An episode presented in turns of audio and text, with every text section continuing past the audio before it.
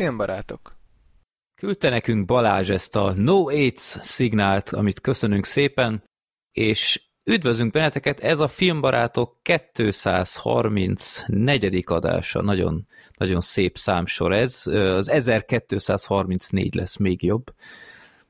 Egy valaki hiányzik, Sorter, ő nem tudott jönni, mert a gépe konkrétan behalt, de cserébe akkor itt vagyunk még hárman, itt van még Gergő. Sziasztok! Black Sheep. Sziasztok! És harmadiknak én, Freddy papaja. Na, um, szóval akkor Sorter nem lesz, viszont elmondom most kivételesen rögtön az adás elején, hogy, hogy milyen filmekkel készültünk mára, mert itt beszéltük korábban az előbeszélgetésben, hogy itt nagyon jó filmkibeszélők lesznek, mert mindegyikről valahogy van mesélni való. Kezdjük a Zanoxal, a premiereknél Jurassic World, Világuralom, a forráspont, az Apánk vagy Our Father, egy Netflixes dokumentumfilm, Chip és Dél, a Chipet csapat, utána mindent egy lapra, alias Hustle, Adam Sandlerrel, Tom Hanks rovatunkban a Csobbanás, illetve a Népakarat a filmünk a, az iráni Hol a barátom háza című filmeposz, amit szerintem mindan, mindannyian ezt várjátok legjobban, ezt a filmkibeszélőt. Hát még nem tudják, de amikor majd végighallgatják, rájönnek, hogy na, ez tényleg érdemes volt megvárni, úgyhogy hát, ne kapcsoljátok el. Erről ez, nagyon sokat lehet beszélni. Hát erről. ez egy olyan film, ami erről nem nagyon beszélünk, nem minden adásban van ilyen film, úgyhogy szerintem azért lehet, hogy érdemes lesz megvárni. De tényleg, tényleg. Mert nem sok én, ilyet láttam, én, én, én nagyon sok jegyzettel készültem, mert egy ö, tényleg egy hálás alany kibeszélőkhöz. Uh-huh. Jó. Um, az előző adás óta ami hát nem most volt, itt kicsit csúsztunk a számozott adással, de ugyanúgy volt tartalom a csatornánkon, volt egy nagyon jó sikerült besúgó podcastünk, amiben négyen voltunk emlékeim szerint. Igen. Illetve én utólag már egy, nem tudom, két hónappal ezelőtt rögzített Beler Filmbarátok Express-t raktam ki a Beler sorozatról, ami ugye a a Kaliforniába jöttem szitkomnak a drámaként kiadott reboot sorozata. Tehát ugyanaz az alapötlet, csak nem kifejezetten viccesen, hanem mint dráma sorozat, és ez egy nagyon muris alapötlet volt, és meghallgatjátok, hogy meghallgathatjátok, hogy tetszette nekem, vagy nem. Hát azt is érdemes meghallgatni szerintem. Nem, ott is sok mondani valóm volt. Tényleg ti Kaliforniába jöttem el, hogy álltok? Ezt valahogy sosem kérdeztem tőletek. Csak bejátszásokat láttam belőle, de sosem érdekelt különösebben a sorozat. Én sem néztem, de úgy ismerem. Tehát így én is részleteket úgy láttam belőle, de nem mond semmit amúgy. De hogy, hogy? Tehát nem érdekel titeket, hogy a Will Smith hogy kezdte a karrierjét? Vagy... Az az igazság, hogy én alapból se vagyok az a nagy sitcom fan, hmm. mert ez az nem, tehát ez egy ilyen szitkom. Ez ízig igen. Uh-huh. Én alapból sem vagyok, tehát ezekből nem sokat ismerek. Hát nyilván a rémrendes családot azt ugye elejétől végéig, de azon kívül nem sokat láttam. Uh-huh. De a jó barátokból is csak pár részt láttam, a modern családból is azt hiszem három évadot, az így jártam anyátokkal, azt abból láttam néhány részt, meg, a, meg az Office-t azt még, azt még szerettem, az amerikai Office-t, de de azt sem néztem végig, tehát nekem ezek a szitkomok annyira nem, és így most ez a Beller, oké, okay, Will Smith rendben, de nem, nem volt benne semmi, ami úgy, úgy megfogjon, hogy na, én nekem ezt látnom kell. De tudom, hogy sokan szeretik egyébként. Uh-huh. Na, tetszene neked szerintem amúgy. De én, én nagyon, nagyon, nagyon kedvelem azt a sorozatot, annyira jó karakterek vannak benne, meg, meg jó a, a kémia, meg ez a kulturális sok, hogy a, a Will az ugye a Philadelphiai gettóból betéved a dúsgazdag Banks családhoz, és állandóan ilyen vicces konfliktus helyzetek adódnak ebből. Úgyhogy én, én nagyon hát kedvelem. Majd, majd ha fölhoztam a lemaradásomat a Beavis és Butthead sorozatból, akkor majd utána. Jó, Ö, apropó, ha már szoba a rémrendes, egy mondat erejéig Black Sheep, mit szólsz ahhoz a hírhez, hogy visszatér rajzszím sorozatként? Please don't suck. Uh-huh. De potenciálisan el tudod képzelni, hogy ez akár jó is lehet.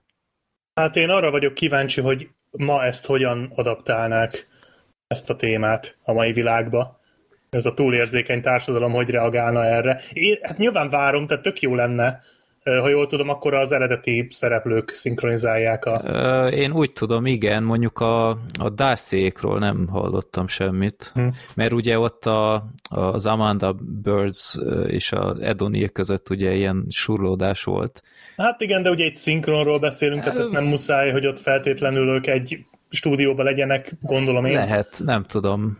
De lehet, hogy ő lezárta ezt a fejezetet, Uh-huh. Bár ő, ők a, sokszor mentek ilyen komikonokra a, a Ted McGinley-vel, uh-huh. a, a, a Jefferson, Jefferson Darcy-val. Pont uh, tegnap vagy ja, pont tegnap beszélgettünk a Sorterrel a rémlendes családról egyébként, hogy azért bármennyire is szeretjük, azért azt azt, azt nem lehet tagadni, hogy a végére azért úgy jelentősen veszít a hát az kezdeti lendületből. Az, az nagyon igen, tehát, ja. igen, ott az utolsó főleg, meg ott, ott, ott volt egy-két nagyon gyenguska rész, meg olyan fura dolog, és ha most ezzel tudnak javítani így a nívóján, akkor az tök jó lenne ezzel a sorozat, az új sorozattal, de ha meg nem, akkor az nem biztos, hogy tehát én szerintem jó, jó, tehát még így is jó, jó emlékezni a rémrendes családra. Én azért remélem, hogy nem, nem fogják lerombolni a Nimbusát, mint ahogy tették például a Eddie murphy az Amerikába jöttemmel. Uh-huh, uh-huh. Úgyhogy én azért, én azért kicsit félek, de, de hát meg fogom nézni.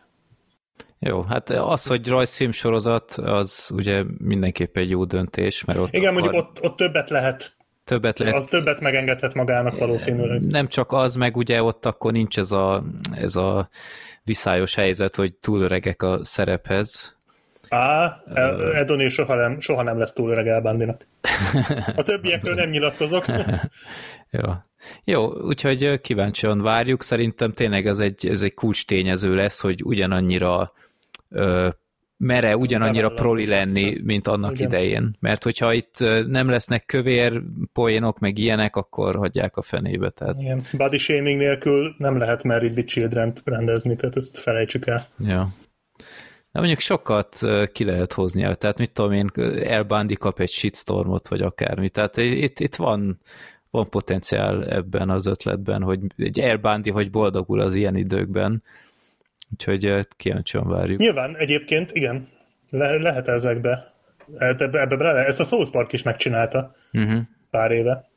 Ja. Úgyhogy potenciál van benne, csak, csak, csak, csak ne csesszék el, könyörgöm. Tehát én csak ennyit szeretnék. Én mindig csak ennyit szeretnék, csak ez egyre ritkábban jön be.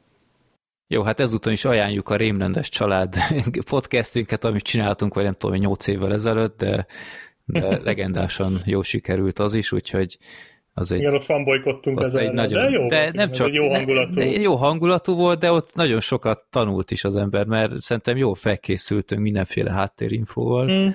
úgyhogy ajánljuk sok szeretettel. Menjünk a borítóképekhez. Kettőt kaptunk ehhez az adáshoz. Két nagyon jót. Az elsőt, amit a János készített a Jurassic World-höz, itt igazán van mit nézegetni, és ő ezt nem tudom, két adással korábban küldte, nem bírtak kivárni, úgyhogy hát igen, itt nem tudom, a jobb alsó sarokban például ez később tűnt csak fel, hogy például az, a podcastünk számát berakta, uh-huh. 2, 3, 4 volt. Nekem is gondolkodnom kellett rajta, hogy rájöjjek. Igen. hogy ez egy, az. Meg, meg, hogy a Jurassic World logóban ott egy mikrofon, meg, meg ilyenek. Ó, oh, tényleg. ez nekem fölsett, de ez kurva jó. Nagy, nagyon, nagyon ötletes, és, és jó ránézni. Jó, ja, és én birka türelemmel fogadom a T-rexet. Igen, a Gergő kezében nem tudom, hogy dinamit van, vagy az a égő hát fákja? Az dynamite. Vagy... Szerintem... Dynamite, az mi más lenne? Igaz, van benne valami, vagy hát a fákja, amit a ugye fákja. használta. A, a Goldblum volt, aki a használta talán. Mm, hát, hogy elvonja ő... a T-Rexnek a figyelmét? Azt hiszem talán ő. Szerintem ő volt, tudod miért gondolom? Mert az új Ja. filmben is ő csinálta. Úgyhogy szerintem ő volt. Erre akartam kifuttatni, de aztán jó. Ja, bocs. Mondjuk ruházatilag nekem van a legtöbb túlélő, túlélő esélyem. A futóruházatban Csak te úgy nem vagy érzem, magad. előnyöm van hozzátok, főleg Sorter az öltönyben, ott meg vannak számlálva a napjai. Ő kösz... mind, minden állatparkba, vagy állatkertbe így szokott menni. Öltönybe és baseball sapkába. Úgyhogy köszönjük És szépen maszkba. Jánosnak, és akkor Brian küldött még a csobbanáshoz. Ahol nekem vagy összement a fejem, vagy megnőtt a testem. Na itt, itt nem sok esélyem lenne a T-rex Hát itt, itt téged nézne meg. Ja. Hát igen, ez...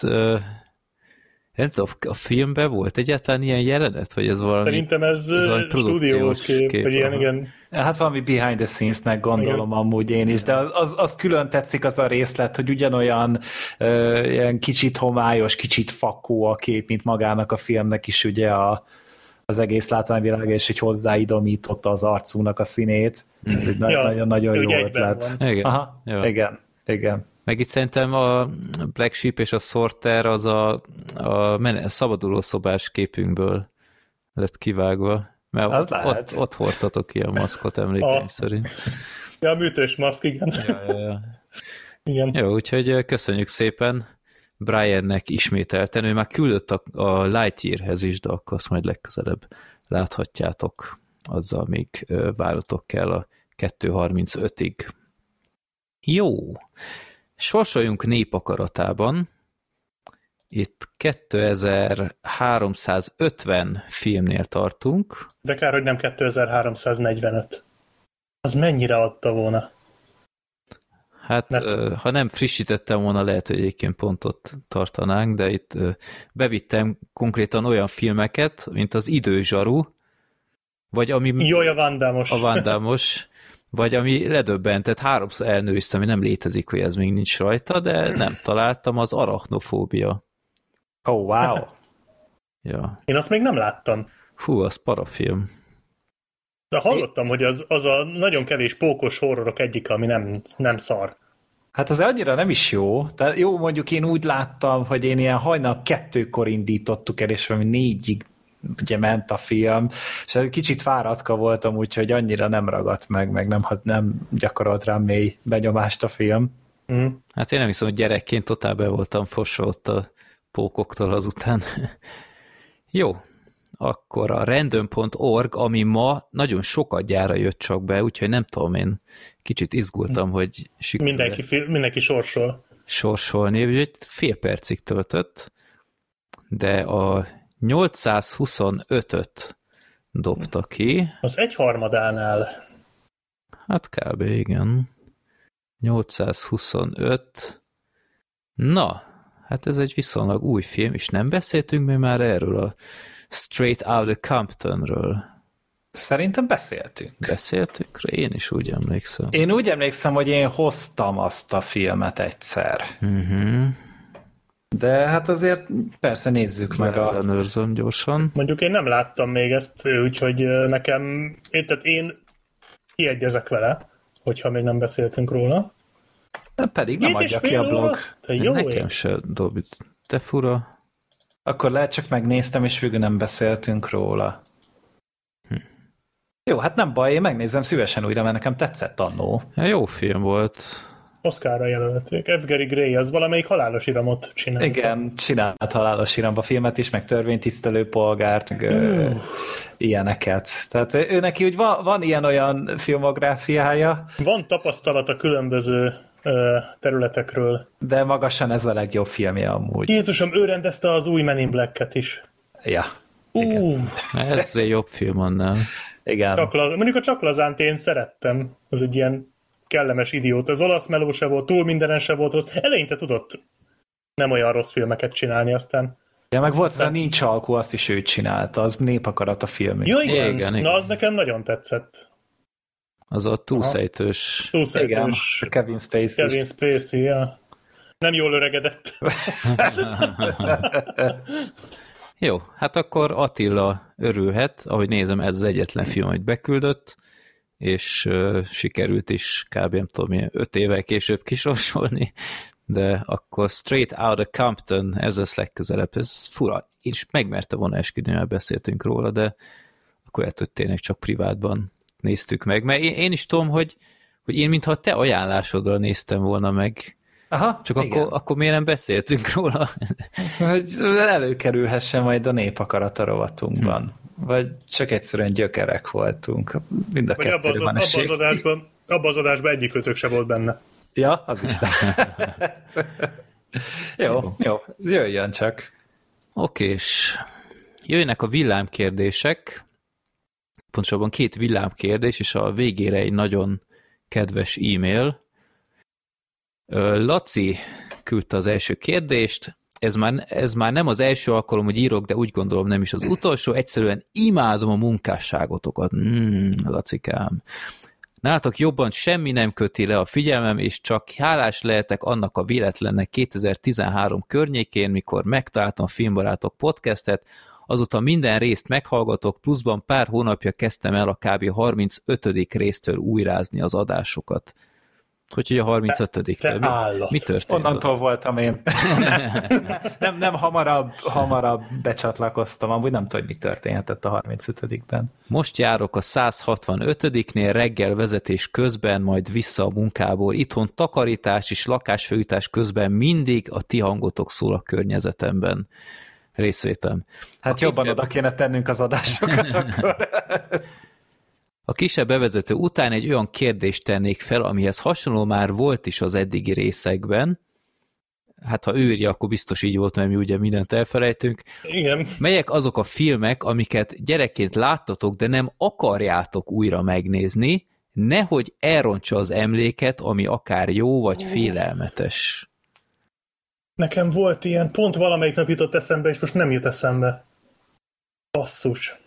Én, én egy filmet nagyon-nagyon kerülök már jó 15 éve szerintem, ami annak idején így a kedvenc filmem volt talán, és rettegek újra megnézni, mert, mert most jóval érettebben, jóval nagyobb ö, filmes háttérrel úgymond, hogy több mindent láttam, biztosan nem érezném ugyanazt a hatást, és ez nem más, mint a Kongó.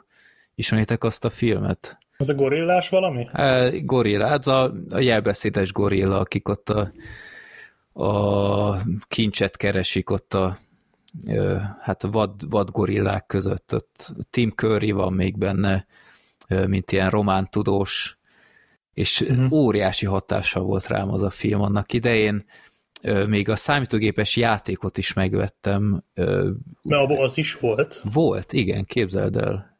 És nem készítettél belőle videót? Nem, mert, mert hát nem is nagyon alkalmas arra, mert ez ilyen adventure-szerű, ilyen... Ilyen point and click. Olyasmi, de ilyen, tehát ilyen rendes videó jelenetekkel, tehát tudod, hogy, hogy fölvették, és akkor így gagyis, gagyin berenderelték Aha. de... Ilyen FL, hát nem, FLV... Igen, igen. Hát nem volt egy egyszerű játék, tudom, hogy sokszor elakadtam, meg csak ilyen videójátékos magazin segített, hogy hogy kell egy, azt hiszem valami raftingos részen túljutni, de igen, szóval a Kongó az nekem VHS-en megvan, gyári VHS-en, az igen. Még, még meg se vettem DVD-n pont emiatt, mert egyszerűen félek újra megnézni, de lehet, hogy, lehet, hogy valamikor beadom a derekamat. Úgyhogy én, én ezt, ezt tudnám, meg az ilyen Louis de Funé filmek, ott a káposztaleves óta félek már megnézni azokat. Tudom, hogy van, van kettő jó, amiben százszerékig biztos vagyok, hogy, hogy nagyon tetszene a, egy kis kiruccanás, meg a Jákob Rabbi kalandjai, azt a kettőt imádom, de például ezeket a csendőrös filmeket, uff, én, én azt nem nézném újra vagy a, vagy a Fantomas. Hát talán a Fantomas az még nem öregedett annyira rosszul, de a csendőrösöket tuti, hogy nem. A csendőrösöket én sem merném újra nézni. meg. Hú, nem tudom. Nem tudom, én talán most egy valami jutott eszembe, de ez nem az a film volt, amit, ami, ami pár napja volt a fejembe, az tuti. De a, volt az a francia Lucky Luke film, a Lucky Luke és a Daltonok. Uh-huh. Azt láttátok? Én Rajzfilm? totál... Nem, az élőszereplős volt. De abból Tereng. is van már több. A Til Schweigeresre gondol? A Til Schweigeres, aha. Fú. És azt És én úgy- neked? Én úgy emlékeztem, hogy ez nem volt rossz. Aha. Tehát, hogy hogy nagyon látványos volt, meg a Daltonok jópofák voltak benne, meg ilyen tök jó ilyen, ö, ilyen jelenetek voltak benne. Hát nagyon-nagyon Én- lemásolták a, a képregény vizualitását, Uh-huh. ami, ami nem feltétlen nagyon rossz, tehát sokkal jobb ez szerintem, mint a Terence Hill-es Lucky Luke, amihez sok köze nem volt, azt, azt például nagyon nem szeretem, mint Lucky Luke ö, rajongó. Aha. De ez, a, ez, amit te mondasz, az már nekem meg kicsit túl extrém volt. Volt később amúgy egy másik ilyen élőszereplős, az állítólag jobb. Igen. Nem tudom, én, én úgy emlékszem, hogy az nem volt rossz az a film, de, de nem merném megnézni újra. Uh-huh. Tehát az, az, az maradjon csak meg ez az emlék, hogy szerintem az nem volt rossz, és, és inkább nem, nem erőltetem a dolgot. Hát ott a, a rajzfilm sorozatot érdemes nézni. Hmm. Abból készültek magyar részek is, az tényleg olyan, mint a, a képregény. Uh-huh. Szerintem abból is láttam párat. Ott is a Daltonok maradtak meg.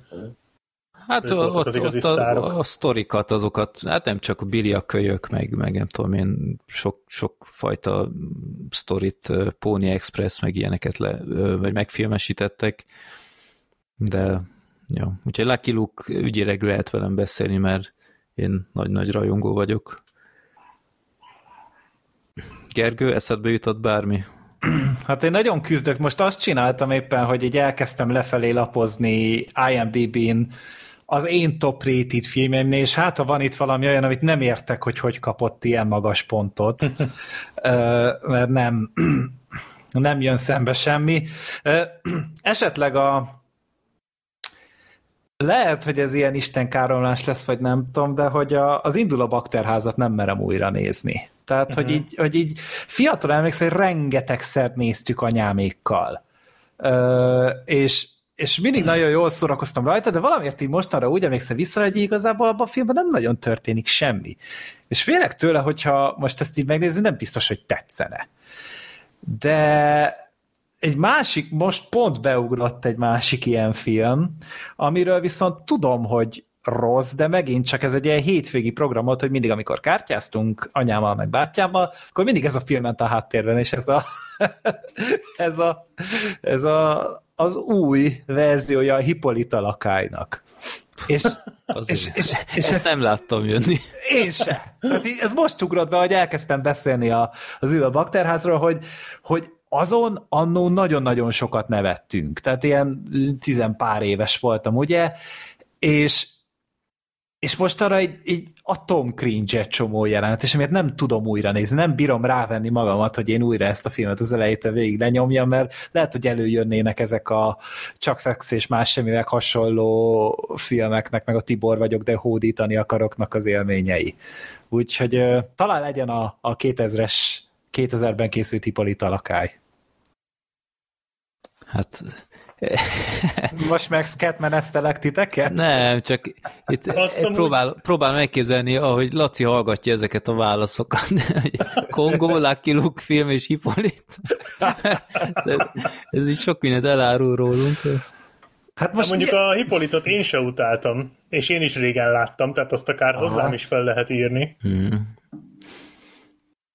Most én is ezt nézem, hogy ezt csinálom, hogy görgetem az IMDb-t, de még egyelőre nem találtam semmit. Hát talán, de ez se igaz, mert ezzel a filmmel kapcsolatban, az egy csodálatos elme, elmével kapcsolatban inkább elfogult vagyok, mint hogy, mint hogy rosszul esne újra nézni, mert azt azért nem olyan régen láttam.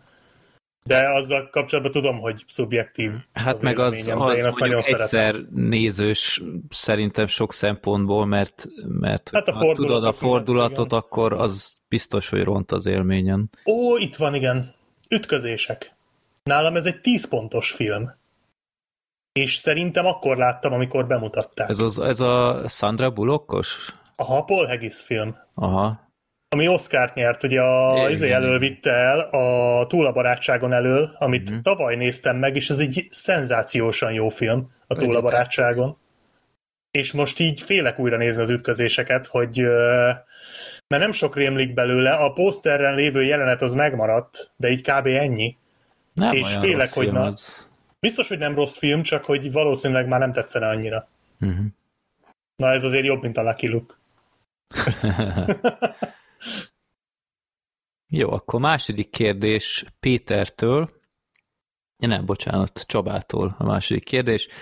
Az lenne a kérdésem, hogy fordult-e már, fordult-e már elő olyan, hogy adás rögzítés közben valaki véletlenül nem a Nick nevén szólította a másikat, hanem rendes polgári nevén, nyilván itt nem Gergőre gondolok, amit utólag ki kellett vágni az adásból, illetve ha nem is ilyen okból történt olyan, hogy valami elhangzott információ miatt utólag szerkeszteni kellett az adást, hasonlókra gondolok, mint Zoli trónokharcás spoilerére,aminél emlékeim Sorter. szerint Freddy utólag kisípolta a részt. A Sorter adasztrás álmok futására a majmokkal.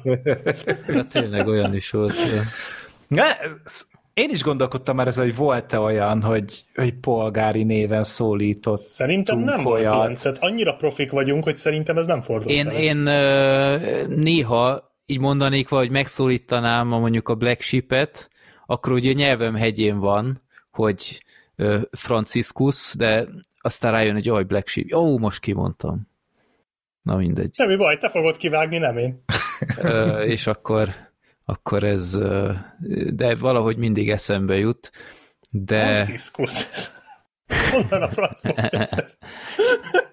ö, de emlékeim szerint egyszer volt olyan, hogy a Sorter, mintha mondta volna az adás végén, hogy ezt hallgasson vissza, mert ott, mint hogyha kimondott volna valamiért, amit nem szabadott volna, de azt visszahallgattam, és nem volt, úgyhogy csak így behaluszta.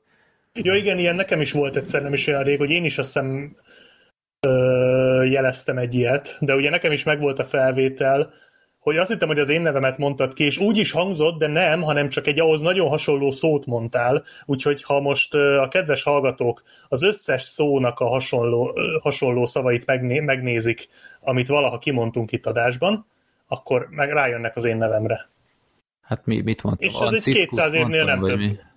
Igen, ahhoz hasonló. Valami. Manciscus. Manciscus. Igen. Jó, hogy Tehát ilyen ez- mondjuk volt, de olyan, hogy valaki kimondta, szerintem ilyen nem történt. Nekem se rémlik. Ilyen, ilyen másfajta vágás az elő-elő fordul, leginkább technikai dolgok miatt. Például a, a Gergő, meg én is hajlamosak vagyunk ilyet csinálni, hogy így mondatok előtt így cuppogunk egyet. Na, most is csináltam. De hogy, hogy ezeket néha, hogyha ezt így a hangsávoknál mindig nagy egyértelműen látom, ott néha-néha, ha kedvem van, akkor, akkor kiveszem, de például az őket is már nagyon szépen látom. Gergőnél, meg, meg nálam egyértelműen már ránézek, és tudom, hogy, hogy itt van ő, úgyhogy néha ezt is kiszedem, vagy De nálam maradnia kell meg Gergő, de jó. nem, ott, ott is látnám a másfajta hanglejtés, mert mindig előtte van egy szünet. Úgyhogy ezt, ezt, ezt én már így észreveszem. Meg hát tényleg, ha nem tudom én valakinek nem tudom, csörög a telefonja, vagy ilyesmi, ez viszonylag ritkán volt, de, de az ilyesmiket vágom ki, de úgy általában 99%-ban vágatlan. Úgyhogy ez viszonylag autentikus. Hát meg van, hogy néha talán elcsúsznak a hangsávok, és akkor azt kell egy picit Ja, igen. mosítanod, de az Ott- meg pont pár, pár adással korábban volt egy ilyen, hogy, hogy így bele-bele hallgattam, így szúrópróbaszerűen, így tök, tök jó volt minden, aztán a végén a köszönésnél így teljesen el volt csúszott, tehát nem tudom, én a Gergő hamarabb köszönt, mint hogy én elbúcsúztattam volna, meg ilyenek, aztán visszafelé kellett nyomoznom, hogy, hogy hol történt itt valami baklövés, és amint megtaláltam, ott akkor el tudtam csúsztatni, de igen, szóval sajnos néha előfordulnak ezek így sok évnyi rutin beállítás után is, de al- alapvetően ez az elvünk, hogy viszonylag vágatlanak vagyunk. Egyszer volt talán interjúban, vagy kétszer, hogy pont a Gábor mondott el egyszer egy olyat, amit nem kellett volna, amikor legelőször volt nálunk, azt nem árulom el, hogy mi volt, meg talán valamelyik rendezőnél, mintha lett volna, hogy utólag írt. Az, hogy valójában őt is Franciscusnak hívják. nem, most már nem tudom, melyik rendező volt, de úgysem mondanám már, ha eszembe is jutna, de mintha lett volna valami. Jó, a harmadik kérdés, ami nem kérdés, hanem egy levél, és ezt nektek nem is küldtem el korábban, hanem hogy itt olvadjatok el. Jaj, jó, hozom Péter, a zsepit. Péter küldte Kedves filmbarátok, először is szeretném megköszönni sok éves munkátokat. Én manapság nagyon ritkán szánom rá magam egy-egy film megnézésére hektikus, elsősorban munkaidős elfoglaltság miatt, és az elmúlt pár évben gyakorlatilag már csak olyan filmeket nézek, amiket ti ajánlotok az adások során. Akkor biztos látta a Beavis and Butthead lenyomja Amerikát. Másodszor pedig szeretnék gratulálni Black Sheepnek a gyermekáldáshoz, ami eszembe juttatta kislányom és egyben valószínűleg a legfiatalabb hallgatótok filmbarátokkal való megismerkedésének történetét. Köszönöm szépen. Kislányom tavaly született a Covid mizéria közepén. Én rengetegszer szoktam visszahallgatni telefonon a Youtube-on a régebbi adásaitokat, elsősorban a zárt helyiket, munka, barkácsolás és utazgatás közben. Nem történt ez másképp azon a szeptemberi napon sem, amikor éjfél körül beindult a szülés csodája. Hál' Istennek a kórházba hamar beértünk, mert az utak üresek voltak, apás szülés volt a terv, viszont a Covid miatt én csak akkor mehettem be, amikor a gyerkőc már a célegyenesben volt. A beteg felvétel és a vizsgálatok idején nekem a kórház előtt kellett tengődnöm pár órát, amit a hajnali három órai hidegre volt tekintettel az autóban ülve töltöttem. Titeket hallgatva sikerült ébren maradnom, majd hajnal öt felé bemehettem a feleségemhez közösen vajudni, ő a gyerektől, én a fáradtságtól, telót és hasonlókat be tudtam vinni, ám az akkori telefonomnal, telefonomnak volt egy olyan szokása, hogy a háttérben hagyott YouTube lejátszó néha feleszmét és random pillanatokban elkezdett szólni.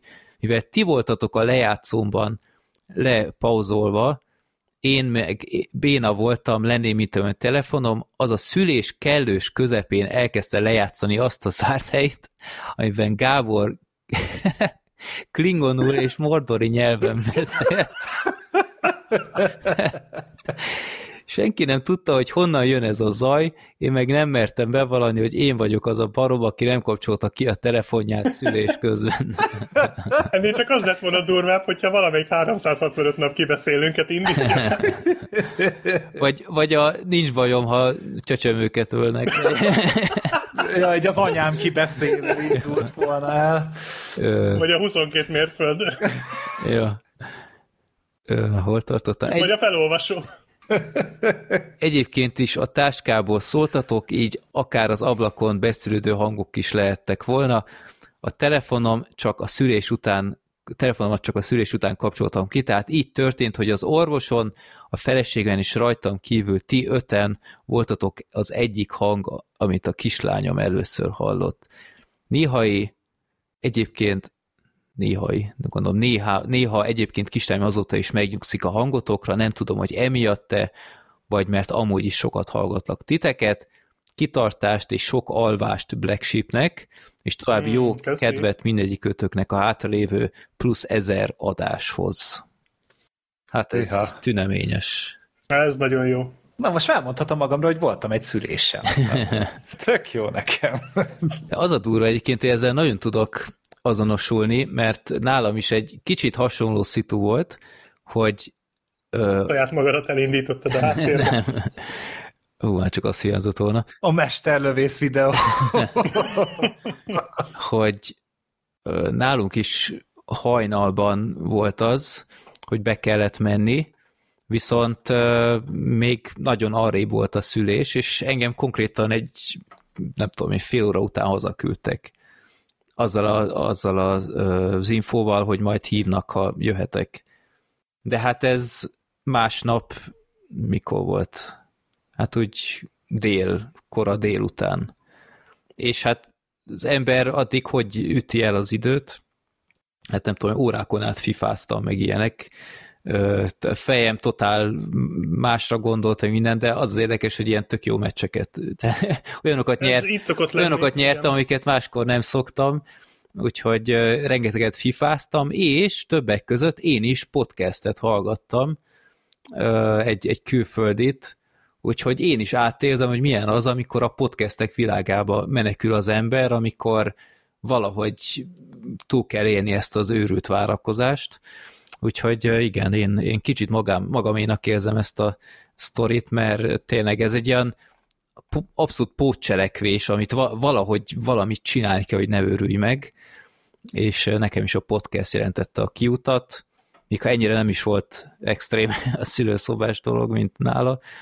Úgyhogy hát köszönjük szépen Péternek ezt a, ezt a beszámolót, mert ez tényleg óriási.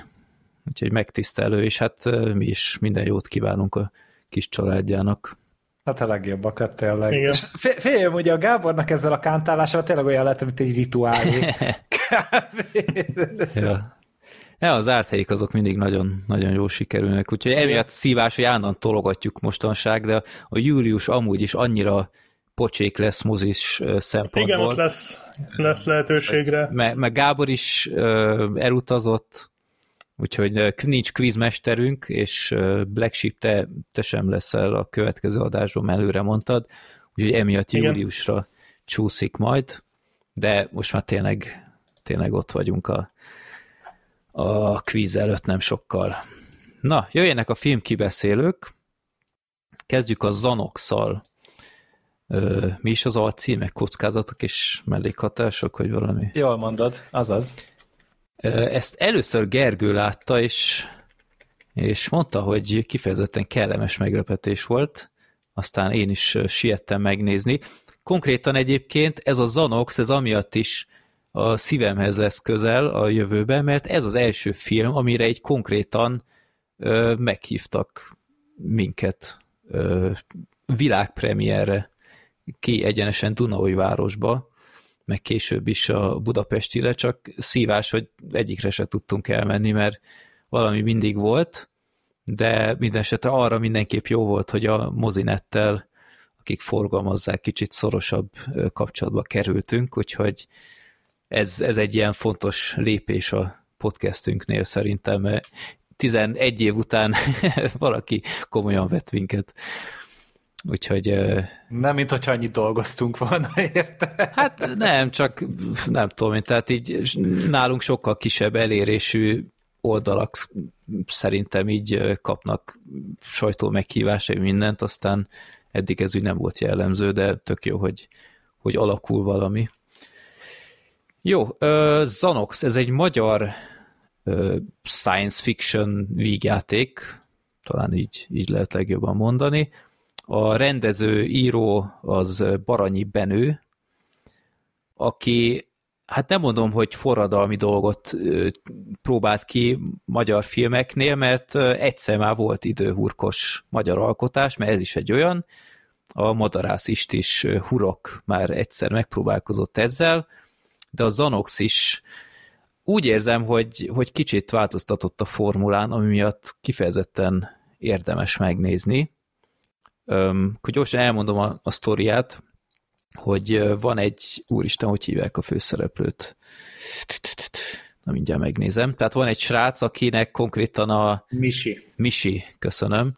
A Misi az az szóbeli érettségi napján van, föl kell, a nagymamájával él, az rátuk már kb. 40 bundás kenyeret, amit itt... Ez a horror rémálmaiban kísért, ez egy nejlon zacskóba borítják bele a bundás kenyeret. Cipeli át az egész városon. Óriási jelenet. És hát van egy lány, akibe így bele van zúgva, aki szintén aznap érettségizik, de úgy nagyon nagyon szégyenlős a Misi, és nem igazán mer soha lépni, kicsit olyan otthonülős, kocka fajta ember, az érettségén hát úgy, ahogy átmegy, nem túl jó tételt húzott, és hát történik aznap valami, én ezt most nem mondanám el, hogy, hogy mi történt, aznap, aznap este, és az egész napja legközelebb újraindul az érettségivel. És ami egy fontos, hogy mi ez a Zanox, hogy ez a Zanox egy ilyen szorongás elleni kísérleti gyógyszer, amit ő bevesz, és egy véletlennek köszönhetően, amikor egy ilyen nagyon legalja pálinkát iszik, akkor, öm, akkor kezdődik újra ez az egész folyamat, hogy ismétlődik a napja. Tehát kicsit komplikáltabbnak hangzik, mint amilyen, de a lényeg, a lényeg az érettségi napja állandóan ismétlődik, ismétlődik az, hogy próbálkozik ezzel a lányjal, próbál a gátlásosságán felülkerekedni, és próbálja megállítani azt, ami, ami aznap drámai helyzet előjön. Mindezt rendkívül gyorsan elmesélve, tehát itt üres járat semmi nincs, tehát 85 perc a film, vagy mennyi, tehát ez, ez Black Sheep, ez a te alkotásod volt. Igen, ez már, ez már azelőtt szimpatikus volt, hogy elkezdtük volna nézni, tehát ilyet azért nem sűrűn lát, és az a jó, hogy, hogy végre nem az van, hogy tök jó, hogy 85 perc, de lehetett volna több is, mert egy csomó minden hiányzik, hanem ez egy olyan sztori, amit 85 percben tökéletesen el lehet mesélni. Igen. És úgy, hogy, hogy szerintem kifejezetten okos történetvezetése van, és, és nagyon meg tudott lepni egy-két alkalommal. Úgy, hogy, hogy ilyen dolgokat például még nem láttam időhurkos filmekben. Uh-huh. Ami, ami döbbenet, hogy 2022-ben egy viszonylag kis költségvetésű magyar első filmes hoz össze. Hogy erre, erre hogy nem gondolt még soha senki korábban, de pont ettől szerintem kifejezetten bravúros. Hát meg annyira kis pici a történet, ha azt veszük, mert tényleg itt egy, egy fiatal gátlásos fiúról szól, aki hát igen, szeretne becsajozni, meg ugye egy ilyen gyógyszerkísérletben vesz részt, és erre az egészre van fölhúzva. És ugye itt ez nem az a klasszikus időhurkos történet, tehát itt az időhurok az egy szándékos dolog. Szerintem ezt simán el lehet mondani. Ha, lehet mondani hogy, hogy ez, ez, ez, ez triggerelve van, ez beindítva van, és nem az, hogy így az nem tudod meg soha, hogy mi miatt történt, hogy aj, valami intergalaktikus. De egy véletlen, tudom, egy véletlen miatt alakul ki. Igen, de hogy ugye ez egy ponton a történetnek a részévé válik, hogy hogyan, és ez szerintem tök jól van kezelve, szerintem érdekes, értelmes húzásai vannak a misinek, a vége az szerintem parádés, tehát az, ami a végső megoldás, ez nekem nagyon-nagyon tetszett. Igen.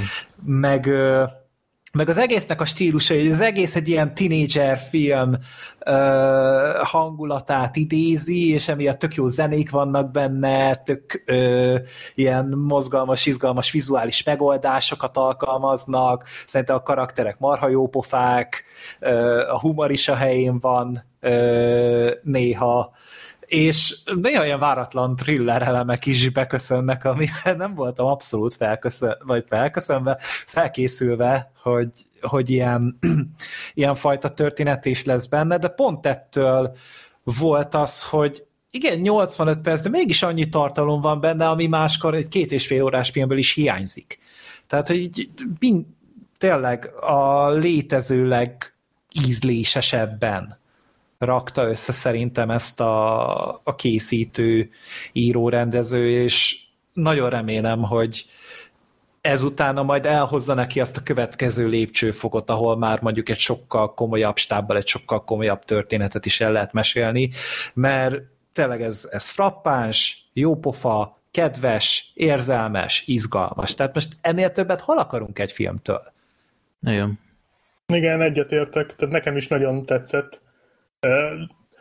Amit elmondtál, az meg annyit fűznék hozzá, hogy én úgy ritkán szoktam könnyesen röhögni magam filmen, de amikor a, amikor a Janka angolul próbál beszélni. Ja, ez, ez, ez nagyon, az ilyen padaláröhögős jelenet volt nekem. Igen. az annyira jó volt. Igen, az, azt én is felírtam. Az nagyon-nagyon vicces jelenet volt, meg igen, az elején a bundás kenyér, hogy általában a nagymama figurája szerintem nagyon el lett találva. Igen. Ö, nagyon aranyos pillanatok vannak a Amikor filmben. a pálinkát vissza, az is nagyon Jó. Ja, igen. Hát meg amikor megtudjuk, Tök hogy miből készül az a pálinka. Tehát Igen. úristen. Már pont, pont ezt képzeltem el, pont ilyennek képzeltem el, meg ittam is már szerint olyat, amiben nem sokkal különb dolgok lehettek amúgy, De... de, Mindannyian. De meg amúgy a film az csak részben science fiction, mert az, hogy te gyógyszerre iszol, az tényleg időutazás fog ö, előidézni, csak a jövőbe utazol általában, és nem tudod, hogy hogy kerülsz oda. Itt meg csak annyi a fordulat, hogy visszafelé visz. Tehát ennyi a, ennyi a különbség, de szóval nem képtelenség a filmnek az alapvetése, Uh-huh. csak az iránya más.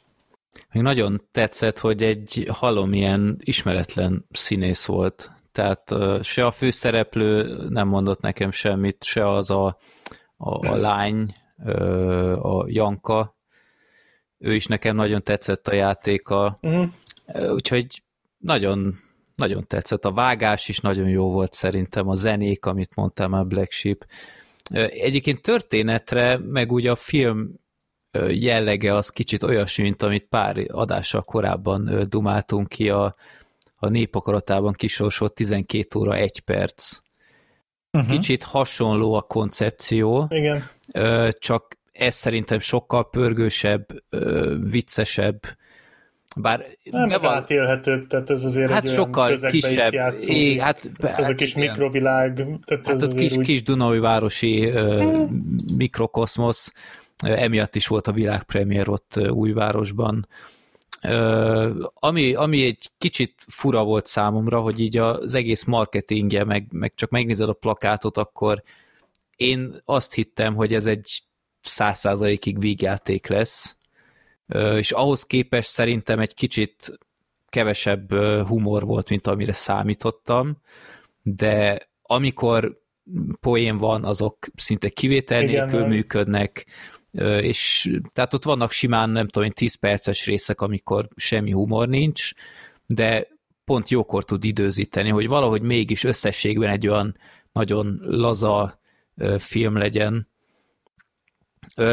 rendkívül tetszett. Én azt is megkockáztatom, hogy idén moziban ez volt számomra az év meglepetése.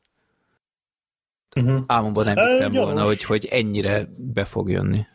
Igen, ez nálam is esélyes.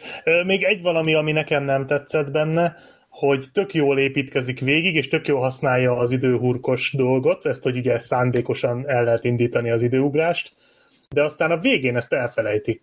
Tehát ott a végén van egy jelenet egy kórházi szobában, Igen. ahol, ahol én végig azt vártam, hogy igazából bármikor újra indíthatná. Hát lehet, hogy ott már, újra. lehet, hogy ott már eszébe jutott a B-terv, vagy nem tudom, de Á, de az olyan fura volt, hogy ott, Igen. ott szerintem ezt, ezt, ez belefért volna, hogy ott többször megpróbálja. igen, ez nekem is eszembe jutott, de És az a baj, hogy ugye itt pont az, hogy addig tök logikusan, vagyis hát úgymond a, a saját szabályaihoz tartotta magát a film, és utána meg így tényleg ott, ott teljesen nem értettem, hogy mi történik. Aztán persze a végén megmagyarázta, hogy mi volt, de mm. akkor se volt ez nekem logikus. De amúgy tényleg egy nagyon-nagyon szimpatikus film. Mm. Ö, most ez olyan kicsit, mint az unoka, csak ez tényleg jó, hogy így szimpatikus a film, csak az unokán, unokánál is ezt mondtuk, ha emlékeztek, hogy szimpatikus a film, és, nem, és szeretni akarjuk, csak nem, nem, nem az igazi. Na ez is ugyanúgy szimpatikus, szeretni akarjuk, és itt sokkal több okunk van rá. Úgyhogy én, én, én nekem nagyon tetszett. uh-huh.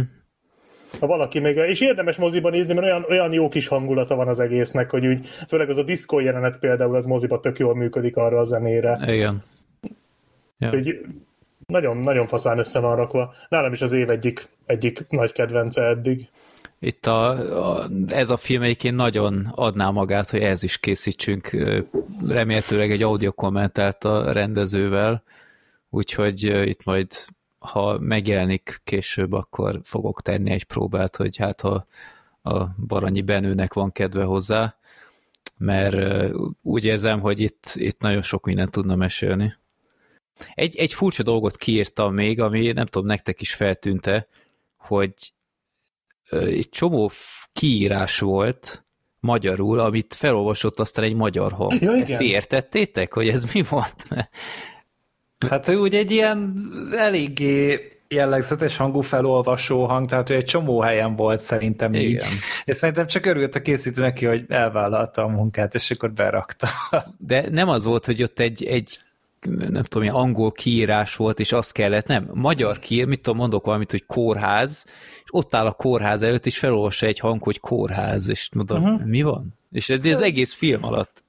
Igen, még a leveleket is, meg, cí, meg mind, tehát mindenki is apró feliratot, mondjuk azoknál értettem, ami nem annyira látszik, de mondjuk a kórház feliratot azt, azt nem, nem tudtam én sehova tenni.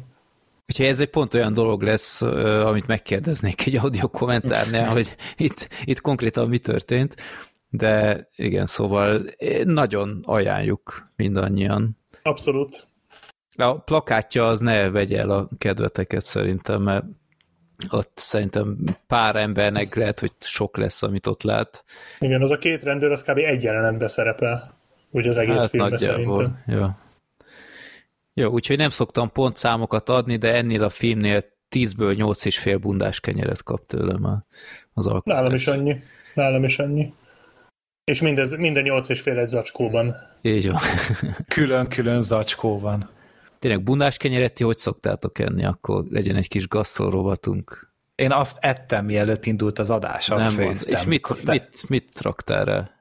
Hát én nem szoktam annyira túlcifrázni, tehát én ugye csak a tojásban megforgatom sóban és ennyi, tehát én nem rakok bele vegetát, mint például sokan csinálják, vagy ö, egyszer csináltam egyet, hogy amikor az egyik oldalát már megsütöttem, megfordítottam, és akkor szórtam rá sajtot, hogy akkor az ráolvadjon, uh-huh. de most például olyat csináltam, hogy ö, tejföld kevertem össze sóval, meg füstölt piros paprikával, meg piros aranyjal, és akkor abba tunkoltam a bundás kenyeret. Mm-hmm. És finom voltam úgy.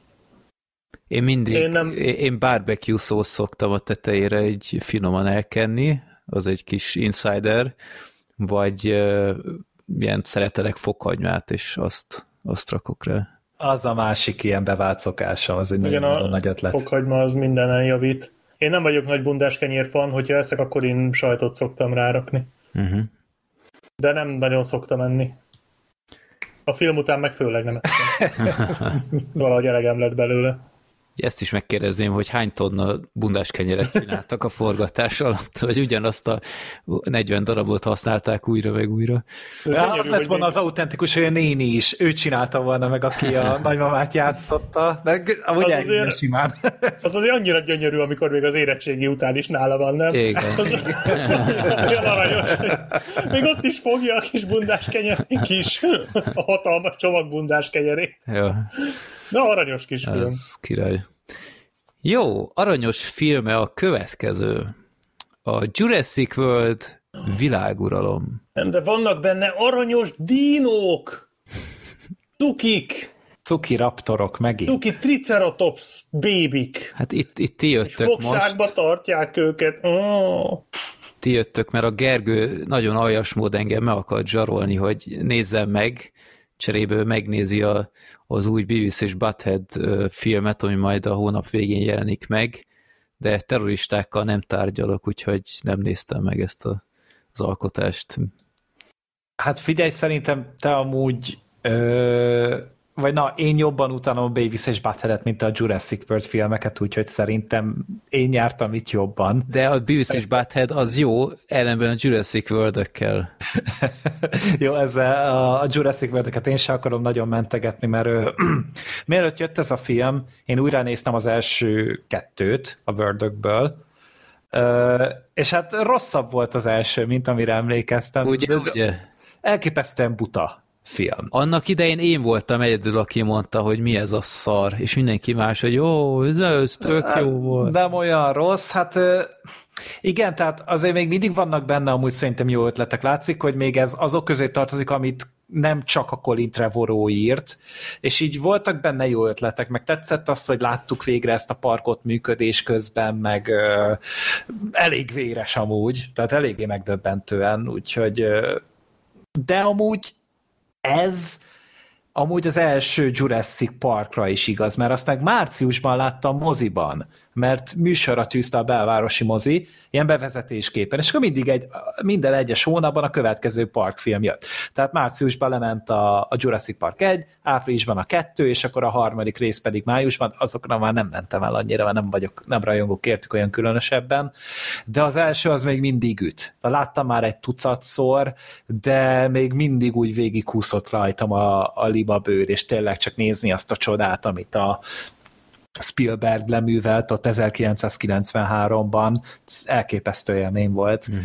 És, és akkor utána hát így a Jurassic World 3 et megnézte az első kettőt, és a második is egy borzasztóan ostoba film, és még mindig az egyik legrosszabb fináléja van ever. Tehát azzal a fogással, hogy kiengedik a dinókat. Ez vajnapig gyűlölöm és átkozom, de az meg legalább olyan szinten van felvéve, meg olyan elképesztő képi világa van, hogy néha összefossa magát az ember. Tehát tényleg, mint egy, mint egy műalkotás néha. Ott futnak a, a vulkán elől az elején, nem? Igen, igen, abban van, meg tényleg, hogy ott meghal a nem akarom kimondani a Dino nevét, mert biztos, hogy eltévesztő, hogy a hosszú, hosszú nyakú Dino, hogy meghal. A zsiráf Dino. Igen, meg a, hogy az árnyékokkal játszanak, tehát nagyon nagyon-nagyon e, aprólékos a képi kidolgozás. Az más kérdés, hogy tényleg vérlázítóan ostoba a forgatókönyv. És akkor ugye hát siker volt, mert a második is valami 1,3 milliárdot hozott, az első pedig 1,6 milliárdot, vagy 1,5 milliárdot. Egy ideig ugye a Word volt a, vagy rendelkezett a legjobb nyitó hétvégével ever. Brachiosaurus amúgy. Na, jó, köszönjük, Freddy. Én legalább nem tudtam hülyeséget mondani, és, és hogy ez valami gigantikus nagy siker volt. És akkor itt a harmadiknál, hát miután a Colin Trevorot elküldték a Rise of Skywalker-től, a Rise of Skywalkerből kirúgják a csávot, és az alapból egy rossz film volt, és a Colin Trevorot azért küldték el, mert ő egy még rosszabbat csinált volna. Tehát most el lehet képzelni, hogy ő milyen ötlettel állt elő a Star Wars 9-hez, tehát úgy tűnik, hogy valamiért a Jurassic World uh, franchise-ból nem akarták kibaszni, úgyhogy hagyták, hogy ő, ő magában, meg a írótársával, a Derek Connelly-vel megéri a forgatókönyvet, és akkor meg is rendezze a fi- filmet. Hát nyilván nem bíztak benne se annyira, mert hát azért vissza kellett rángatni a régi karaktereket, és nem csak úgy, mint a, a Fallen Kingdomban, hogy hát a Jeff Goldblum az elején meg a végén bebüfögött valami nagyon frappáns hülyeséget, hanem konkrétan főszerepet kellett nekik adni. Ez volt a Szemnélnek a kikötése, hogy ő csak akkor hajlandó visszatérni, hogyha vaskosabb a szerepe egy sima kameónál, hanem ő rendesen akar egy történetívet, meg minden. Hát filmet elnézve nem jártunk vele különösebben jól, meg a, hát a Laura Dern is így bepattogott, és Ugyanúgy hát. csodálkozik rá a dinókra, mint 30 évvel ezelőtt. Ugyanúgy veszi le a napszemüveget is. Igen. Meg tehát ezek a nemtelen, guztustalan fanszervíz jelenetek ugyanúgy ott vannak. A történetet azt elmondom gyorsan, röviden, mert amúgy sajnos nagyon-nagyon-nagyon el van szerintem tájolva az, hogy a sztorinak hova kéne fókuszálni. Ugye a második résznek a végén meglépték ezt a fantasztikus hülyeséget, hogy kiengedik azt a 15 dinót, és utána így a harmadik részében világuralom, tehát valahogy az uralmuk alá hajtották a dinók a földet, elvileg ezt ígéri a cím, most ehhez képest az van, hogy, hogy valamiért garázdálkodik pár darab a földön, de egy ránézés is egy ilyen 30-40 lehet, és valamiért nem tudták őket levadászni. Tehát a, filmben van is egy ilyen mondat, hogy három év alatt tudták elfogni a T-rexet. Na most a mostani technikával én nem tudom, hogy hogy sikerült ez, de valószínűleg botokkal és emberi hallás alapján próbálták megtalálni. Emberi halás alapján.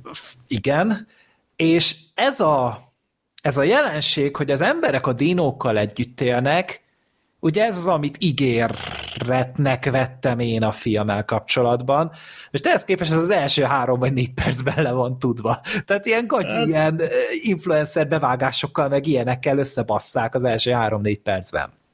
Hát mondjuk én annyiból menteném a filmet, nem mintha megérdemelné, de van az a jelenet ott abban a bűnbarlangban, az még ott valamennyit mutatott ebből. Igen, de Az, az, nekem is, tetszett. a- az is, tehát az ugye a film közepén kerül elő. Bűnbarlang, mi Majd, majd a arra. dinók, vagy? Hát nem ilyen fekete piacot képzelj el, ahol árulnak ilyen baby dinókat, Kakas viadal helyett dinó viadal van. Igen, tehát ilyeneket kell elképzelni, meg hogy ö, meg hát ugye a második részben, ugye ez volt, hogy hát, hogy a nem minősülnek veszélyeztetett fajoknak a dínók, tehát ugye ezért nem is akarták kimenteni ugye állami keretek között őket a, a szigetről, a vul, vulkánkitörésnél. Itt a harmadik részben már valamiért úgy kezelik, hogy na mégis védett fajok, meg hogy mentsük meg az állatokat. Semmi átmenet nincs a két film között, egyszerűen így döntött a kedves drága forgatókönyvíró, és, és a filmben ugye ott van ez a kislány, ugye ez a klón kislány a második részből, aki ugye hát egy nagyon értékes biológiai csodának számít, akit próbálnak megtalálni, őt nevelgeti a Chris Pratt meg a Bryce Dallas Howard valahol a havasi hegyekben, és egy ilyen ölepként lakik velük a raptor, meg a raptornak a kicsinye, az a durva, hogy így meséled, és képzelem, hogy valaki, aki nem látta a filmet, most fogja a fejét, de effektív tényleg ez van. Tehát, hogy Ez nem, van. a Gergő nem túloz. de nem sokat tudunk a... semmi, semmi ilyen Igen. nincs. Tehát ott bújtatják a kislány, nem sokat tudunk erről a kis hegyi városkáról, de az biztos, hogy fodrász az nincs. Mert annyit kéne csinálniuk, hogy levágják a kis csaj haját, vagy átfestik, vagy valami, és már rögtön nem kéne annyira bújtatni. Na mindegy. Uh-huh. Igen, és, és hát ugye a kislány, hát jön ez a sablonos, izé, én nem akarok betárva jönni, be akarok menni a városba, úgyhogy bemegy a városba, és persze elrabolják, természetesen, meg a, a raptort is, mert hogy a raptor meg tudott hát egy utódot szülni egyedül. Tehát, hogy ugye vannak olyan állatfajok, akik képesek párzás nélkül, és hát a, ez a Blue, ez a Chris Prattnek a raptorja, ez pont képes rá, és őket elrabolják, és őket akarják megtalálni. Ez az egyik történetszál, hogy őket ö, próbálják felkutatni. A másik történetszál pedig ez a, ez a Az, az, Laura, igazi, az igazi mindfuck a másik történetszál. ez a Laura Dörnékhez kapcsolódik, ö, mivel Amerikában felbukkannak ilyen óriási nagy sáskák. Tehát itt akkora sáskákat képzeltek el, mint egy ö, 27 szolos monitornak így a, a hosszabbik fele. Tehát így borzasztóan nagyok, és ezek fölzabálják a terményeket, a gabonát, a mindent, és ezzel egy ilyen globális ö, élelmezési katasztrófa közelébe akarja, vagy sodródik a föld. Na most ebből semmit nem látunk amúgy, mert csak mondják, hogy jaj, megtörténik, jaj, megtörténik, semmi nem történik belőle amúgy. És ez De pedig... hát az elején láttad a mexikói kislányokat, hogy menekültek a sáskák elől, aztán valahogy megúzták. Igen, valahogy megúzták, de az nem nagyon derül ki, hogy hogyan. És ennek a nyomában van a Elinek hívják? Vagy hogy hívják a Laura Dörnek a karakterét? Most hülye Elé, vagy. elé, igen. Na igen, a, ennek a nyomában van a, az Eli, és hát megkéri, hogy a, az ellen tartson vele a Neill, és elvileg így hozzákötik egy ilyen éppen uralkodó tech vállalathoz, nem tudom. Biotech, vagy valami ilyesmi neve volt? Vagy, vagy, az Biosyn. volt az. Micsoda név, Biosyn. Hát, Ezt, ezt emészgessük. Tehát Freddy, képzeld azt el, nem látod a filmet, bocsánat, hogy előre spoilerezek itt a nagy meglepetésekből, mert tudom, hogy meg fogod nézni. Tehát, hogy vannak ezek a sáskák, senki se tudja, honnan jöttek elő. Lezabálják a termést, kivéve azt a gabonát, amit a Biosyn ültetett, vagy adott ki. Szerinted ki lehet a ludas? Vajon? vajon honnan szabadultak el a sáskák?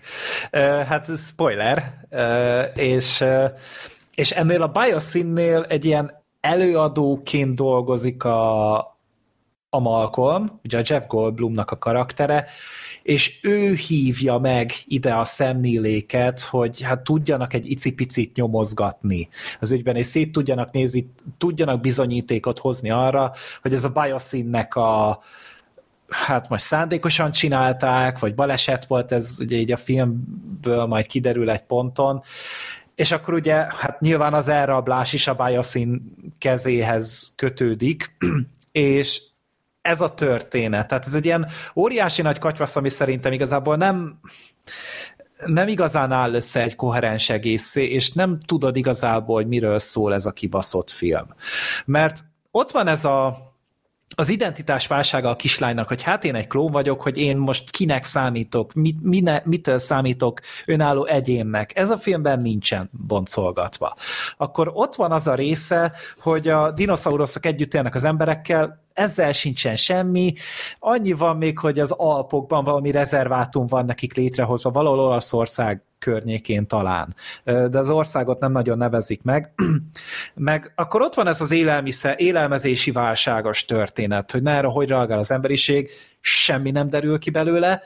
Aztán ugye van még ez az egész ugye egy orvostani, orvoslási dilemma, hogy meddig mehetünk el addig, hogy esetleg egy mindenre kiterjedő gyógymódot találjunk, de semmi be nem kap bele igazán a film. Annak ellenére, hogy amúgy itt egy 140 6 perces filmről beszélünk. Közel két és fél óra ez a lakás szerencsétlenség, és ahelyett, hogy mondjuk megpróbáltak volna történetet mesélni, mert a, az első Jurassic Parknak ez a nagy csodája, egy egyrészt egy elképesztően izgalmas softcore horrorfilm, de abszolút horrorfilm amúgy, tehát az eléggé ijesztő tud lenni néha, de mellette marha intelligens és értelmes párbeszédek voltak arról, hogy attól, hogy valamit megtehetsz, megtegyük-e, vagy nem. És ezt, ezt marha izgalmasan tálalta a Jurassic Park, na most ez minden, minden szinten hiányzik a, a Jurassic Worldből. Ehelyett kapunk olyan jelenetet, ahol a, az éjszakai esőben a T-rex feje elhúz egy kör előtt, és ezzel így kirajzolódik az a kép, ami a logója a Jurassic Parknak. Meg a, az ilyen Malcolm most nem fákját lenget, hanem konkrétan egy ágra csavar egy rongyot, és azzal csalja el a, Megasaurus, valami más neve van neki, de mindegy, mert van, van itt egy még nagyobb dinoszaurusz, a legnagyobb húsevő, ami valaha élt a, a, a Földön, meg... T-Rex van? Van, persze, hát a T-Rex az, a az a... Ja, igen?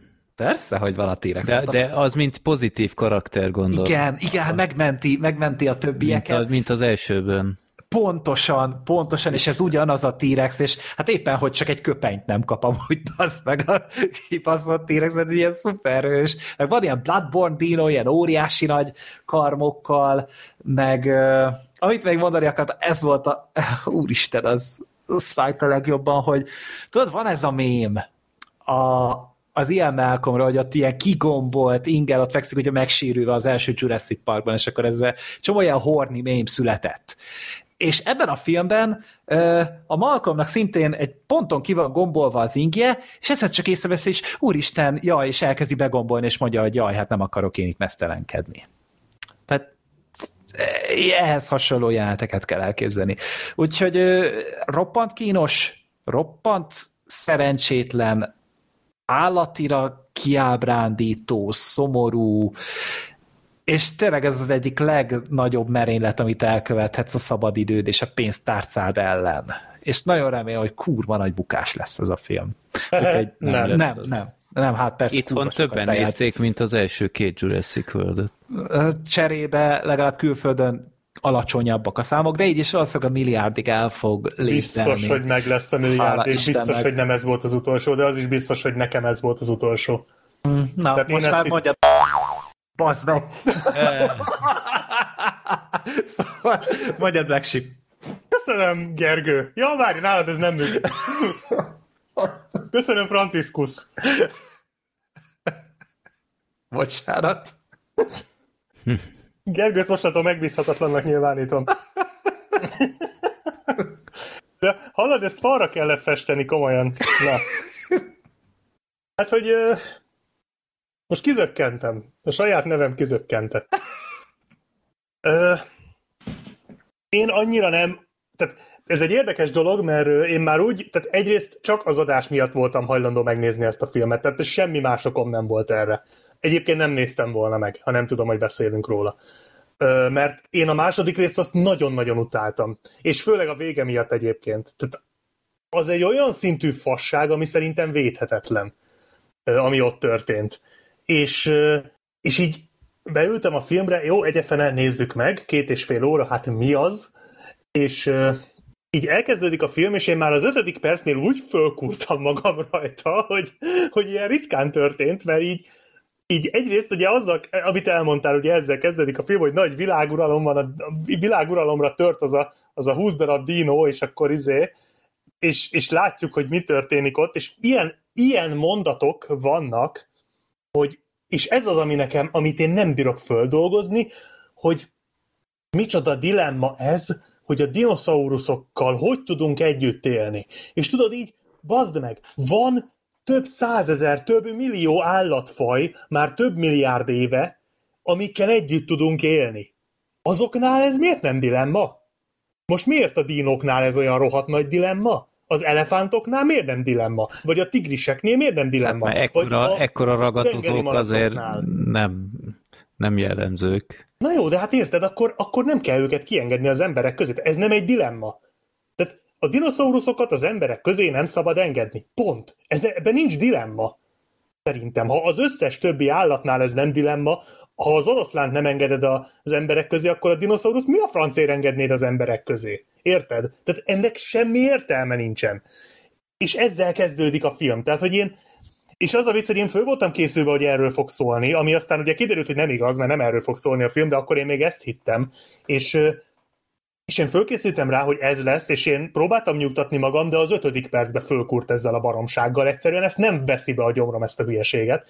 És aztán jött még egy jelenet, amikor mentik ki a cuki muki triceratops bébit, ó, Istenem, csak milyen aranyosat, ott tartják, fogva szegény, és így azt mondja a Claire, hogy úristen, ugye ott egy farmon járnak, mint a South Parkban, amikor a teheneket mentik ki, hogy, hogy így ott, ott vannak egy farmon, éjszaka betörnek, és látják, hogy ugye a triceratopsokat tartják ugye ketrecekbe, meg minden, szaporítják, és azt mondja, hogy ilyet mond a Claire, úristen, ketrecben tartják őket, tisztára, mint a középkorban. És tudod így, mi van? Milyen középkorban, bazd meg? Ma! Ma ezt csinálják minden létező háziasított állattal. Ne legyünk már ilyen rohadt álszentek. Tehát ne csináljuk már ezt. Hogy a, hogy a csirkéket lehet így tartani, meg a disznókat lehet így tartani, a triceratopsot meg nem. Tehát ne viccelődjünk már, tehát azért, azért itt, mondom, itt ez az első két jelenetben nem úgy, föl, úgy fölvitte a vizet, hogy az nem igaz. És hát mondom, jó, innen szép nyerni, és aztán a film így szépen fokozatosan elkezdett nem erről szólni, hanem ugye visszatértünk az úgymond idézőjel parkba, ami nem egy park, hanem egy ilyen lezárt terület, ahol dínok vannak elkerítve, közben emberek föld alatti alagutakba terelgetik őket, stb. Tehát végül is kimondhatjuk, hogy ez egy park, egy lezárt park tulajdonképpen, és ott rohangálnak a dínók elől, ami hát azt gondolom, hogy ha valaki mérges amiatt, mert a, úgy érzi, hogy a film őt átverte, akkor az szerintem teljesen jogos, mert rohadtul nem ez volt az ígéret, bármekkora hülyeség is volt az ígéret, de, de rohadtul nem arról volt szó, hogy megint azt fogjuk nézni, hogy emberek alagutakba, meg, meg lezárt ketrecekbe menekülnek dínók elől, hanem arról volt szó, hogy világuralom van, és akkor dínók vannak mindenhol. Viszont nekem az volt a gondolatom, hogy hála a jó Istennek, hogy nem erről fog szólni a film. Tehát én ott úgy megkönnyebbültem, hogy jó, rendben, parkba fogunk rohangálni, nem ezt a fasságot fogják erőltetni, köszönöm. Tehát ez nekem egy olyan, olyan kellemes ellazulást okozott, hogy így jó, sokkal jobban viseltem a filmnek az egyéb hülyeségeit, mert egyébként abban egyetértek, hogy hogy semmi értelme az egésznek. Tehát ennyire rossz forgatókönyvet szerintem utoljára Godzilla vs. Kongba láttam ahol szintén az volt, hogy így néztem a filmet, és egyszerűen nem, nem értettem, hogy mit látok. Ez, hogy így, így történtek dolgok, jöttek a sáskák, jöttek a dínok, láthatjuk, Freddy, ezt csak a te kedvedért mondom, tehát láthatjuk a bevetés közben a lézer irányzékra támadó raptorokat. Ja, hát az egy Jason Bourne jelenetben van beleültetve. Igen, tehát, tehát egy, ö... egy motoros üldet, küld, üldözést hajtanak végre, mi a, mi a városnak a neve? Máltán. Ja, Máltán, igen, tehát, hogy Máltán hajtanak Mondjuk, végre egy ilyet. Mondjuk, igen, tehát gyakorlatilag megcsinálták a Born Ultimátum háztetős helikopter, nem helikopter, motoros üldözését, csak dinókkal. Mondjuk az a jelenet azért elég bitang volt, tehát az azért nagyon jól sikerült szerintem. Én nekem is egy gyengém a motoros jelentek, és úgy az aránylag tetszett, csak egyetlene ez a film úgy általában amúgy jól néz ki, uh-huh, a igen. CGI jó minőségű, igen. a dinók elképesztő minőségben vannak Főleg amúgy. a tollak, azok tehát, a rohadt tollakat annyira jól megcsinálták. Tehát a agyamentül néznek ki a dinók egyszerűen, de egyedül az ajánlat nézett ki rosszul.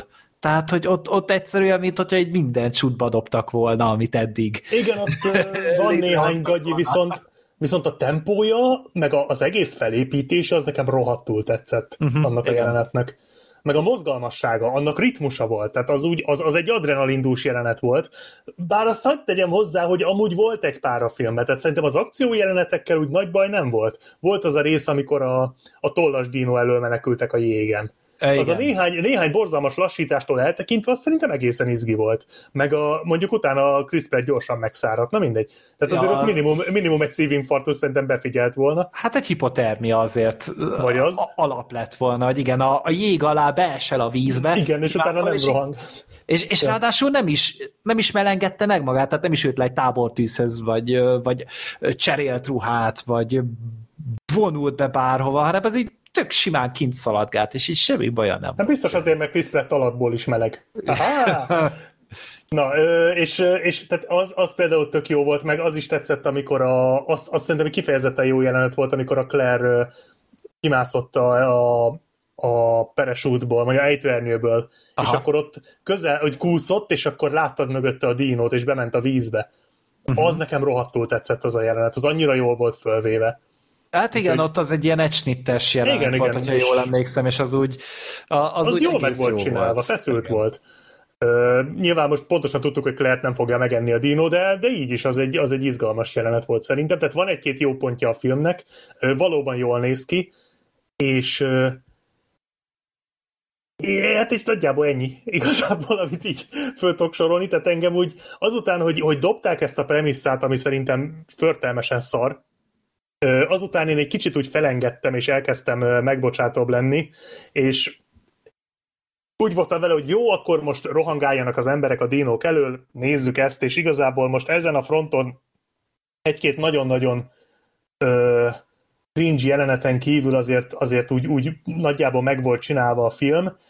Ö, én bevallom, nem néztem újra a Jurassic Park filmeket, és lehet, hogy emiatt annyira nem bántott az összes cameo, ami a filmben volt, pedig tudom, hogy volt rengeteg. Tehát én például nem tudtam, hogy ez a főgonosz csávó, aki a, a kártyavárban is szerepelt, Igen. hogy ő már egy korábbi részben is volt. Hát ő, ez...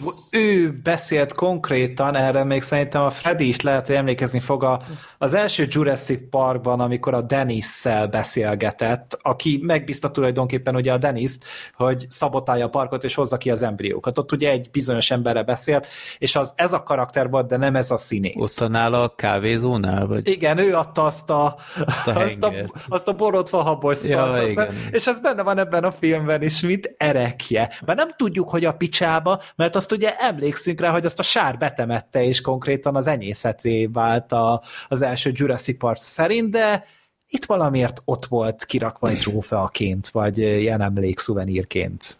Hát lehet valami rajongó kikukázta, és az ő gyűjteményéből vették meg. Lehet.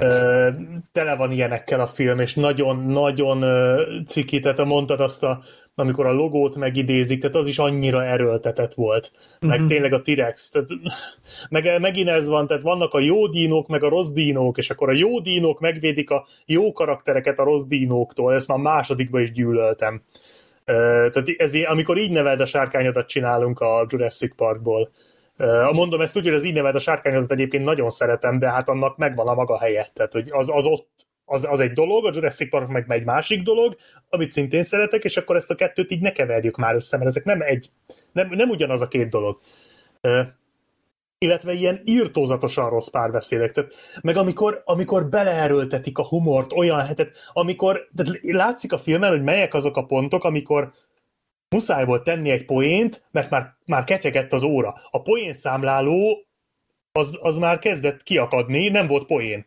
Ugye, mondjuk 5 percenként kell poén, de hogy 5 percenként, 3 percenként kell poén, és már kezdett letelni a 3 perc, ezért oda kellett írni egy poént. És van egy ilyen, ezt külön kiírtam a, hát nem írtam ki, csak így, így ki, egy, ki vázlatoltam nagyjából a párbeszédet, hogy amikor be, ben vannak a barlangba, ott kiszállnak Aha. a kocsiból, és elhangzik az a, a vezérlőterembe az a párbeszéd, hogy azt hiszem a Malcolm kérdezi a, ott a vezérlőterembe valakitől, hogy vannak dinoszauruszok a barlangba? És az a válasz, hogy hát um, tulajdonképpen dinoszauruszok mindenhol vannak, hiszen a madarak is dinoszaurusznak számítanak, szóval a dinoszauruszok mindenhol vannak, és akkor az valaki beszélje, hogy hallgasson már, és ez egy poén. De baszki, a barlangban madarak sincsenek. Tehát, hogy ennek a poénnak nincs semmi értelme. Szóval ilyen, de, de, de muszáj, oda kellett egy vicces beszólás, tehát oda raktak egy vicces beszólást, akkor is, ha nincs semmi értelme. És meg a, a, a Snickers-es jelenet, vagy az nem Snickers volt, valami aerobik szeretet, vagy mit kért a csávó a, a segédjétől, tudod? Uh-huh, igen. Az ott mi a, ló, mi a jó Isten volt? Az egy, az egy poén volt? Vagy, vagy az is valami utalás, ami nem esett le? Ne, poénnak szánták szerintem. Nagyon jót nevettem. Szerencsére. Tehát, iszonyatosan kínos az egész. Ö, igen, tehát nagyjából ezen kívül nem tudok semmit hozzátenni. Nagyon, nagyon kínos volt, de szerintem tehát én, én végig bírtam nézni, ö, helyenként volt nagyon kínos, inkább úgy fogalmazok. Ezek a fanszerviz részek, ezek, ezek azért, azért látszódik, hogy itt az előző az előző rész óta azért lement egy, egy komplet Star Wars story tehát azért lement a, a Skywalker kora, lement a Mandalorian, lement a Book of Boba Fett, azóta, hogy az előző elkészült, és ez valahogy érződik a filmen, nem? Tehát azért itt már sokkal sokkal el- elmebetegebben használják ezeket a van simogató dolgokat. Uh-huh. Hát igen, tehát szerintem még az előző részeknél ennyire durván nem csinálták. Ennyire nem, ennyire nem. De itt közben itt utána néztem kettőnek, hogy a, na, a legnagyobb dino ugye az a Giganotosaurus, meg felbukkan a Dilophosaurus is, ugye ez a galléros köpködő genyó, ja, aki igen. pont ugye a Deniszt eltette lábalól. Na itt is vannak, csak sokkal többen. Tehát csak, csak a, azért, hogy igen. érezd. igen, igen. De hozzájuk is kapcsolódik egy jó jelenet, amikor a Claire-t megtámadják, azt szerintem egy, szintén egy, egy, egy feszült pár perc a filmből. Uh-huh, uh-huh. Uh, ja, és igen, még tényleg jó is, hogy mondtad, tehát azért, azért lezőnézen Isten nyugosztalja, azért van még remény Leslie után is, tehát amikor van egy film, ahol röhögés nélkül ki tudják mondani, hogy ez egy gigantosaurus, anélkül, hogy megremegne az arca, azt hiszem Sam mondja, igen. Ott azért még van remény, hogy lesz új Leslie nézenünk. Mert ekkora fasságokat csak a Leslie nézen tudott arcrezelés nélkül kimondani. De hogy amúgy ez a durva, hogy ez a Giganotosaurus az egy létező, besorolt dinoszaurusz, ez nem a filmnek a találmánya. Igen? Aha. Hát akkor is hülye hangzik. Ja, hát a, a, ugye az első kettő próbálkozott ezekkel a saját.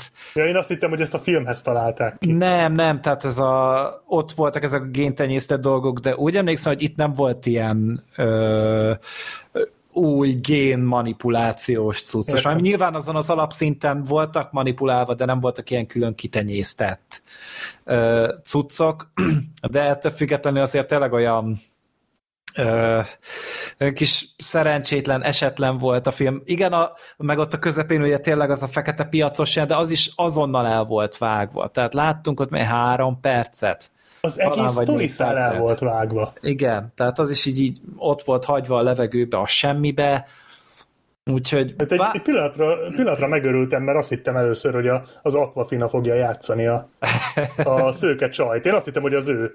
Egy aztán át, és, akkor így, és akkor így, így megörültem, de aztán ezt is elrontotta a film, mert nem ő volt. Úgyhogy erről ennyit. De az, az, a, az a csaj is a semmiből jött, nem? Tehát ő sem Igen. korábbi valaki volt.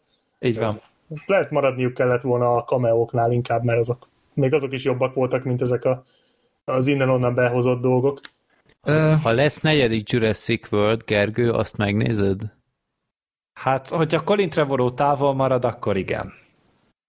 Uh-huh. Mert, mert tehát még, még a rendezés még túléljük, mert tényleg ott voltak azért elfogadható pillanatok, de a Colin Trevorrow, tehát ez, a, ez kb. olyan szinten ír forgatókönyvet, mint a Zack Snyder. Tehát ez a kettő, ez így te összemérhetné amúgy a, a tehetségtelenségét, amikor forgatókönyvről van szó, mert nem tudom, hogy melyik a rosszabb kettejük közül, és tehát Nyilván a Colin Trevorrow már létrehozott magának egy ilyen alternatív univerzumot a Book of Henry-vel, amikor már azt érzett, hogy igen, tehát így csípőből, csak felfelé. csípőből rávágtam volna, hogy hát egyértelmű Colin Trevorrow a Book of miatt, de aztán eszembe jutott a Sucker Punch, és így így, így most, most egy kicsit úgy gondolkodom, hogy melyik volt a rosszabb, mert azért mind a kettő erős volt forgatókönyv szinten, azt kell mondjam. Igen, tehát így nagyon nehéz összemérni ezt a két titánt, mert amúgy jó, re- rendezés szintjén persze a Snyder sokkal ö, kompetensebb, sokkal értelmesebb ötletei vannak, bár kb. ugyanolyan szép érzéke és jó ízlése van mind hát a igen. kettőnek. Igen, tehát a, neki jó ötletei vannak, amiket aztán jól el tud rontani. Igen, igen, de a Colin Trevorrow az a legjobb esetben is egy közepes rendező, mm. de a forgatókönyv, úristen, ezt az antitalentumot. Én, én nagyon bízom ezután, hogy ő ő most így ezzel kap egy olyan lendületet, hogy csak saját ötletekből dolgozik, és esély sincs arra, hogy belenyúljon egy olyan franchise-ba, ami esetleg érdekel, és emiatt mondjuk meg akarom nézni. Hanem így te, gyártsa ezeket a hülyeséget, csinálja a Netflixnek filmeket. Ó, de jó. Annak már úgyis mindegy. Ja, ott az Olivier Megatonnal így együtt, így karoljanak egymásba, aztán hozzá kell az apokalipszist így mindenkinek, Ja, meg a, Snyder is odaforgatta, De szóval tényleg ez az ember, ez egy antitalentum, és ezt így mindentől távol kell tartani. Igen, ha már szóba került Leslie Nielsen, azt hallottátok, hogy lesz uh, csupasz pisztoly reboot. Uh-huh. Hát azt már, már tavaly mondták, azt hiszem. Hát csak hogy kivel, arra emlékeztek még? Hát nem az Liam Ed Nem, a Liam Neeson-nel. Ami szerintem egyébként egy rohadt jó casting. Hát egy elég Tényleg? extrém megoldás vagy ötlet. Nem, de, de, de vele, vele működhet amúgy. De ő, ő amúgy ilyen SNL, vagy valamiféle sketch komédiákban volt már, és egyébként ő tud vicces lenni. Tehát ez a, ez a száraz ez, humor előadásmód, ez, ez, ez neki abszolút csípőből. Jó. Uh-huh. Jó. Hát egy olyat Jó. olvastam, hogy talán a hogy a Liam Neeson és talán még a Seth MacFarlane vele. Tehát, hogy mhm. nem csak kizárólag ilyen van menső, hanem hogy a Seth macfarlane is beraknák mellé, amit nem tudom, hát írja meg, meg én azt tökre támogatom, azt annyira nem tudom, hogy, mi, hogy működik színészként, mert csak ugye a Million Ways to in the West-be láttam, és hát ott meg nem remekel túlzottan. Az Orville sorozatot meg nem nézem, úgyhogy azt meg nem tudom megmondani főleg. Mm-hmm. Jó, ez majd akkor a, annál a kibeszélőnél. Bármi más még Jurassic Worldhöz? Hát katasztrófa turisták előnyben. Tehát nekik, nekik ez egy nagy élmény lesz szerintem, amikor tényleg csak így azt akarod nézni, hogy úristen, ez mekkora gyökérség.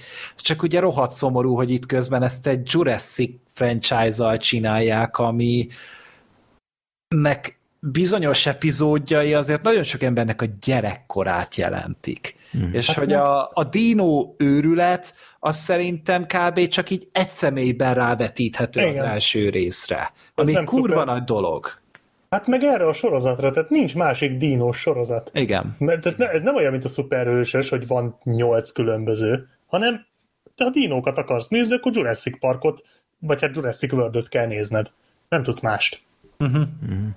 És az azért szomorú, hogy, hogy ezt így megengedhetik maguknak, és látod, hogy megengedhetik maguknak, mert ez a film is szét fogja kasszálni magát, mint az előző kettő. Hát a Voxban volt most ugye egy cikk, nem tudom, olvasta, de már Franciscus Black Sheep, hogy a, a Jurassic Park World franchise az jövedelmezőbb, mint a Marvel meg a Star Wars.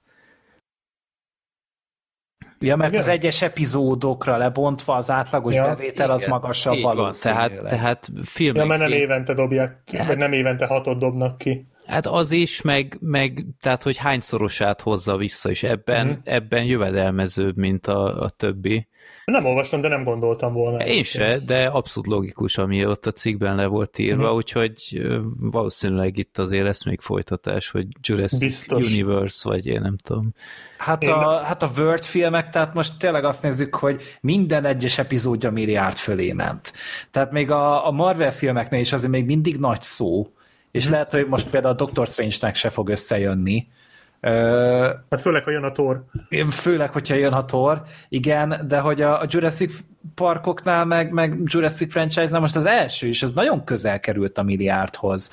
A második, harmadik, hát azt hiszem a harmadik jutott valami 480 millióig valahogy, de hogy a fél milliárd alatt ma, reket meg talán, és a második rész is jól hozott, de viszont ezek az új, új trilógiás filmek, ezek iszonyatos, beteges mennyiségű pénzt termeltek. Igen. Hát de pont emiatt szerintem, hogy egyszerűen egyeduralkodók ezen az egész dínos terepen, tehát hogy nincs kihívójuk. Nincs hát, másik mert, dínos Mert ehhez, ehhez nagy uh, lóvéke, hogy dinókat tudjál ábrázolni, úgyhogy élvezhető legyen, tehát... Hát, ja, hát azért a Jurassic videós sorozatodat elnézve... Azért Pont akartam mondani, hogy nem feltétlen kell egyébként. mert, a, mert hogyha meg azokat is megnézzük, akkor nagyon sok dínos film van, csak a mainstream filmgyártásból hiányzik ez, mert valahogy mint hogyha az lenne, hogy ez a dínos dolog, ez csak a Jurassic franchise-nak a sajátja lenne. De nem nagyon próbálkoznak azzal, hogy na majd... Hát ott, van még a, ott van még a Poseidon Rex. ja. ja, hát meg igen, a King Kongban volt még dino, mm-hmm. de hát ugye az is ja. hát egy King Kong film, akkor igen. is. Na de melyik? Hát a, mi, mikor? A 2005-ös King Kongba? Hát most, Mert az a, újba... most a Peter Jacksonosra gondoltam. Hát de az mikor volt? Az még a Jurassic World előtt jóval, jóval, jóval előtte volt. Most itt még beírt, a... beírtam, hogy dinoszauruszos filmek, és uh, hát ilyen animációs volt ez a Dino, ez a Pixaros Ja, Dino tesó. Ja, tesó, meg volt ez a Disney. Őslények országa, dino, vagy micsoda. Dinoszauruszok, őslények, hát, így, hát abból is de, volt egy de, Chiliard rész, igen. De nem tudsz olyat mondani, mint a Marvelnek nem. a Warner-es DC sorozat, nem. vagy a halál, hát mondjuk a halálos iramnak se tudnék mondani. Hirtelen. De mondjuk ilyen kémfilmekből van egy csomó, ott van a Born sorozat. Hát meg a Mission Impossible. A Mission Impossible. Ja ott van a Star Wars és a Star Trek, tehát hogy ott ezeknek van valamennyi, tehát ezeknek van kihívója, van, van egy kompetenci, kompetítora, de hogy itt, itt, itt egyáltalán nincsen semmi. És szerintem ez, hogy igazából bármit megcsinálhatnak, meg így is úgy szénnél szarrák a szállják magukat. Uh-huh. De mondjuk akár csinálhatnának jó filmet is, szerintem például megpróbálhatnák most már azt. Uh-huh. Csak egy tipp, hogy így hátva esetleg talán még több pénzt keresnének, mert azért azt néztem, hogy ha összevetett, hogy kb. ugyanannyit keresett az első hétvégén ez a film, mint a Top Gun, bármint a második Top Gun nyilván, és hogy ez mennyivel több, nagyobbat esett vissza, mint a Top Gun, az azért eléggé látványosan mutatja, hogy a minőséget azért az emberek szeretik megfizetni. Uh-huh. Hát igen, csak tényleg a Top Gun az meg egy, az egy, az egy egyszeri alkalom, tehát azért nagyon példátlan az a jelenség, amit ez a film létrehozott maga körül, nem csak minőségben, hanem hozzáállásban, és az is, ahogy a nézők reagálnak Igen, rá. A de, szájpropaganda az nagy, nagy tényező. De a szájpropagandához minőség kell. Ha a Top Gun nem lenne ennyire jó, akkor, akkor biztos, hogy nem menne ennyire jól. Hát a Jurassic World-nél a szájpropaganda pont ellenkezőt van. Így van, ezt mondom, hogy látszik, hogy az első hétvégé az ugyanolyan jó volt, mint a Top Gunnak, a második hétvégéje viszont sokkal rosszabb volt. Tehát az ilyen, az ilyen kilométerekkel lentebb volt. Uh-huh. Hát az, az nagyon látszik. nagyot esett vissza. Igen. Tehát a Top Gun-nál, tehát hogy az a durva, hogy most három hete, négy hete megy már talán. Uh-huh. Hát le, most lesz talán a negyedik hete, és még most hétvégén édesanyámék is elmentek rá, anyám nem néz akciófilmeket, amúgy egyáltalán meg ilyen blockbustereket, de a, a férjét érdekelte, úgyhogy elment vele, és én biztos voltam bele, hogy férjének nagyon tetszeni fog a film. Anyukámnál már egy kicsit úgy gondolkodtam, de gondoltam, hát van amúgy benne annyi ilyen drámai rész, hogy még őt is lekösse, és az ott a durva, hogy neki még jobban tetszett a film, amikor beszéltem vele róla. Mm-hmm. Tehát, hát hogy... ügyesen játszik az érzelmi húrokon, Igen. sablonosan, de ügyesen, tehát tényleg jól meg van csinálva. Az egy könnyen, könnyen beszél az emberhez. És ezt a Jurassic World is meg tudná csinálni. Tehát ezt, ez, ez, ez, ehhez sokkal több kell annál, mint hogy beleraksz egy cuki triceratopsot, ezt aláírom, ennél többet kell dolgozni rajta, de meg lehetne csinálni itt is. Hát, majd legközelebb biztos. A következő biztos jó lesz. Jó, szerintem menjünk át a következő filmhez, ami a Forráspont, Boiling Point. Ezt a filmet még a, a jó öreg hentes hallgatónk ajánlotta, azzal, hogy ő nemrég látta, és dolgozott vendéglátós egységben, és hogy alá tudja támasztani, hogy, hogy ez hiteles és én elraktam watchlistre, aztán később láttam, hogy felkerült HBO Max-re is, úgyhogy praktikus volt, hogy egyből meg is lehetett nézni, és akkor ajánlottam nektek is, hogy ez egy érdekes kibeszélő. Jó, um, ezt, ezt láttuk mindannyian. Uh-huh. Black Sheep, egy röviden el tudod mondani, hogy miről szól? A forráspont az egy étteremnek az egy estéjét mutatja be, egy vágatlan snitben. Hát másfél óráját gyakorlatilag. Hát igen, gyakorlatilag a nyitástól az első másfél óráig, nyitás előtt is már egy pár percbe be pillantást nyerhetünk, és ezt a, a főséfnek a szemén keresztül, aki akit a, a csodálatos és szörnyen alul értékel Stephen Graham játszik, akit én egy fantasztikusan jó színésznek tartok, uh-huh. de nem nagyon lehet őt, őt főszerepben látni, sajnos. Még a még a Boardwalk Empire-be szerettem meg nagyon. Igen. Ugye ott, ott Al capone játszott Igen. a szenzációsan jól. Én mindig és... összekeverem a Steven Graham-et a, a Danny Wahlberg, vagy Donny Wahlberg-gel. Nem tudom, hát előtt... onnan tudod a különbséget, hogy a Steven Graham az a jó színész, a Donny Wahlberg meg a nem Á, jó Don, színész. A Donny Wahlberg is egyébként szerintem nem, nem vészes, de hát mindig csodálkozom, hogy na hát a Donny Wahlberg újra kap egy főszerepet, aztán rájövök, ja nem, ez az a tehetségesebb és sikeresebb hasonlása. Igen, de... hogyha Donny Wahlberget jól színészkedni látod, akkor a Stephen Graham.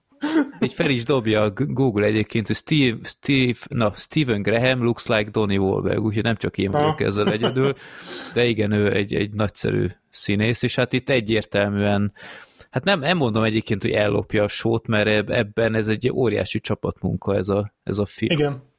Igen, ugyanis ugye egyrészt azzal, hogy vágatlan a film, ami jelen esetben azért nem akkor, én nem gondolom, hogy egyrészt annyira előtérbe van tolva, másrészt nem akkora technikai truváj, csak ez egy tök jó módszer arra, hogy jobban bemutassa egyrészt Azt hiszed, a... hogy nem az. Hát egyébként pont ilyen szűk helyen szerintem ez egy óriási logisztika. Nem csak az, ez tényleg egy snit. Igen, igen. Nincs rejtett vágás. Igen, csak hogy a film szerintem ez, ez egy olyan film, ami nem, nem azért érdekes, mert egy snittes. Az igen, igen. Az igaz, ja. Tehát, hogy, hogy nem, nem, nem, ez nem olyan, mint uh, most a Birdman az túl könnyű lenne, amiről tudjuk, hogy nem egy snittes, de hogy... Volt ez a Victoria hogy, film. A Victoria, na, de akkor ó, de jó, hogy mondod, a Victoria például az azért volt érdekes, mert egy snittes volt. Igen. Ez meg nem azért érdekes, hanem ez, ez egy tök jó film, ami amúgy egy snittes, és ez tök sokat hozzáad, hiszen sokkal jobban átadja azt a káoszt, meg azt a, azt a hihetetlen pörgést, ami az étteremben van, de nyilván ehhez kellettek a tök jó színészek, a nagyon, nagyon patentül ö, összerakott ritmusa a filmnek, meg a párbeszédek, meg az, hogy, hogy hitelesnek érződik. Úgy, hogy én nem dolgoztam étteremben, és egyébként nem is nagyon szeretnék, de, de ő rendkívül hitelesnek érződik minden, ami itt történik. Hát annyiban, tehát ebben egyetértek, hogy, hogy nagyon autentikus, abban viszont nyilván egy filmi megoldás hogy van, hogy igen, tehát, hogy Jó, kicsit, kicsit túlőttek szerintem a, a célon, hogy, hogy mennyi minden jön össze ebbe a másfél órában, tehát itt az allergiás esettől kezdve az insta celebes idiótákig, a, Meg a hogy, volt főnök hogy pont, igen, pont egy gasztokritikus jön ö, bejelentkezés nélkül, meg ö, rengeteg személyes probléma ott csúcsosodik ki, meg meg ilyenek. Egy hónap történéseit sűrítették. Igen, bele, tehát itt ez, ez nyilván a, a filmszerű, vagy a film hatása miatt lett így megoldva, de ennek elnére nyilván ezek apránként így, ahogy látni, ez nyilván előfordul, csak itt a hatás kedvéért tényleg ez így na, nagyon egymás után jön, és talán ez egy kicsit, kicsit sok volt számomra, tehát valószínűtlen volt, de ennek elnére összességében egy, egy rendkívül autentikus film és nagyon izgalmas. Tehát egy, szerintem meg, meg érdekes, tehát nem vagyok ezeknek a gasztró műsoroknak, meg ilyes, tehát én az ilyen Gordon Ramsay hasonlóira gondolok, hasonlókra gondolok most. Én nem nagyon nézem ezeket, de így nekem ez a film kicsit olyan volt, mintha egy olyan műsort próbálnának itt komolyan venni, és tényleg azzal a céllal meg elkészíteni, hogy bepillantást nyerhess egy egyrészt egy étteremnek a működésébe, meg az ott történő eseteknek a, a reagál, az, hogy hogyan reagál erre a, a, hogyan reagálnak erre a dolgozók, meg hogy tényleg egy, egy ilyen izgalmas légkört hozzanak létre, ami végig feszült, végig, tehát gyakorlatilag egy ilyen akciófilmbe illő feszültség van a film alatt folyamatosan, ott igazából csak kaját főznek, meg kiszolgálnak, tehát nagyon más nem történik, de így végig érzed, hogy itt, itt pattanásig van feszítve minden, és én így nagyon bele tudtam feledkezni a filmbe. Nem hosszú egyébként, azt hozzá kell tenni, ez egy másfél óra se.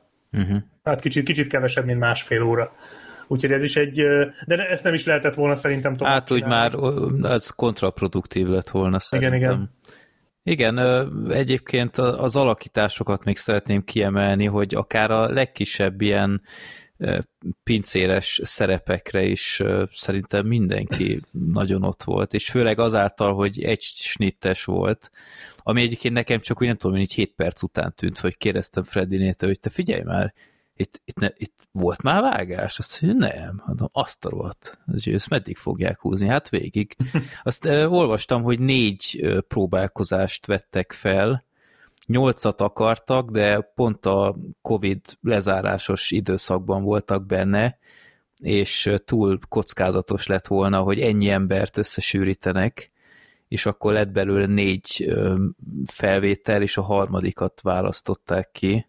Ez ráadásul két este igen. alatt vették fel ezt a négy felvételt. Tehát ez az elég kemény. Hát ez így emiatt nem is biztos már, hogy film inkább egy ilyen színházi darab. Igen, annak érződik. A, a, inkább annak a stilisztikái vannak benne, de nyilván ezáltal, hogy film, sokkal egyszerűbb váltogatni a helyszínek között, és akkor tényleg a szegény operatőr szalad egyik helyről a másikra, azt hiszed, hogy a konyhán szaladtak sokat az emberek, de igazából itt az operatőr volt a maratonfutó, hogy ö, tényleg mindig követte az eseményeket, úgyhogy ö, tényleg ők mindig a, a filmeknek az egyik meg nem énekelt hősei, kik tartják a kamerát. Ez így van és ez, ez abszolút átjön ennél a filmnél, hogy tényleg mindig ugye történik valami, mindig valami másik eseményre kell fókuszálni, akkor azt, hogy, hogy mindez jól elénk legyen tárulva.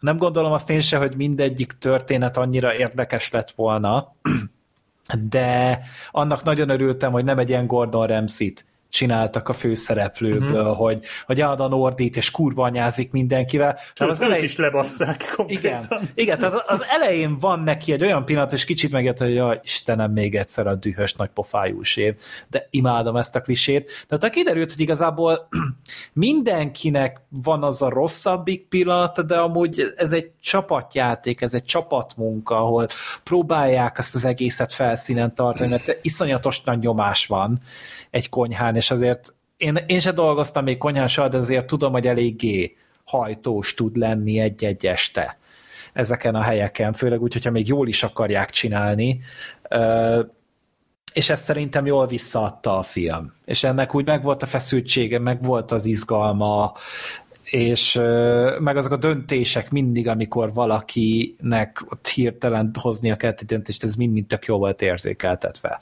Azt, azt tetszett még nagyon, hogy nagyon jól ábrázolta, hogy mennyire egy csapatmunka ez az egész, és ha valaki nem veszi ki a részét, akkor az az, az ő része az egyből a másikra hárul, és így dominóként így borul a sorrend meg minden. Úgyhogy ez, ez tényleg egy tökéletes betekintés volt. Tehát itt nem van az, hogy egy ember akkor vezér egyéniségként átvállal csomó mindent, mert egész egyszerűen nem lehet. Tehát itt ez tényleg abszolút csapatmunka kell, hogy legyen. Hát egy biztos, hogy én legközelebb étterembe megyek, sokkal türelmesebben várom a kaját. Mert hát én nekem többek között ilyen fajta végzettségem is van. Tehát én voltam gyakornok étteremben, és hát nem is volt... Visszahozott emlékeket? Nem, akkor? annyira nem, mert, mert mi azért így nem, voltak, nem voltunk teljesen a mély vízbe dobva, meg csak ilyen könnyebb dolgokat kaptunk, de igen, szóval azért kaptam betekintést, hogy, hogy ez egy nagyon kemény meló. Ja, és egy dolgot szeretnék meg említeni még, hogy a hetes asztal kapja be. Igen. Azt a tróger faszfejet. Remélem, hogy itt nem mérgezés kapott, vagy valami. Ja. Ja, az volt, aki bunkó volt a pincernővel? Hát, hát a, mind a kettővel, vagy csak az csak egyikkel? az egyikkel. Ja, igen, a második lányjal volt nagyon izé, tuskó, de hát ott rohadjon meg. Mondjuk azt nem értettem, hogy miért cserélték le a pincérlányt, mert az elején úgy mutatkozott be, hogy én leszek a zönök felszolgálója ma, aztán két perccel később már el lett váltva. Az egy kicsit fura volt, de ennek ellenére persze nem szabad így viselkedni, úgyhogy meg, meg megőrített ez a nyitott konyha, tehát engem ez ilyen vendéglátósként kiidegelne, hogy konkrétan ott a, a vendégtérben kell sütni, meg kommunikálni. Hát gondolom, vannak ilyen helyek. E, ez egy valós uh, étterem amúgy, tehát utána néztem, ja, ez uh, így, ahogy van, rá, rá is mentem a, az étterem honlapjára, és a fotókon ugyanígy néz ki, ez reklámozza is magát. És és a, és a honlapon Donny Wahlberg volt a Nem. Meg is mondom, hol vették fel. Na, azt most pont nem látom. Azt hiszem valami londoni étterem, de a, fel, a honlapjára felmegy akkor az ember, akkor egyből izé előjön, hogy hány csillag, meg, meg minden. Na, mindjárt kikeresem. Úgyhogy ez tényleg egy, egy rendkívül jó jó filmtipp szerintem. Ja. Akkor amíg még keresem az éttermet, hát ha valaki... Akkor Darren, Darren Aronofsky új filmjéről beszéljünk addig, ami az anyám után az apánk. De miért nem találom ezt? Oké, okay. akkor nem lendülünk tovább, ennyi. Nem, Freddy megvan, azért megvan. Jones and Sons, Londonban, Stanford Works-ben található. Úgy, Már le is Hentes, te úgyis Londonban vagy, akkor parancsolj, de teszteld le, és látogass meg Donny Wahlberget ott a konyhán. Jó, következő filmünk az a, az Apánk, Our Father. Ez egy Netflixes doksi, a Blumhouse-tól, amitől kicsit beszartam az elején, hogy te jó Isten, hogy Blumhouse már csinál doksikat is, ráadásul Netflixre.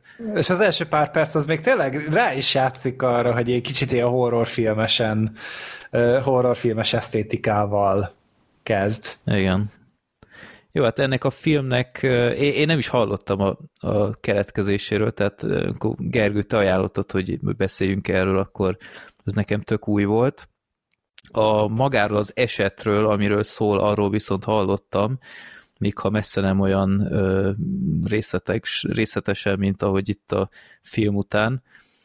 Öm, hát itt nyilván ö, egy, egy pár évvel ezelőtt ö, bukott ki ez a történet, hogy ö, Indiánában volt egy orvos, aki hát ilyen lombik programban ö, volt jártas, meg szakember, tehát általában olyan embereket küldtek oda, akiknek nem igazán jön össze a gyerek, és vagy donor, donorra van szükségük, vagy hát mondom, a lombik programra van szükségük, hogy legyen gyerek, és hát sikerrel is jártak, látszólag minden oké okay volt, aztán amint elkezdődött az USA-ban terjedni ez a, ez a szolgáltatás, hogy ilyen családfa kutatáshoz ilyen DNS teszteket lehet csinálni. Ez nem tudom, egyébként Európában van ilyen? Vagy, mert azt tudom, hogy USA-ban ez valamilyen nagyon felkapott lett, de hogy... Én úgy tudom, hogy van, uh-huh. csak nem annyira elterjedt. Hát úgy Tehát most nem tudom, hogy van-e így. Aha. Hát persze. Ja.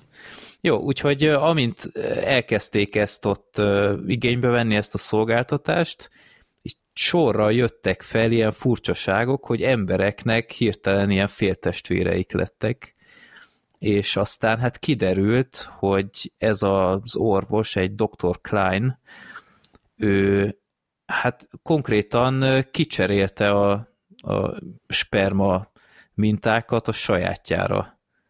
És ennek következtében rengeteg gyereke lett tudtuk nélkül, tehát ott a, a családoknak fogalma sem volt, hogy konkrétan az orvostól van a gyerek, és nem egy donortól, vagy konkrétan a, az apukától, amiből kiindultak egész életük során. Tehát van, hogy nem tudom én, plusz 40 évesen derült ki, hogy én, én nem is a, akárkinek, a, nem is az apukádnak, apámnak vagyok a gyereke, hanem egy, egy kopaszodó szakállas orvostól jöttem létre, és hát kiderült ez az egész botrány egy pár évvel ezelőtt is erről szól, ahogy ezek a ezek a gyerekek sorra rájönnek, hogy itt valami nem stimmel. Tehát egész életükben volt valami furcsaság, hogy, hogy valamiért ők szőkék, miközben az egész család az sötét hajú, meg ők kék szemű, de hát ilyen mondjuk előfordul, tehát itt elő, előfordulnak ilyen rend, hát nem rendelleneség, de ilyen furcsaságok, hogy akár egy fehér párnak fekete gyereke van, tehát ez is előfordult már, hogyha éppen a genetika így megtréfálja az embert. De igen, tehát itt mondják, hogy valami furcsaságot mindig éreztek, és akkor ezzel ki is derült, hogy mi az oka. És azt hinné az ember, hogy oké, okay, hát kiderült ez az ügy, hogy nem egy sperma donortól van ez a gyerek, hanem konkrétan az orvostól, az egy dolog, de később itt, itt sokkal mélyebb furcsaságok és visszataszító dolgok derülnek ki, és olyanokról, olyanok derülnek ki, amikért az ember nem is filózott el korábban. Tehát például, hogy, hogy egy, egy kis közösségben rengeteg ilyen féltestvér van, akkor mi van, ha azok tudtuk, tudtukon kívül mondjuk összeházasodnak, és azoktól lesz gyerek. Tehát egy beltenyészet alakul ki, úgyhogy ők nem is tudnak az egészről. És én is elfiloztam, hogy azt a rohadt, hát ezen el se filóztam. Tehát pont emiatt van az, hogy egy spermadonor csak három, háromszor lehet konkrétan beültetve. Egy háromféle párhoz kerülhet, hogy ezt a kockázatot minimalizálják, de hát egy ilyen, ilyen esetnél ez kontrollálhatatlan. Gergő, hogy, hogy tetszett, mit gondolsz erről a filmről? Hát maga a történet az, az elképesztően félelmetes. Tehát az a... Nyilván az a legérdekesebb része, hogy mit gondolt ez az ember. Mit gondolt Donald Klein? Mi volt az a, ami őt rábírt arra, hogy, hogy vagy azt hazudja a, tőle segítséget kérőknek, hogy hát egy orvostan hallgatótól szerzünk anyagot, és tényleg csak háromszor adhatnak, vagy pedig az a nő, aki elment a férjével, és akkor hát a férje adta ugye a mintát, mert ő még éppen nemzőképes volt, vagy még egy ilyen kísérletet meg akartak próbálni, és azt kicserélte. És azt adta oda nekik, és hát így, tehát itt óriási mennyiségű ö, testvér derült ki. Nem mondok pontos számot, de félelmetes. És ez az ember azt gondolta, olyan szerintem Isten komplexusa volt, ami miatt úgy gondolta, hogy az ő génjei a legjobbak, és hogy ő, ő van egy olyan szuper jó ember, ő van egy olyan értékes és figyelemre méltó és kiemelkedő egyéniség, hogy belőle ő jogosult arra, hogy ennyi utódja legyen. És ez félelmetes számomra, hogy, hogy valaki idáig elmegy. Miközben, hát valószínűleg a donorvizsgáknak már az első pontján megbukott volna, mert gyerekekről kiderült egy ponton, hogy rengetegnek autoimmun betegsége van, meg egy csomó más ilyen örökletes ö, probléma. Tehát, hogy ezzel megverte őket, csak azért, mert ő olyan ö, az ő egója az olyan mérhetetlenre duzzadt, hogy Tom Cruise az egy motorral le tudna róla ugratni. Tehát ez a hihetetlen számomra, és hát pont erre nem kapunk választ sajnos, mert sose derült ki.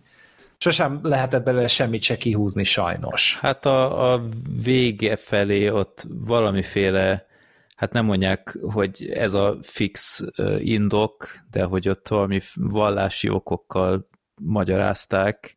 Hát mert... igen, van benne egy ilyen elég val- erős vallási vonulat, meg hogy a fickónak is egy rengeteg ilyen bibliai idézet van. Igen, meg hát még keresztény módon állandóan pisztoly van az övénél, meg ilyenek, tehát ez ilyen tipikus amerikai pastorál.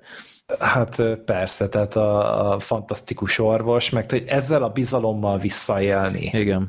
Ez a legundorítóbb egyébként, hogy tehát azokat azokat csinálta, akik tényleg a legkiszolgáltatottabbak voltak. Akik kétségbe voltak esve, és amikor már tényleg annyira szeretnétek gyereket, hogy már próbálkoztok, nem akar összejönni, szembesültek azzal, hogy, hogy úristen lehet, hogy, hogy esetleg biológiai valami probléma van velünk, nem vagyunk elég egészségesek, és ők kérnek segítséget ettől az embertől, és ő ezzel visszaél. Igen. És ez döbbenet számomra, és ez egy olyan elkölcsi és morál, morális fekete lyuk, ami szerintem egy mindent felemészt, és maga, szerintem ez a maga a történet sokkal jobb, mint amilyen a dokumentumfilm maga, Igen. mert én nem éreztem azt, hogy, hogy hogy olyan igazi nyomozás lett volna benne. Tehát, hogy igen, próbálkoztak, de mindig olyan hirtelen ugrottak, hogy nem éreztem át azt, hogy na van még valaki, na ma van még valaki, hanem így, mm. mint hogyha így azt érezték volna, hogy jó, hát erre a részre szántuk három percet, erre tizet, erre nyolcat, és olyan, olyan patika mérlegen kimértnek éreztem. Nem éreztem azt a, azt a természetességet az egésznek, és sokkal többet hagyatkoztak a készítők a történetnek az erejére, mint a saját képességeik. Ez pontosan én is így éreztem, meg, meg a, hát gyakorlatilag az egész nyomozást az egyik nő, az a Jacoba, igen.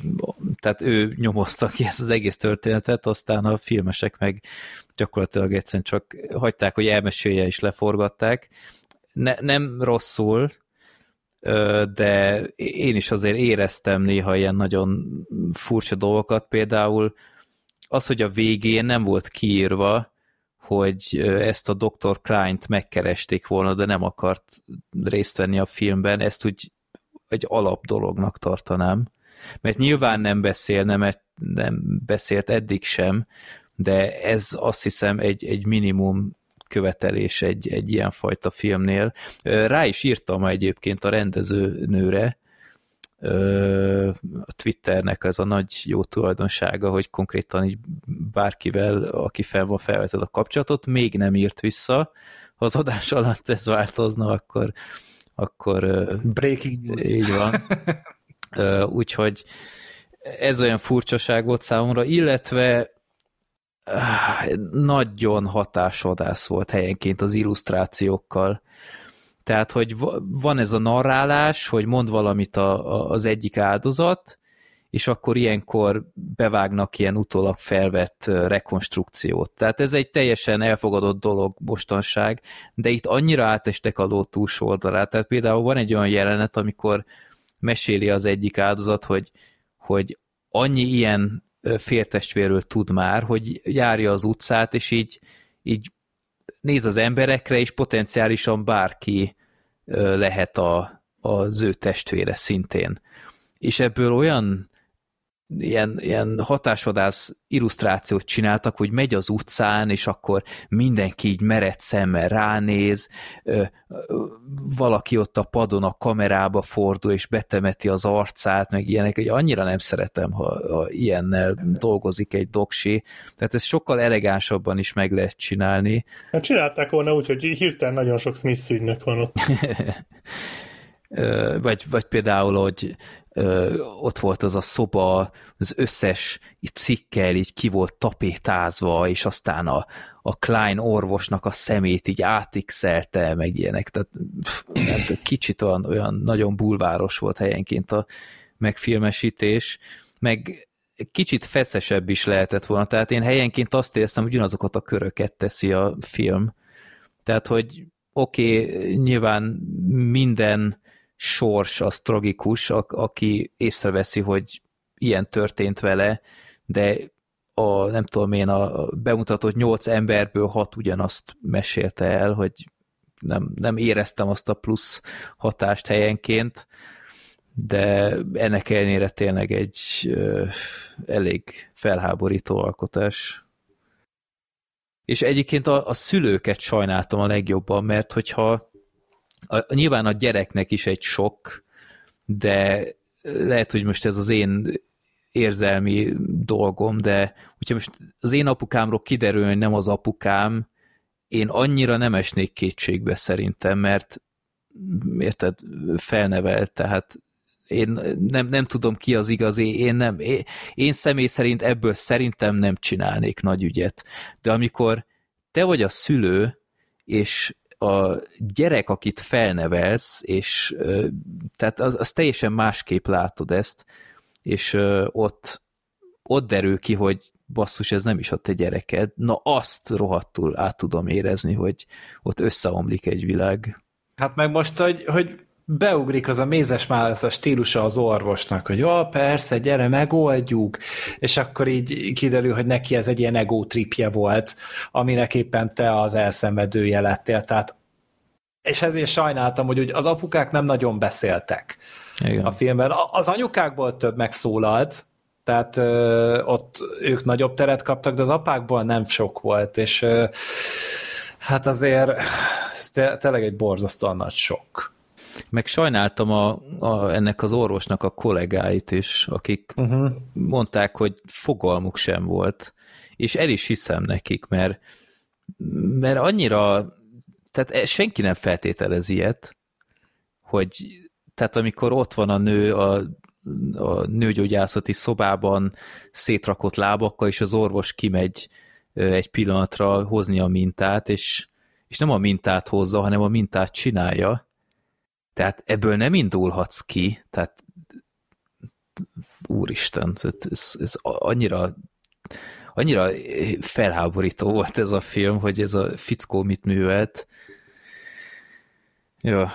Úgyhogy én, én is azelőtt dobtam be, hogy beszéljünk róla, hogy én láttam volna. Én a Telexen olvastam róla, ott, ott írtak róla egy cikket, és akkor hamarabb írták, mint hogy megjelent volna azt hiszem a film, uh-huh. ö, és ö, és akkor emiatt így felrakta a watchlistre, hogy jól van majd, hogyha elérhető lesz, aztán láttam, hogy oké, okay, itt van, hát láttam, hogy a kritikák nem annyira imádják, tehát metakritiken konkrétan 43 ponton áll, ami e- eléggé durván alacsony, de... de mik a kritikák? Az, hát a hatásvadászat. Aha. Én úgy láttam, hogy a hatásvadászattal uh-huh. van itt baj, és hogy inkább a sokra játszanak, és nem a, a lelki vonulatára az egésznek, aminek, amiben van igazság, de tényleg ez egy annyira annyira visz magával, meg annyira megkapó szerintem, tehát, hogy én engem tényleg személy szerint nagyon-nagyon érdekelt, hogy, hogy mik ennek az ügynek a részletei, hogy simán át lehet lépni azokon a tökéletlenségeken és esetlenségeken és ö, bárdalatlanságokon, amiket a filmkészítők megengedtek maguknak, mert mert ez tényleg egy, ez egy hétköznapi horror történet. Igen. És messze nincs vége, mert érted, minden új DNS mintával ez a szám nőhet, uh-huh. és a mhm. film végén nem akarom elárulni, ott volt egy kiírás, na ott még jobban összeszartam magam. Uh-huh. úgyhogy igen, ez, ez egy nagyon mocskos egy alkotás, meg még mocskosabb történet, úgymond. És erről nem is hallották korábban? Nem, abszolút nem. Uh-huh. Én emlékszem pár évvel ezelőtt, de messze nem volt ez az ügy még így felgöngyölítve, úgyhogy mindenképp hozzá tanultam a film után. Annak nagyon örültem még, hogy a, a szereplők azok mind nagyon szimpatikusak voltak. Tehát nem az volt, mint a Don't Fuck With Cats-nél, hogy egy ilyen elviselhetetlen csaj meséli a sztorit. De, meg a, az ügyészség szerepe az volt számomra még érdekes, hogy milyen nehézségbe ütköztek, mind az áldozatok az ügyészséggel, mind az ügyészség a joggal. Uh-huh. Igen. Ez, ez is egy váratlan tényező volt. Hát közel felháborító volt. Tehát az, hogy, hogy ennyire, ennyire komplikált ez, és ennyire, ez miért ilyen nehéz valami? Igen. Hát volt Németországban az a hasonló szitu, amikor volt a, az a kanibál, aki megevett valakit, de annak a kérésére. Uh-huh. És e- e- ebből is készült az a Rammsteinnak a nagyszerű Mindtile dala, meg klipje, hogy konkrétan a rendőrség nem tudott mit csinálni klasszikus értelemben, mert a kanibalizmusa nem volt, nem volt törvény. Már mit tudod, ez is olyan, hogy annyira magától érted, hogy miért kéne rá törvényt Hát hozni. igen, de hát, de hát látod, hogy Amerikában is vannak ezek az abszurd törvények, hogy nem tudom én, nem szabad repülőből egy, nem tudom én, szarvasmarhát kidobni. Nyilván amiatt, mert egyszer már megtörtént. Tehát, jó. jó. Úgyhogy Our Father fenn van Netflixen, egy óra 42 perc, vagy valahogy így, úgyhogy nem egy, nem egy hosszú alkotás, mindenképp egy nagyon durva sztori. Következő filmünk, na ezt is te ajánlottad, és erről most egy marhajót fogunk beszélni. Csip és Dél, a Csipet csapat film. A Disney Mivel- Plusról. Most így ezt az emberek meghallják, hogy ja, Gergő ajánlott még egy filmet, és élő szereplős Chip és Dale film, hát szerintem a legtöbben legyintenek, hogy ez a hülye fasz megint. Hát ez konkrétan, ezt gondoltam, amikor írtad, hogy erről a filmről mindenképp beszéljünk, hogy ah, Gergő, megint. és azt megnéztem, és úristen, Gergő, köszönöm. ez, ez az, ezt előre, előre megmondom, ez az utóbbi évek legdöbbenetesebb filmélménye volt számomra. Így uh, ahhoz, tehát ha úgy veszem, hogy azt kaptam, amit vártam. Uh-huh, uh-huh. Hát igen, tehát hogy, hogy nem feltétlen erre készült szerintem senki, amikor bejelentették azt, hogy igen, a Disney Plus-ra érkezni fog egy ilyen, hát ugye prób- oda is készít a Disney Plus néhány ilyen élő szereplős próbálkozást, tehát a Suzy és Tekergőnek is például ott kötött ki a, az új verziója. Én se láttam, nem tudom milyen. Szerintem azt senki nem látta. Lehet, és hát ezen a vonalon, erre a vonalra illesztettem rá én és a Chip és Délt. Azután egy picit felcsillant a szemem, hogy megláttam, hogy a Lonely Islandesek is be vannak von, vonva. Tehát ugye a Lonely Island, ugye itt egy trióról van szó, ugye az Andy Samberg, meg az Akiva Schäfer és a harmadik, akit nem tudom név szerint, de hát ugye az Andy Samberg, ő szinkronizálja a délt, és az Akiva Schäfer pedig rendezte a filmet. Már beszéltünk egy korábbi rendezéséről neki, a Popstar volt ez a Justin Bieber paródia. Nagyon vicces film. Ez egy nagyon vicces film, és ugyanez a gárda hozta össze, hogy remek dalokkal, meg nagyon jó ilyen szatirikus poénokkal, és emiatt gondoltam azt, hogy na esetleg egy ilyen Disney-sen lájtosított verzióban, de talán tudnak csinálni valami olyat, ami megérdemli azt az időt, amit rászánunk. Azt a 97 perc, megint egy kurva rövid filmről beszélünk amúgy. Nem tudom, hogy feltűnte, de az összes film ilyen nagyon kis rövidke volt a Jurassic World-öt leszámítva eddig. Uh-huh. És mi volt a szar? Hát a, Melyik a hosszú, a két és fél Na, órás. ebből lehet tanulni, kedves Hollywood. Úgyhogy te, tényleg csak így ez egy ilyen nagyon pozitív példa, és de így is jobb lett, mint amire számítottam, mert gondoltam, hogy vicces lett, de olyan softcore módon, olyan nagyon-nagyon lebutítva, és ehhez képest pedig egy olyan olyan masszív úthenger, már csak az a rengeteg easter meg utalás, meg berántott hülyeség, ami van, meg az a rengeteg meta gondolat, az Uncanny Valley, meg az a többi hülyeség, ami itt van, hogy tényleg így csak csodálni tudtam azt, hogy, hogy ez így létrejöhetett, és ezt mi így megnézhettük a Disney keretein belül. Mielőtt a filmre rátérnénk, a Csipet csapatot, a rajzfilm sorozatot, azt gondolom néztétek mind. Igen, Mm, elég egy- sokat. Én nem sokat, de úgy, úgy képbe voltam nagyjából. Uh-huh. Jó, mert én is ugye, hát voltak ezek a kacsamesék, csipet csapat, mm-hmm. Balú kapitány. Balú, tehát ez a Szent Hármas, Igen. meg később még az Aladdinból volt, meg a Timon és Pumba, meg A Herkules is kapott, azt hiszem. Azt nem néztem, és sose voltam nagy Herkuleses. De igen, szóval én, én annak idején előszeretettel néztem ezeket, úgyhogy a karakterek azok, azok nyilván ismerősek voltak számomra, de amikor elkezdődött ez a film, én, én teljesen betoltam. Tehát én álmomban nem hittem. Ha, ha azt hallja az ember, hogy egy csipet csapat film, akkor miből indulsz ki? Hogy ugyanaz van, mint a sorozatban, a, a Csip és Délék, ők együtt vannak, van egy nagy kaland, egy rejtély, megoldják, és ennyi. És, és nem is várnál mást. Tehát, hogyha, hogyha ezt kapom egy jó filmben, akkor, akkor egy szavam nem lehet, akkor pofán befogom, és azt mondom, hogy persze, ízé, hát akkor megcsinálták jól.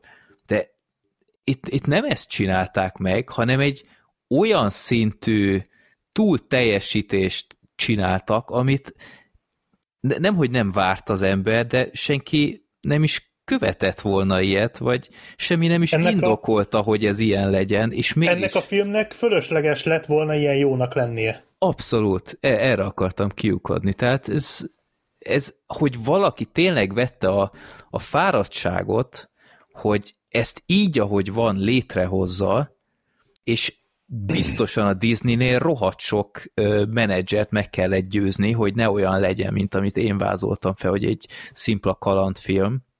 Ö, ez egész egyszerűen bámulatos. És mindez ott rohad a Disney Plus-on, tehát ennek szimplán a moziban kéne mennie. Ami nyilván amiatt lehet egy kicsit necces, mert ez, ez nem gyerekfilm a klasszikus értelemben, mert ez annál sokkal több. Tehát ez a Roger Nyúl és Roger Nyúl a pácban 2022-es megfelelője. Vagy a Free Guy-ra emlékeztetett engem még sok ponton, vagy az is egy kicsit ilyen hasonló módon nyúlt hozzá. De most így mondtad ezt a mozi dolgot, hogy én rá tudtalak volna venni téged arra, hogy te erre menjen a moziba? Ha te, ha te megnézed, és mondod, hogy, hogy ez nem olyan, mint amitre gondolok, és mondjuk nem árulsz el túl sok mindent, csak nagyon azt mondod, hogy bíz bennem, akkor simán. Aha, jó. De magamtól egyébként nem, nem feltétlen éreztem volna. Hát meg mondjuk egy előzet, egy jó, jó előzetes még segíthetett volna. Hát csak azt nem nagyon nézek, úgyhogy az, az nálam nem szempont. Hmm. De nyilván, ha, ha jók a kritikák, meg több felől hallom, hát a Top Gun-nál is ez volt. Ott is az győzött meg elsősorban. Úgyhogy nem zárom ki, de ezt, ezt a filmet mozivásznon látni gyerekek, az egy olyan élmény lett volna, hogy, hogy ez beszarás.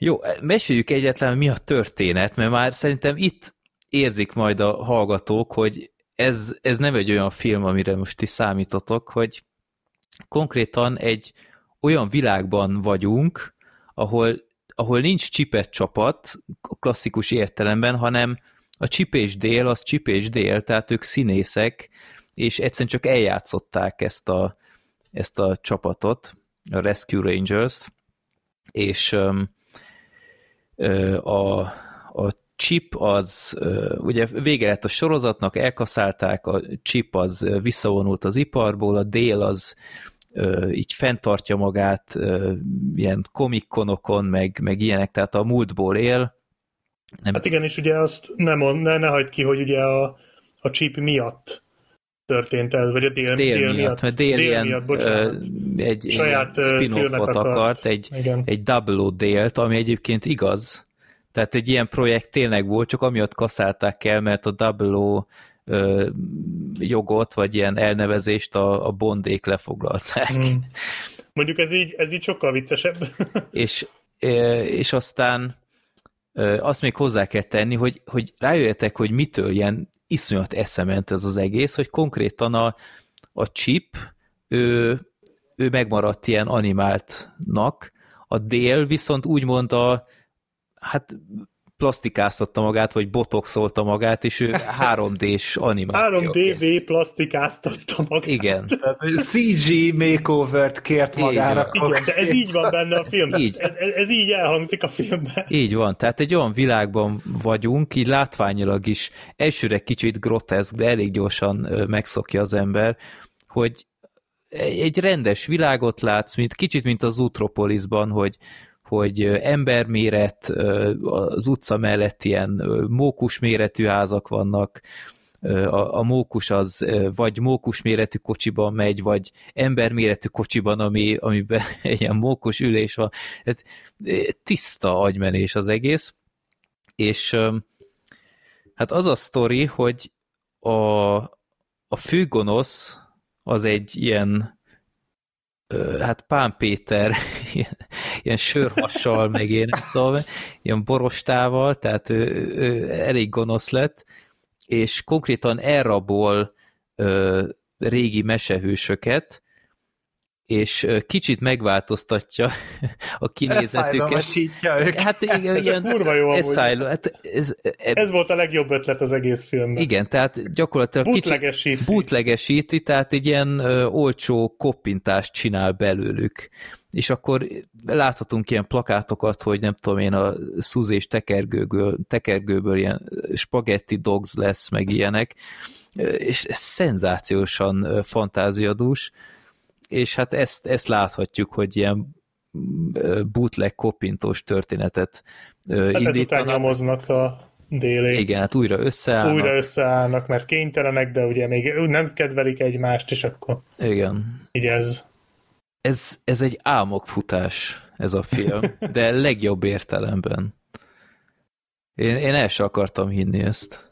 Hát hogy annyira, annyira durván tolják ezt a metadolgot, és persze mostanában divatja van ennek, hogy, hogy a létező legkiszólósabbak legyünk, tehát a Deadpool is ebből csinál karriert, meg dollár százmilliókat, és akkor ez a film meg így fogta magát, és így mindent berántott, ami csak a kezőügyébe terv volt, tehát itt a, kinyúltak a a Sonic botrányra, itt nem akarom konkrétan kimondani, hogy hogyan, de hát az az, az elképesztő.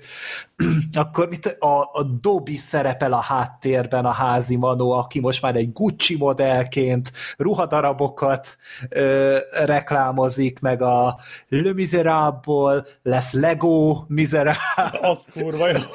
a, a, a Seth Rogen, bazd meg, de a Seth Rogennek ez a Óriási.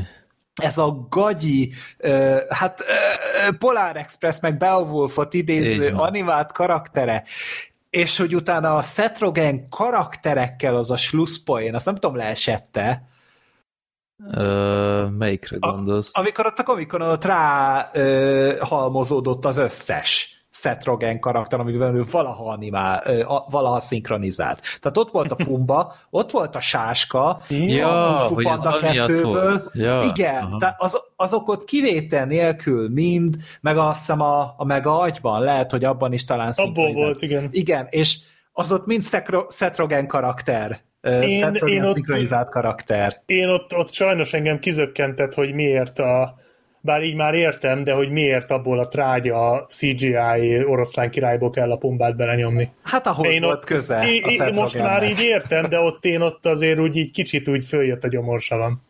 Én amikor így, így leesett hirtelen, és mindegyiknek úgy, hát kicsit más hangja volt nyilván, tehát azért nem mindegyiket a saját hangján, vagy a hétköznapi hangján szólaltatta meg a Seth Rogen, ott beszartam, ott, ott felordítottam a röhögéstől, hogy úristen.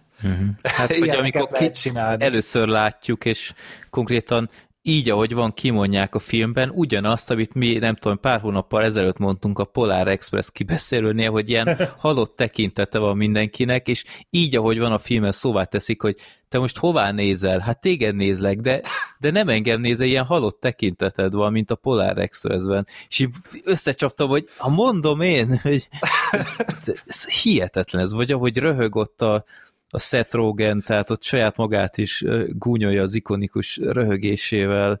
Ez, ez hihetetlen ez a film, tehát ez tehát, és ettől fostam be még pluszban, hogy oké, okay, hogy egy Disney filmet nézünk, és most már ugyebár itt a fox meg Pixar, meg Star Wars, meg Marvel, meg stb. ez mind oda tartozik. Tehát egy óriási portfóliójuk lett volna, hogy innen-onnan behozzanak kameókat. De nem álltak meg itt, és ezt becsülöm rohadtul, hogy annyi ö, Disney kívüli brandet csempésztek be, hogy ezt elképzelni nem tudtam. Tehát itt egy, egy Disney filmet nézünk, amiben benne van például Butthead, vagy, vagy He-Man, Rick és Morty, South Randy Park, Marsh. Randy Ja, Marsh, Randy Marsh, igen. Ro- Roger Newell is. A Roger Newell, igen. És, és az, a, az volt a bravúros, hogy ezek nem tolakodó kameók voltak. Tehát vagy, vagy a háttérben egy, egy fél pillanatra lettek elsütve, akár itt a Buttheadre gondolok, aki szimplán csak egy, egy padon volt, mint reklám, hogy indul a szenátori választáson. Én rászavazok. vagy, vagy voltak kicsit hosszabbak is, de hogy tényleg vették a fáradtságot, és, és elintézték ezt, és ez hihetetlen volt. Tehát abszolút nem, nem vártam volna el, és, és bravúros volt az egész. Hát néhol azért biztosra mentek. Tehát azt gondolom sejtették, hogy a Universal nem fog perelni azért a cameóért, amit a... nem, hát ezt nyilván le kedvenc- kellett, le kellett egyeztetni, Persze, de olvas, csak most próbálok utalni arra, hogy van benne egy ö, cameo, amire így... Hát félig voltam csak fölkészülve, maradjunk annyira. Hát én, Igen, amiatt, a- én arra akar, az, amiatt akartam, hogy megnézd, hogy arra Igen, reagáljál, a, hogy a, kutyák, a, ku- a kutyákról beszél. ja, ja, igen, igen. Hát az Uncanny Valley-ben. Na, ott, Az, ott, ott őrjöngtem én is. Az a, ugye írtad Gergő, hogy nagyon kíváncsi vagy, hogy én mit szólok egy cameóhoz, és én így néztem a filmet, hogy nem mertem pislogni, és amikor láttam azt a jelenetet, akkor így hátradőltem, hogy jó, akkor most se figyelhetek a filmre is. Mert megvan, erre gondolta Gergő, és hát ez nem lehet más. Ez, Az, de az ez jó poén volt nagyon. én- én nekem legcsodálatosabb dolog volt a filmben. Igen, igen. De én mondjuk a, a Sonicon jobban röhögtem, amikor ő is ott, ott Igen. benne volt. Igen. Igen. Meg, meg nagyon meta, tehát, tehát kiparodizálják ezt, hogy, hogy állandóan animációs filmekben ilyen rebbetétek vannak, Hmm, az a, is ami jó, igen. egyébként tényleg így van. Tehát itt moziban is már nem egy ilyet éltem meg a gyerekkel, hogy ilyen kínos, feszengős csend volt, mire vége-vége lett, vagy hogy mindig ilyen poénos dolgokra van vége a filmeknek, vagy, vagy hogy a betétdalt mindig egy popstárnak el kell énekelni a végén. A- Vagy ami még engem tökre meglepett például, hogy ugye néztük a Csipet csapatot, ugye ilyen tök magas hangon beszéltek, itt meg egy jelenetben beszéltek csak magas hangon, és egyébként tiszta, normál hangjuk van egész végig, és tökre nem, nem volt furcsa számomra, tehát, hogy mertek egy ilyen emblematikus dologba belenyúlni, nagyon tetszett, vagy, vagy hogy a zümzüm a, az a kis légy, annak ilyen Barry White szintű mély hangja volt. ez, ez mekkora ötlet már. Ne, f- fantasztikus. Annyi fantázia volt ebben a, a filmben, és, és eszméletlen nagy a sokszor nézős potenciálja.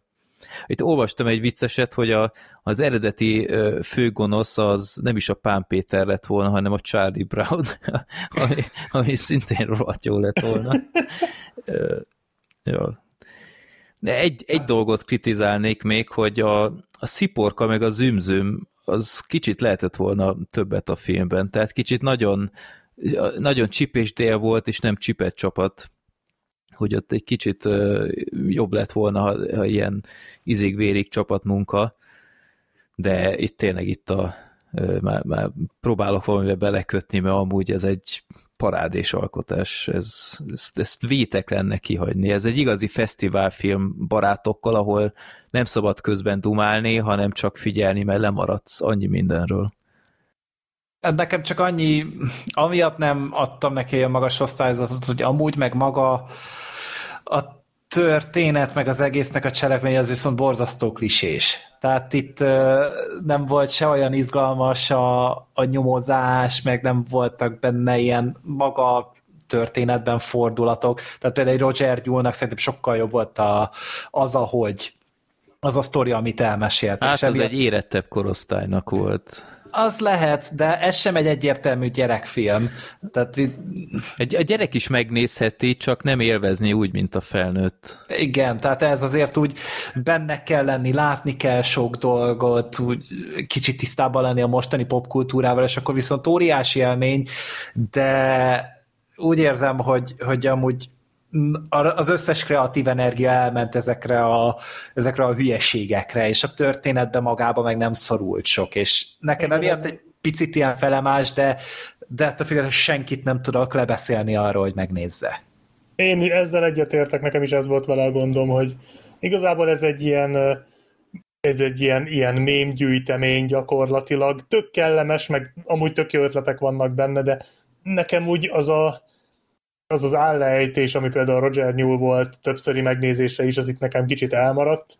De amúgy egy, tehát egyrészt én, jó, én, hogyha nincs, hogyha nem beszéltek róla, én sem néztem volna ezt meg valószínűleg, de amúgy egy kicsit ugye föl voltam már készülve arra, hogy ez egy jobb film lesz, mint az átlag. Lehet, hogy emiatt, tehát hogy pont Freddy veled ellentétben én úgy már vártam is tőle valamit, uh-huh. hogy úgy annyira nagy nagy élményt nem kaptam tőle, de amúgy egy nagyon kellemes, nagyon szerethető film.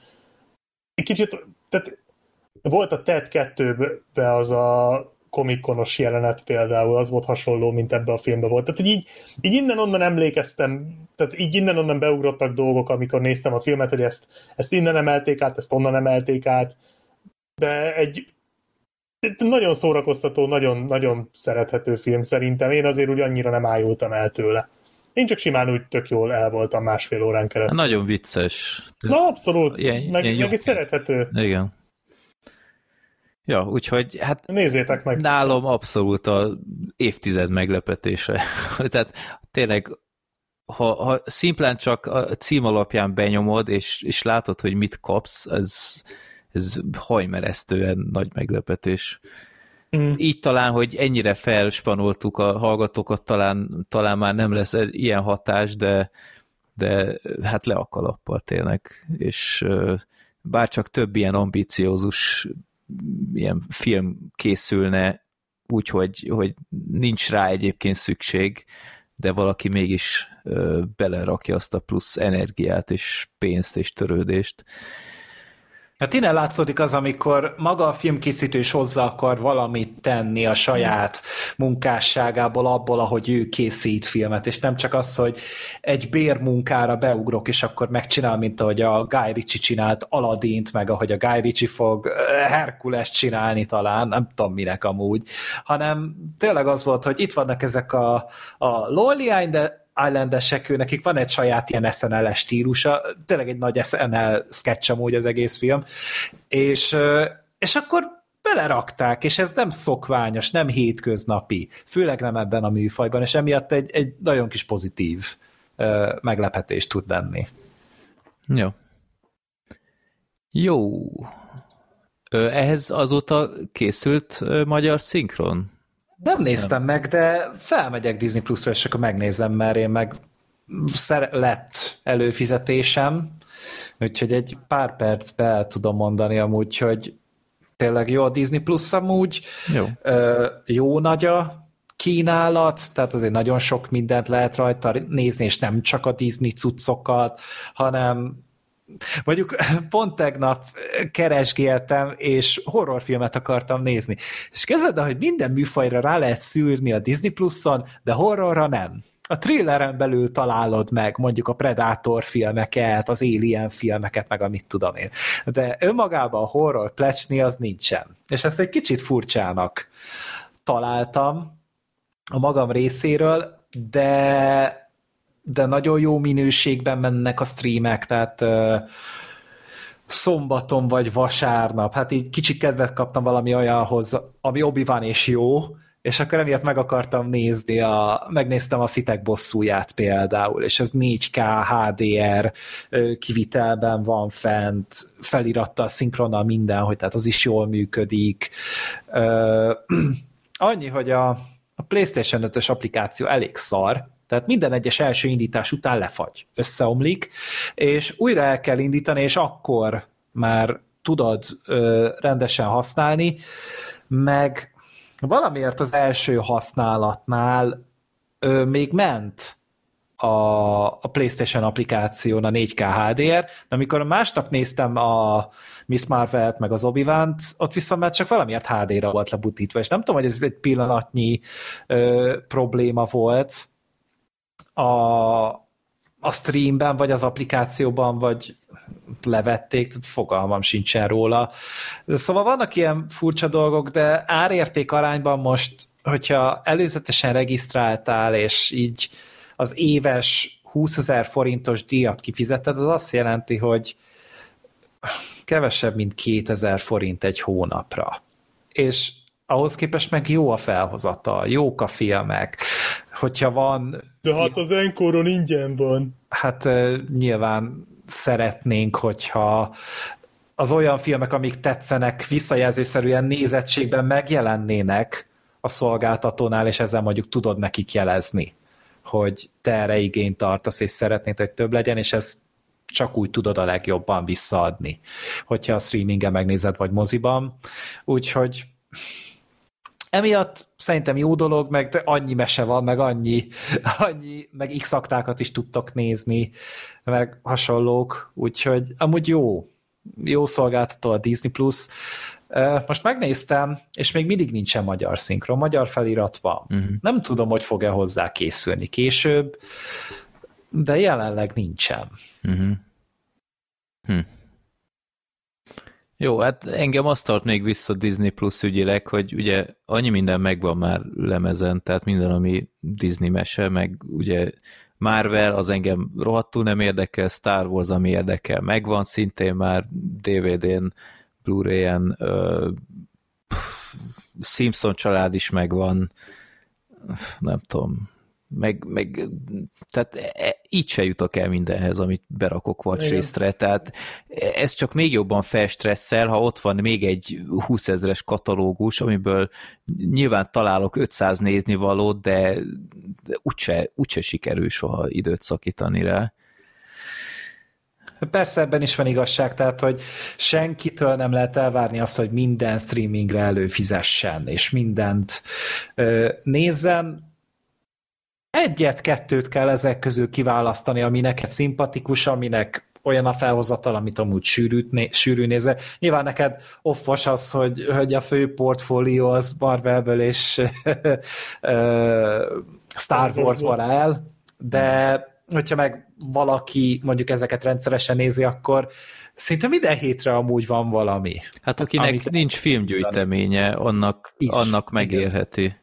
Uh-huh. Igen, igen. Mert itt meg tényleg a teljes portfólió felelhető, sőt, még az ilyen Pixar rövid filmeket is megtalálod, amik mondjuk csak a, a moziban voltak le, leadva, meg hasonlók, hát úgyhogy... Hát HBO Maxon is fenn volt sok, én uh-huh. ott néztem jó párat.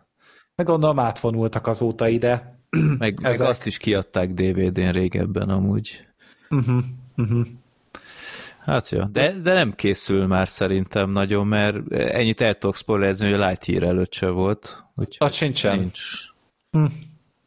Érdekes. Nem, nem tudom, fel, felhagytak ezzel a hagyományjal. Régen volt olyan, ami úgy igazán hát, ütött, igen, Pixar rövid film. Igen, azt is hozzá kell tenni, hogy... Talán ez a vulkános volt.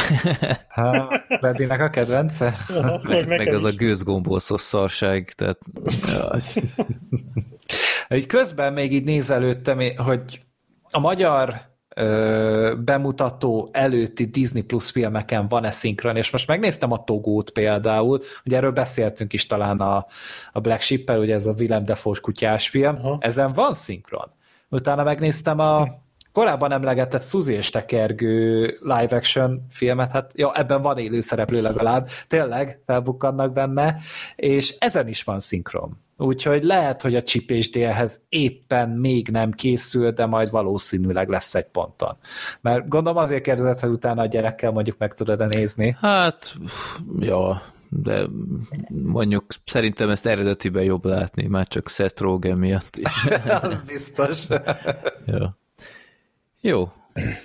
Na, akkor a következő filmünk a Mindent egy lapra, eredeti címe Hustle, és ez egy újabb Adam Sandler film, és uh, ironikus mód a Sorter dobta be korábban, hogy beszéljünk erről a filmről, aztán hát úgy aludott, hogy pont nincs, de mondta, hogy beszéljünk róla.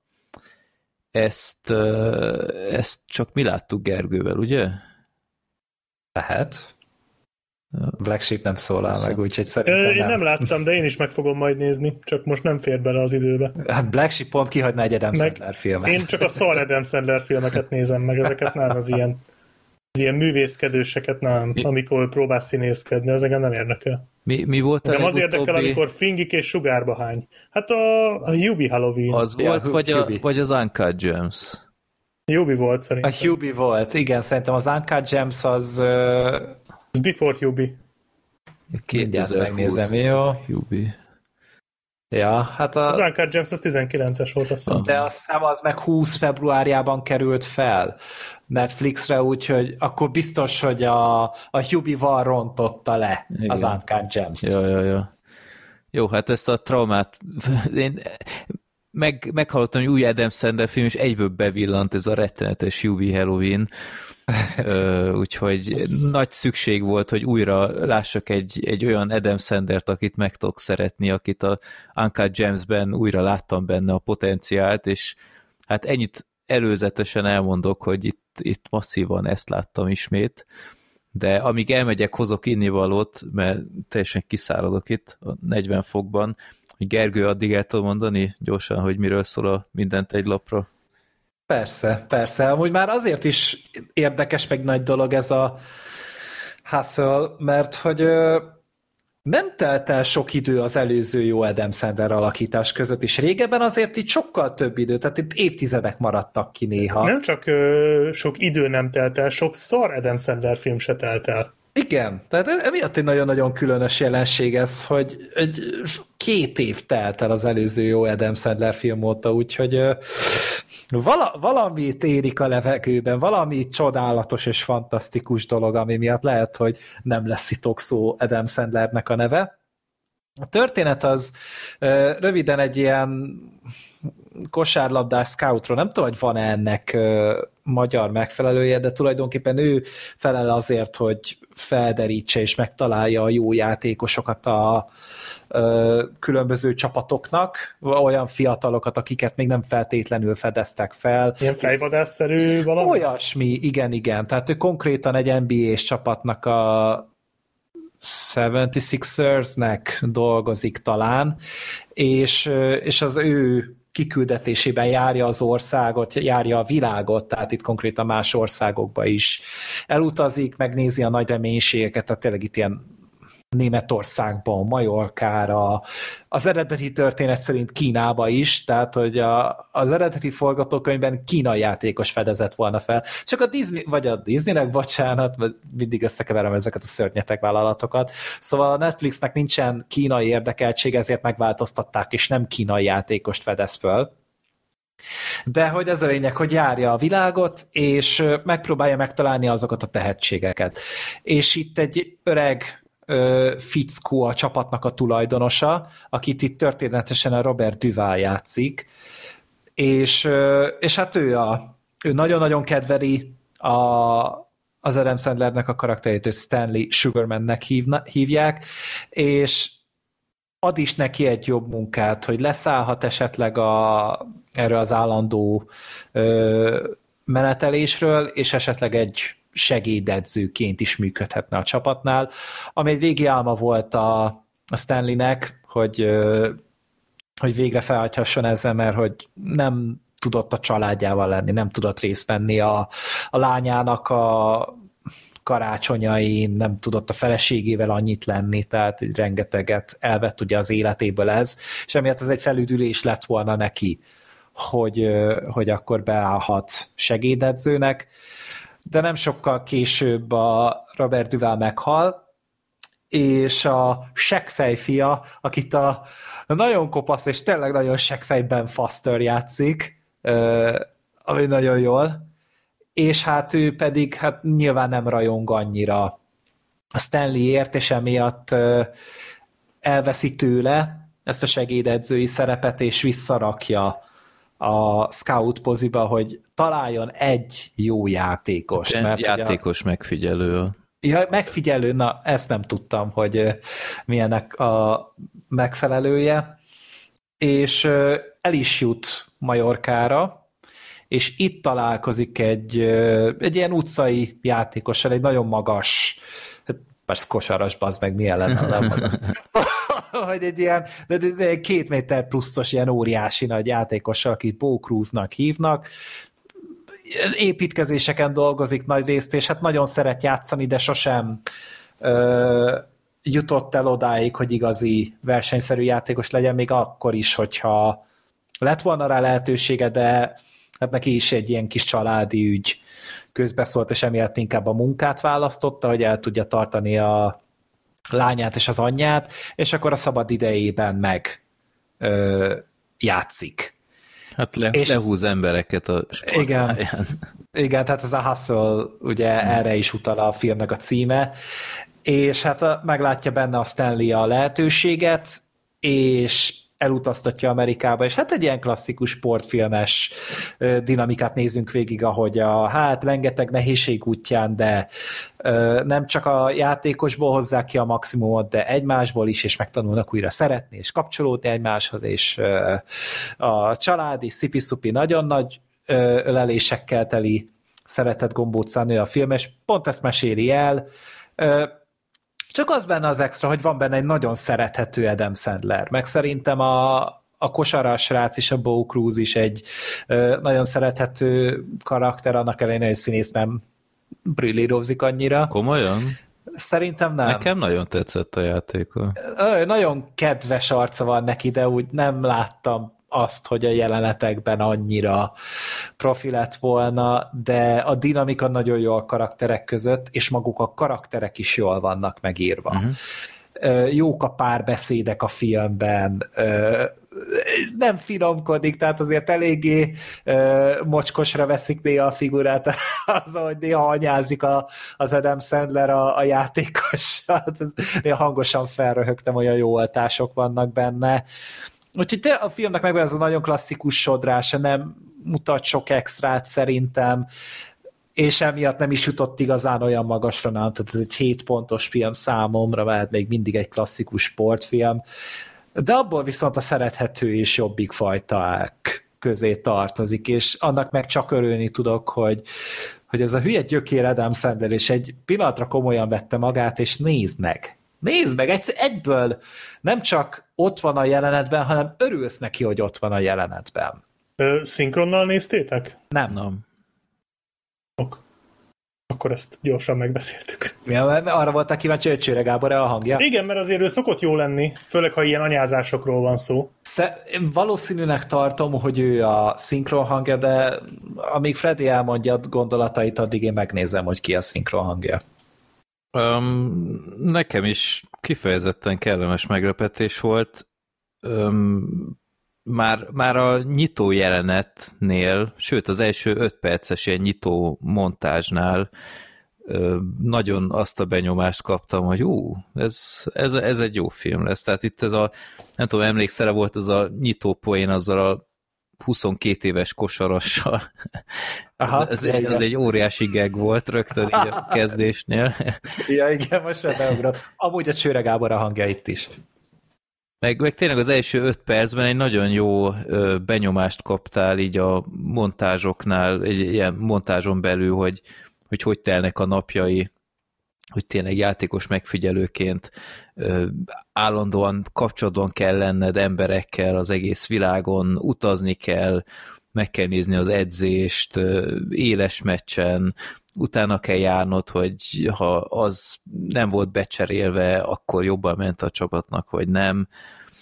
Úgyhogy ez maga ez a téma, hogy egy, egy játékos megfigyelő személy keresztül látjuk ezt a, ezt a világot, ez egy kifejezetten érdekes alapsztori, és abszolút úgy érzem, hogy kiaknázatlan így a sportfilmek terén általában az van, hogy egy edző kap valakit, vagy egy béna csapatot, vagy egy tehetséget, de itt egy kicsit másfajta megközelítés, ez nekem nagyon tetszett. meg hogy milyen fajta edzés technikák vannak így a, a profi sportban. Tehát itt mit, micsoda high-tech cuccokat nyomkodott, meg, meg jó, azt hozzámondom, a kosárlabda messze nem a szívem csücske sport, tehát én abszolút egy sportszerető ember vagyok, de a kosárlabdazol nagyon a vége felé van, mert, mert számomra nem túl érdekfeszítő, és, és hiányzik belőle szerintem így, hogy egy, egy kontaktsport legyen, valahogy sosem fért össze a fejemben, hogy ott vannak ezek a két méteres mellákok, és gyakorlatilag amint egymáshoz érnek, már büntető dobások vannak az egész meccsen. Ez valahogy nem az én világom. Pedig szerintem meg, vagy az én magam részéről meg tudom mondani, hogy így a, én meg abszolút távol vagyok a sportoktól, de a kosárlabda taszít a legkevésbé. Talán. Annak ellenére, hogy nyilván ahhoz se értek, ahhoz is tök hülye vagyok, meg nem nézek kosármeccseket, de hogyha már mondjuk sport van a, a, a filmben, ennek jobban örülök, mint a baseballnak, vagy a focinak. Hát a, a baseballnak ugye a szabályait kevesen ismerik Európában, meg az ugye eltarthat akár egy napig is egy baseball meccs, ha szerencsétlenül alakul. Tehát az, azt élőben nézni az egy gyötrelem lehet. Itt van is egy ilyen nagyszerű Simpson családos idézet, hogy amikor Homer nem ihat, mert el van tiltva az alkoholtól, és elmegy egy baseball és mindenki iszik körülötte, ő meg száraz a konya, hogy még sose tűnt fel, mennyire unalmas a baseball, hát valahogy itt a magyarázat nem, a kosárlabdával azt nem szeretem még, hogy, hogy egyszerűen túl sok pont van. Tehát amikor egy meccsen van, nem tudom én, mindkét csapatnál, most mondok valamit, hogy, hogy 182 az eredmény, akkor ez azt jelenti, hogy, hogy potenciálisan csak az egyik csapat 40-50-szer betalál ha három pontosok is benne vannak, plusz a másik csapat, tehát itt, itt egy, egy meccsen belül 70-80 találat van, ami, Ez érdekes. Ami, ami szerintem egyszerűen túl sok inger, tehát én emiatt szerettem a jégkorongot, mert ott potenciálisan van, nem tudom én, egy meccsen egy és mondjuk hét között általában ott találatok száma, és sokkal kiérezettebb meccsek vannak. Kosárlabdánál, nem tudom én most, oké, okay, hurrá, 44-38-ra vezetünk, azt a... De mozgalmasabb legalább. Igen, két dolgot fűznék hozzá. Az egyik, hogy szerintem sokan pont ezt szeretik. Én is egyébként inkább kosárlabdás vagyok, és hogyha Nah, meg kéne indokolnom... Be is fejezem ezt a podcastot. Nem, hogyha meg kéne indok, én sem nézek kosármeccseket, mielőtt azt mondanád, de hogyha választanom kéne egy sportot, amit muszájból nézek, akkor talán a kosarat mondanám. Ott legalább a szabályokat nagyjából tudom hogy pont emiatt, mert hogy mozgalmas, sokkal pörgősebb, viszont abban lehet valami, amit mondasz, hogy mivel kev- sokkal több a pont, így egy pont sokkal kevesebbet számít. Sokkal kisebb súlya van annak, hogyha bedobnak egy kosarat, mint amikor gólt lőnek fociba. Így van. Tehát ez jogos, ez az egyik, a másik pedig, hogy szerintem te csak a Space Jam 2 miatt gyűlölöd a kosárlabdát. hát azt sem tett hozzá. De... nem segített? Vagy igen, nem segített. Nem, valahogy ez, ez nem az én sportom. Ja, játszani egyébként, játszani sokkal jobb, mint, mint nézni. Ezt hozzáteszem, mm. tehát ha elém raknak egy, tehát a gyerekkel elmegyek focizni a grundra, vagy akármi, akkor csomószor a focilabdával a kosárra is dobálok, és, és szeretem. De meg egymásnak öltönyben. Igen. De nem tudom, nézni valahogy sosem, sosem hmm. szerettem annyira. Ez teljesen érthető. Um, de igen, szóval eb- ebben a filmben ez abszolút nem zavart, mert tényleg egy olyan betekintést kaptam, hogy, hogy ez, ez bőven érdekes volt. És bár Gergő mondtad, hogy így a klasszikus sportfilm panelekkel dolgozik, ez maximálisan így van, de azáltal, hogy kicsit másfajta a kerettörténet, egyáltalán nem tűnik valahogy annyira sablonosnak, és, és ez szerintem egy nagy teljesítmény. És sokszor mondják, és ez szerintem igaz is, hogy, hogy sok sportfilm az nem is igazából sportfilm, mert nem kifejezetten a sportról szól, hanem a, a, az emberi tényezőről, ebben a filmben is azért ez valahol ott van, de mégis annyira benne van a, a sport világában ez az egész kerettörténet, hogy én afelé hajlanék, hogy ez inkább sportfilm, mint nem sportfilm sportfilm. Hát meg sokkal több szerintem itt a szakkifejezés például, hát, tehát igen, sokkal igen. technikaibb az egésznek a nyelvezete. Igen, és ez egy kicsit ö, egy negatívum is volt számomra, hogy például engem, mint aki nincs otthon ennyire itt a kosárlabda draftolás, meg játékos kiválasztás, próbajáték, meg stb. világában, hogy kicsit el voltam veszve, hogy itt annyiféle ilyen felkészülési válogatós akármi volt, hogy, hogy nem teljesen értettem, hogy most ennek nagyobb súlya van-e, mint a másiknak, ott egy kicsit nagyon úgy éreztem, hogy ez itt, itt valahogy még hozzá kéne olvasnom, hogy teljesen megértsem a, a nagy, nagy vázát ennek az egész történetnek, de ja, de ennek ellenére egy, egy nagyon nagyon szerethető és érdekes film. Tehát én is elkezdtem nézni, és, és egyszer nem éreztem azt, hogy á, most akkor abba hagyom, inkább csinálok valami mást, aztán befejezem. Nagyon jó sodrása van a filmnek, úgyhogy, ja, és azt még felírtam, hogy nagyon tetszett, hogy, hogy uh, így a közösségi, a közösségi média lehetőségeit tök jó bemutatta így a modern Aha. korban. Na, az frappáns volt nagyon. Tehát, hogy mennyire tud segíteni egy karriert, és ezt láttuk már egyébként már más élő példákban is, hogy, hogy mennyire fel tudja dobni az embernek a, az esélyeit, hogyha így egy jó média prezentációt kapsz, akár mint ebben a filmben egy ilyen challenge-el, uh-huh. ez, ez kifejezetten okos forgatókönyvi húzás volt. Meg a, nekem nagyon tetszett a zenéje a filmnek, kurva jó kis uh, rap zenék voltak benne. Hát jobb volt, mint a Bel Airben, az kétség.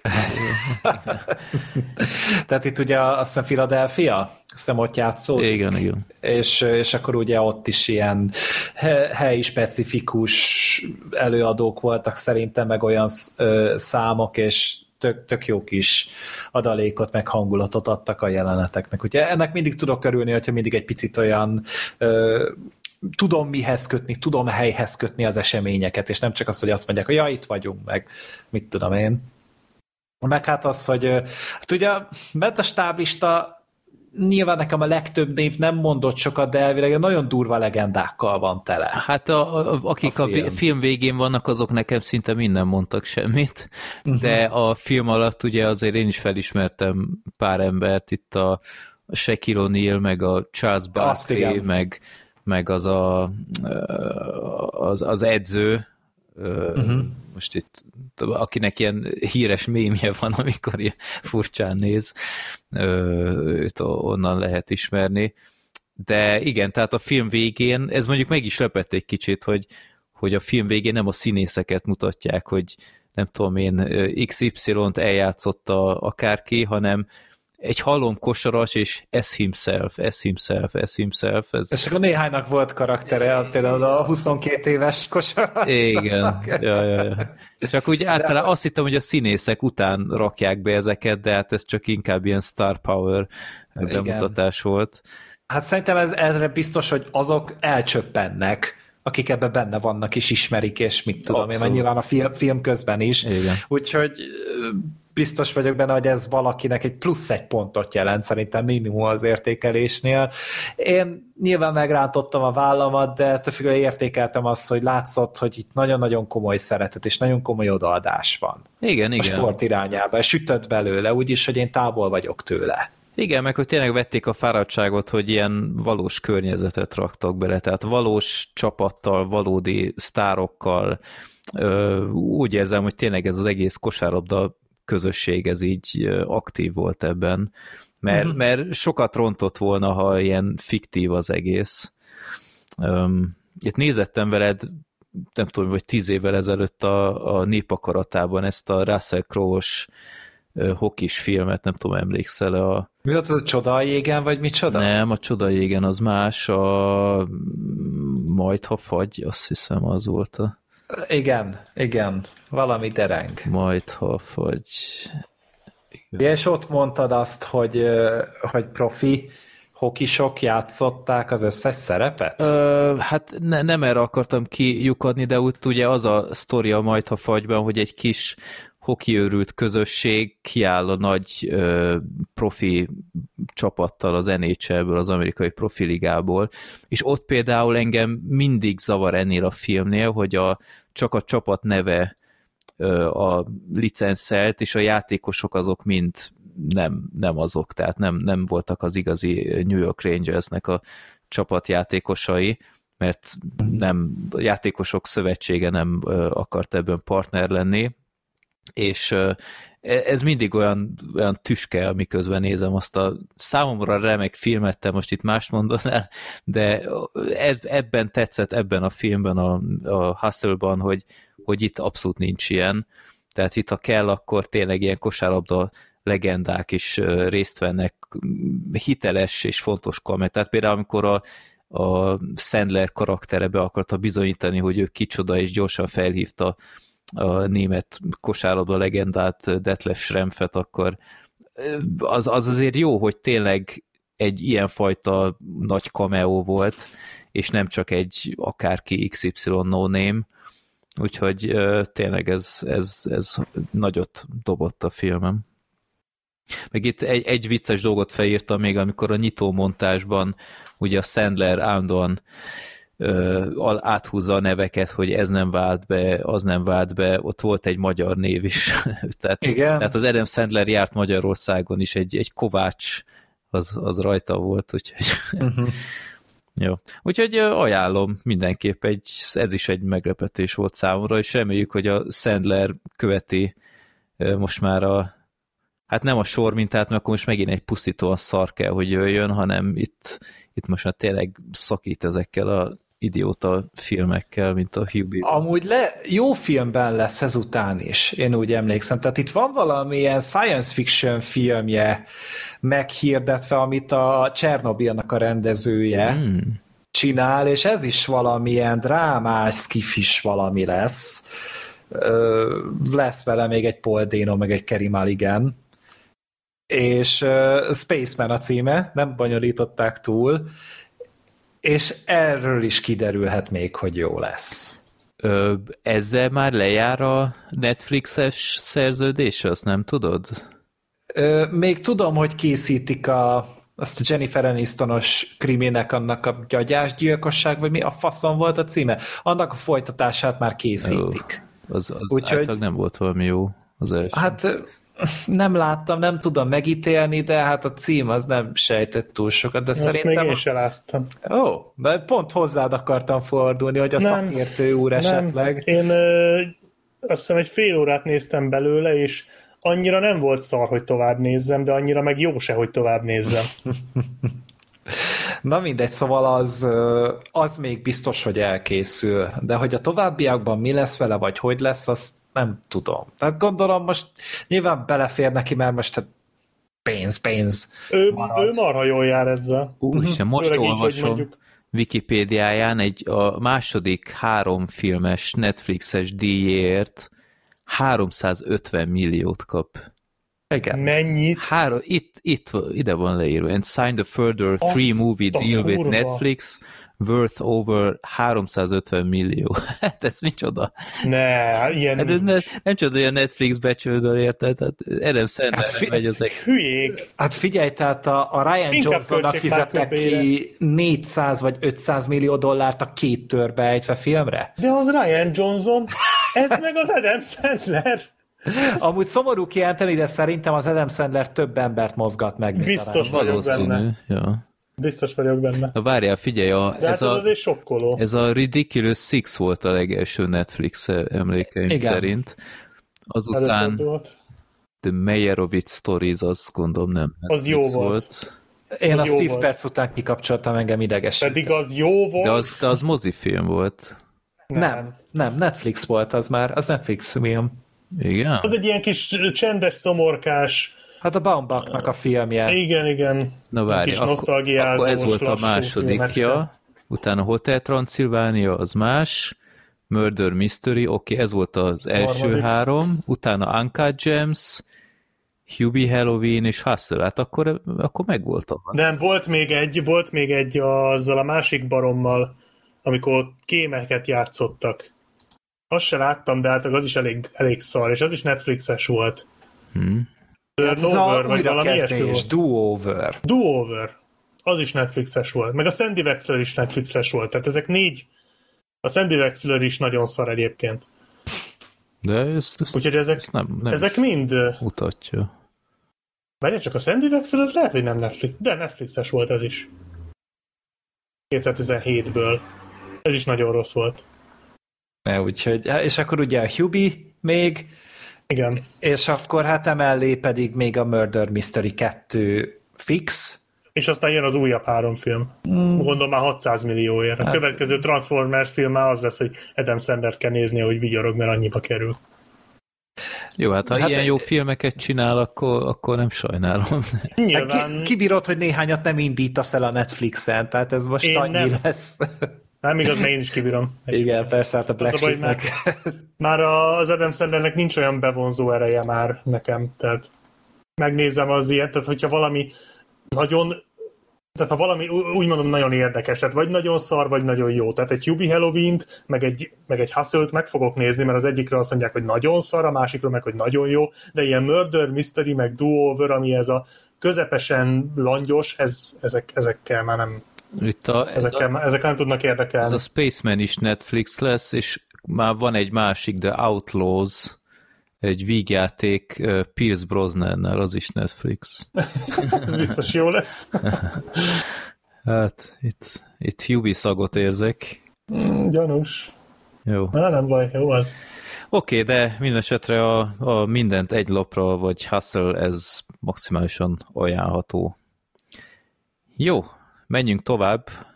Érkezik a Tom Hanks rovatunk, a csobbanás. Jobbanjunk a Tom Hanks rovatba. Igen, itt uh, legközelebb, legközelebb lesz már egy Tom Hanks filmünk. Mi is a... Az Elvis. Az Elvis. Igen, igen. Abban lesz. De előtte Ez akkor... minket más utakra. menjünk el a, a 80-as évekbeli Tom Hankshez, és egy nagy közönség és kritikai siker is volt a Tom Hanks, vagy Tom Hanks, a, a, a csobbanás. Nem, nem mondtál nagy hülyeséget egyébként. Nem csak itt már közben pötyögöm, hogy kiderítsem, mikor a csobbanás 84-es, azt hiszem. Hármas. Ez a hár, tényleg 83 83-as. Előttem van az oldal, úgyhogy azért mondom. Volt előtte már egy ö, nagyobb, ilyen nagy sikere? Itt most nincs teljesen előttem a, a filmográfiája, Nézem. hogy a, ez a Bachelor Party borzalom, ez, ez előtte vagy utána volt? Szerintem az az után volt. Igen, hát ezelőtt egyetlen egy film szerepe volt, és az a gyilkos rendezvú. Az Ah, összes az többi az tévé sorozat szerep, úgyhogy ez volt a robbanása, Igen, valószínűleg. igen. Itt robbanás. utólag kritizálták is egyébként ezt a filmet ö, azzal kapcsolatban, hogy hogy miért nem a John Candy-t rakták be főszerepnek, és a, a Tom Hanks-t a, az ilyen vicces sidekick mellékszerepnek, de hát nem, nem úgy érezték, hogy, hogy ez lenne helyén való, de hát tagadhatatlanul egy én, én annak idején úgy érzékeltem, hogy ez egy kultfilm.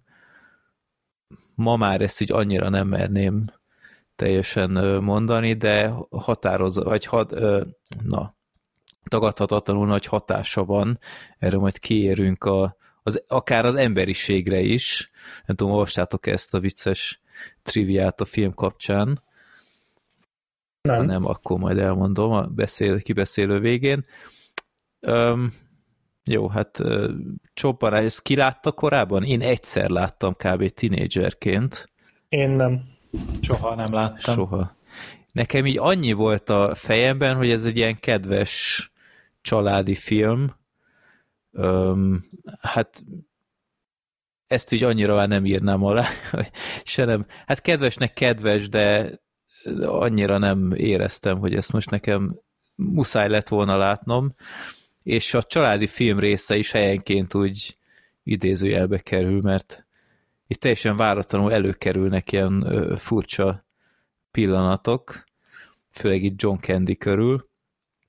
Um, Jó, hát gyakorlatilag a, a története az nem túl bonyolult, a Tom Hanks gyerekként egyszer beleesik a vízbe, és egy vagy tengernél, és hát úgy, úgy látta, hogy ott a, a víz alatt egy ilyen sellő van, egy kislány sellő, kislány hableány, és aztán hát kihúzzák a vízből, és ő később egész végig azt hitte, hogy ez csak egy ilyen fúdoklás előtti halucináció volt.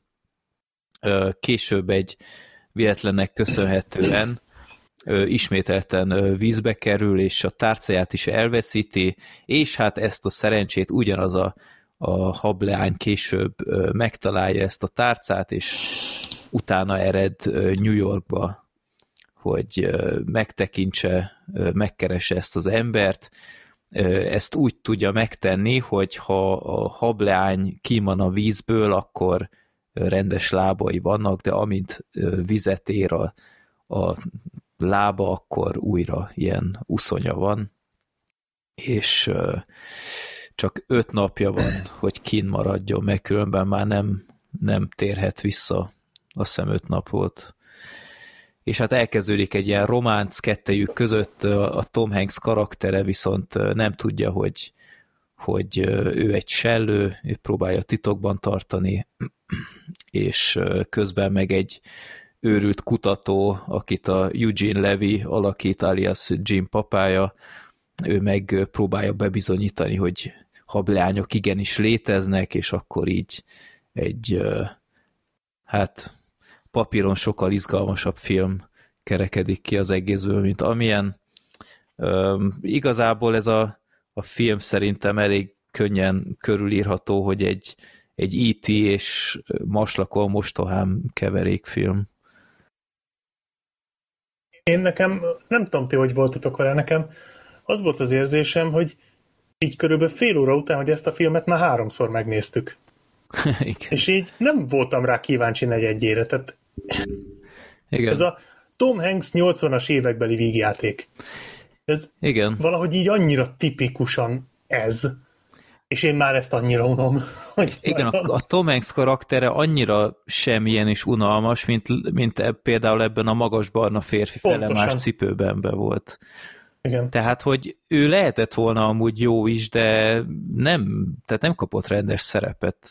Meg is sokan kiemelték, hogy mennyire jó volt a kémia közte és Daryl Hannah között, aki hát messze ő a filmnek a csúcspontja szerintem, igen, ő, ő igen. nagyon elbűvölő volt, de én nem igazán éreztem a kémiát kettejük között, azt kell mondjam.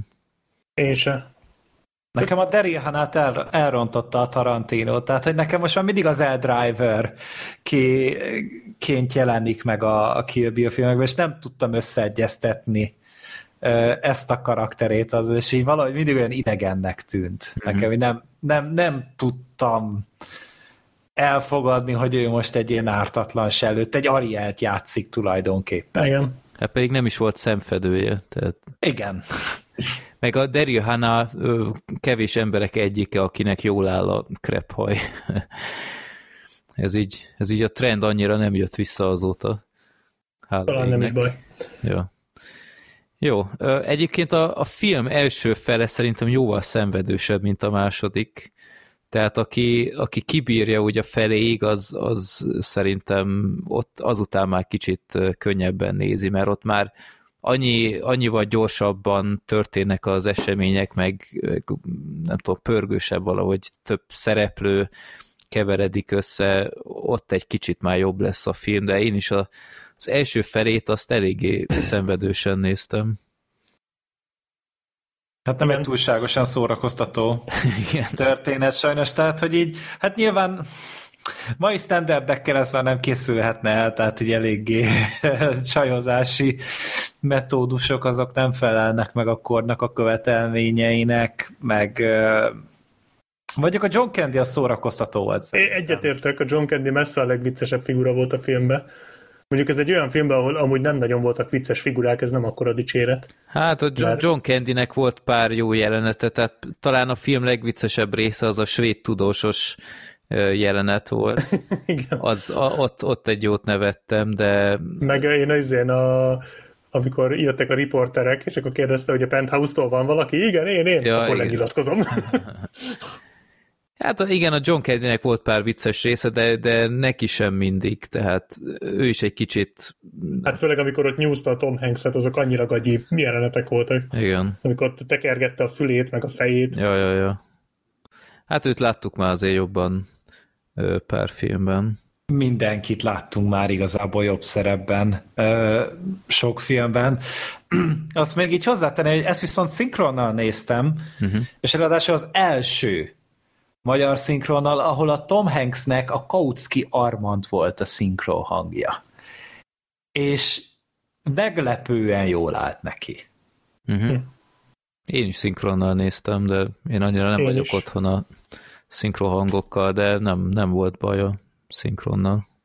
Meg, meg ugye a kettejük kapcsolata, tehát a, a Shellő, a Daryl Hannah és a Tom Hanks karakterek között valahogy annyira furcsán is lett kialakítva ez a szerelmi szál, tehát mint, mint romantikus film sem éreztem, hogy ez olyan, olyan baromira erős lenne. Tehát utólag olvastam, hogy mekkora siker volt ez a film, mind kritikailag, mind nézőszámilag, tehát 11 millióból kihozott csak Észak-Amerikában 70-et, ö, és amitől teljesen berosáltam, hogy konkrétan ö, legjobb forgatókönyv Oscarra jelölték. Mi van? Így van. Legjobb Ezt forgatókönyv. meg se néztem. Tehát így utána is néztem, hogy te jó Isten, milyen felhozatal lehetett akkor, ö, 84-ben. Ö, Beverly Hills Zsaru volt még jelölve, Broadway Danny Rose, Ez El, egy Woody Allen film. igen, Azokat El, mindig jelölték forgatókönyv. El North, vagy Norti, vagy én nem tudom, neki, nem ismerem ezt a filmet, és nyert a hely a szívemben. Tehát Nem ez volt a legerősebb nem feltétlen, ö, de még így is, tehát ez egy, ez egy olyan semmilyen lityilötyi tucat limonádé, hogy mit keresett ez egy Oscarnál? Szerintem itt a Disney marketing és propaganda és Oscar kampány érhette ezt, jobb ötletem nekem sincsen, mert hát ja, a forgatókönyv az nem sziporkázik túlzottan, de hát a Ron Howardnak se a rendezése. Igen. Tehát annyira szerencsétlenek a jelentek, annyira ilyen nyögvenyelős, ilyen darabos, robotikus az egész, hogy így ez ilyen első filmestől még talán elhiszem, de az, hogy valaki egy nagy költségvetésű stúdiófilmet forgat amúgy a, a Disneynek, én ezt így nem, nem értettem, hogy ezt hogy engedhették ki. Tehát azért a Ron Howard ennél szinte csak jobb, csak ügyesebben dolgozott, akár az Infernóban is. Hát azért, azért ne Ezt, ezt inkább nézném újra, mint az Infernot. Igen? Igen. Én Úgy, is. ezzel nagyon szenvedtem. Már csak azért is, mert ez jóval rövidebb. Ja, jó, jó, az lehet egy, egy jó... Egyébként látom, hogy ez, a, hát ez volt a harmadik mozifilmje. Így voltak tévéfilmjei a Ron Howardnak korábban, de a mozifilmek közül ez volt a harmadik. Most nézem, hogy ebben az évben volt a Pet Morita a karatekölyökért jelölve, akkor már inkább a karatekölyök forgatókönyvét jelölték volna, nem? Még az is jobb lett volna, mint Hát ez. amúgy igen. Tehát Az is hasonlóan kis, kis ártalmatlan hülyeség, de azért az, az, az azért mégiscsak. De annak van szíve. Igen, hogy az- egy azért ennél sokkal. Film. Tehát ez az, az ártatlan kis semmiség kategóriába azért, azért pár szinten följebb van. Na, Na, ez, ez egy buta kis semmi inkább ez a, Igen. ez a film, tehát ez a, ez a szökőkutas történet, meg ez a alapban nem nagyon értettem, hogy miért kell visszamennie amúgy az ötödik vagy a hatodik nap, hogy őt hazavárták a, a víz alatti Nem, mert, városba? mert azt vagy... hiszem, hogy akkor ö, utána már nem, nem fogadják vissza, vagy valami, valami ilyesmi volt. Ja, igen, meg a Hát még a másik történet, hát ez dolgozta fel a Del Toro is a vízérintésében szerintem. A, a finálé az ugyanaz ö, szinte. Már azt nem értettem, hogy hogy mennek el végül a Gangenek városába a végén, de ez egy másik kérdés.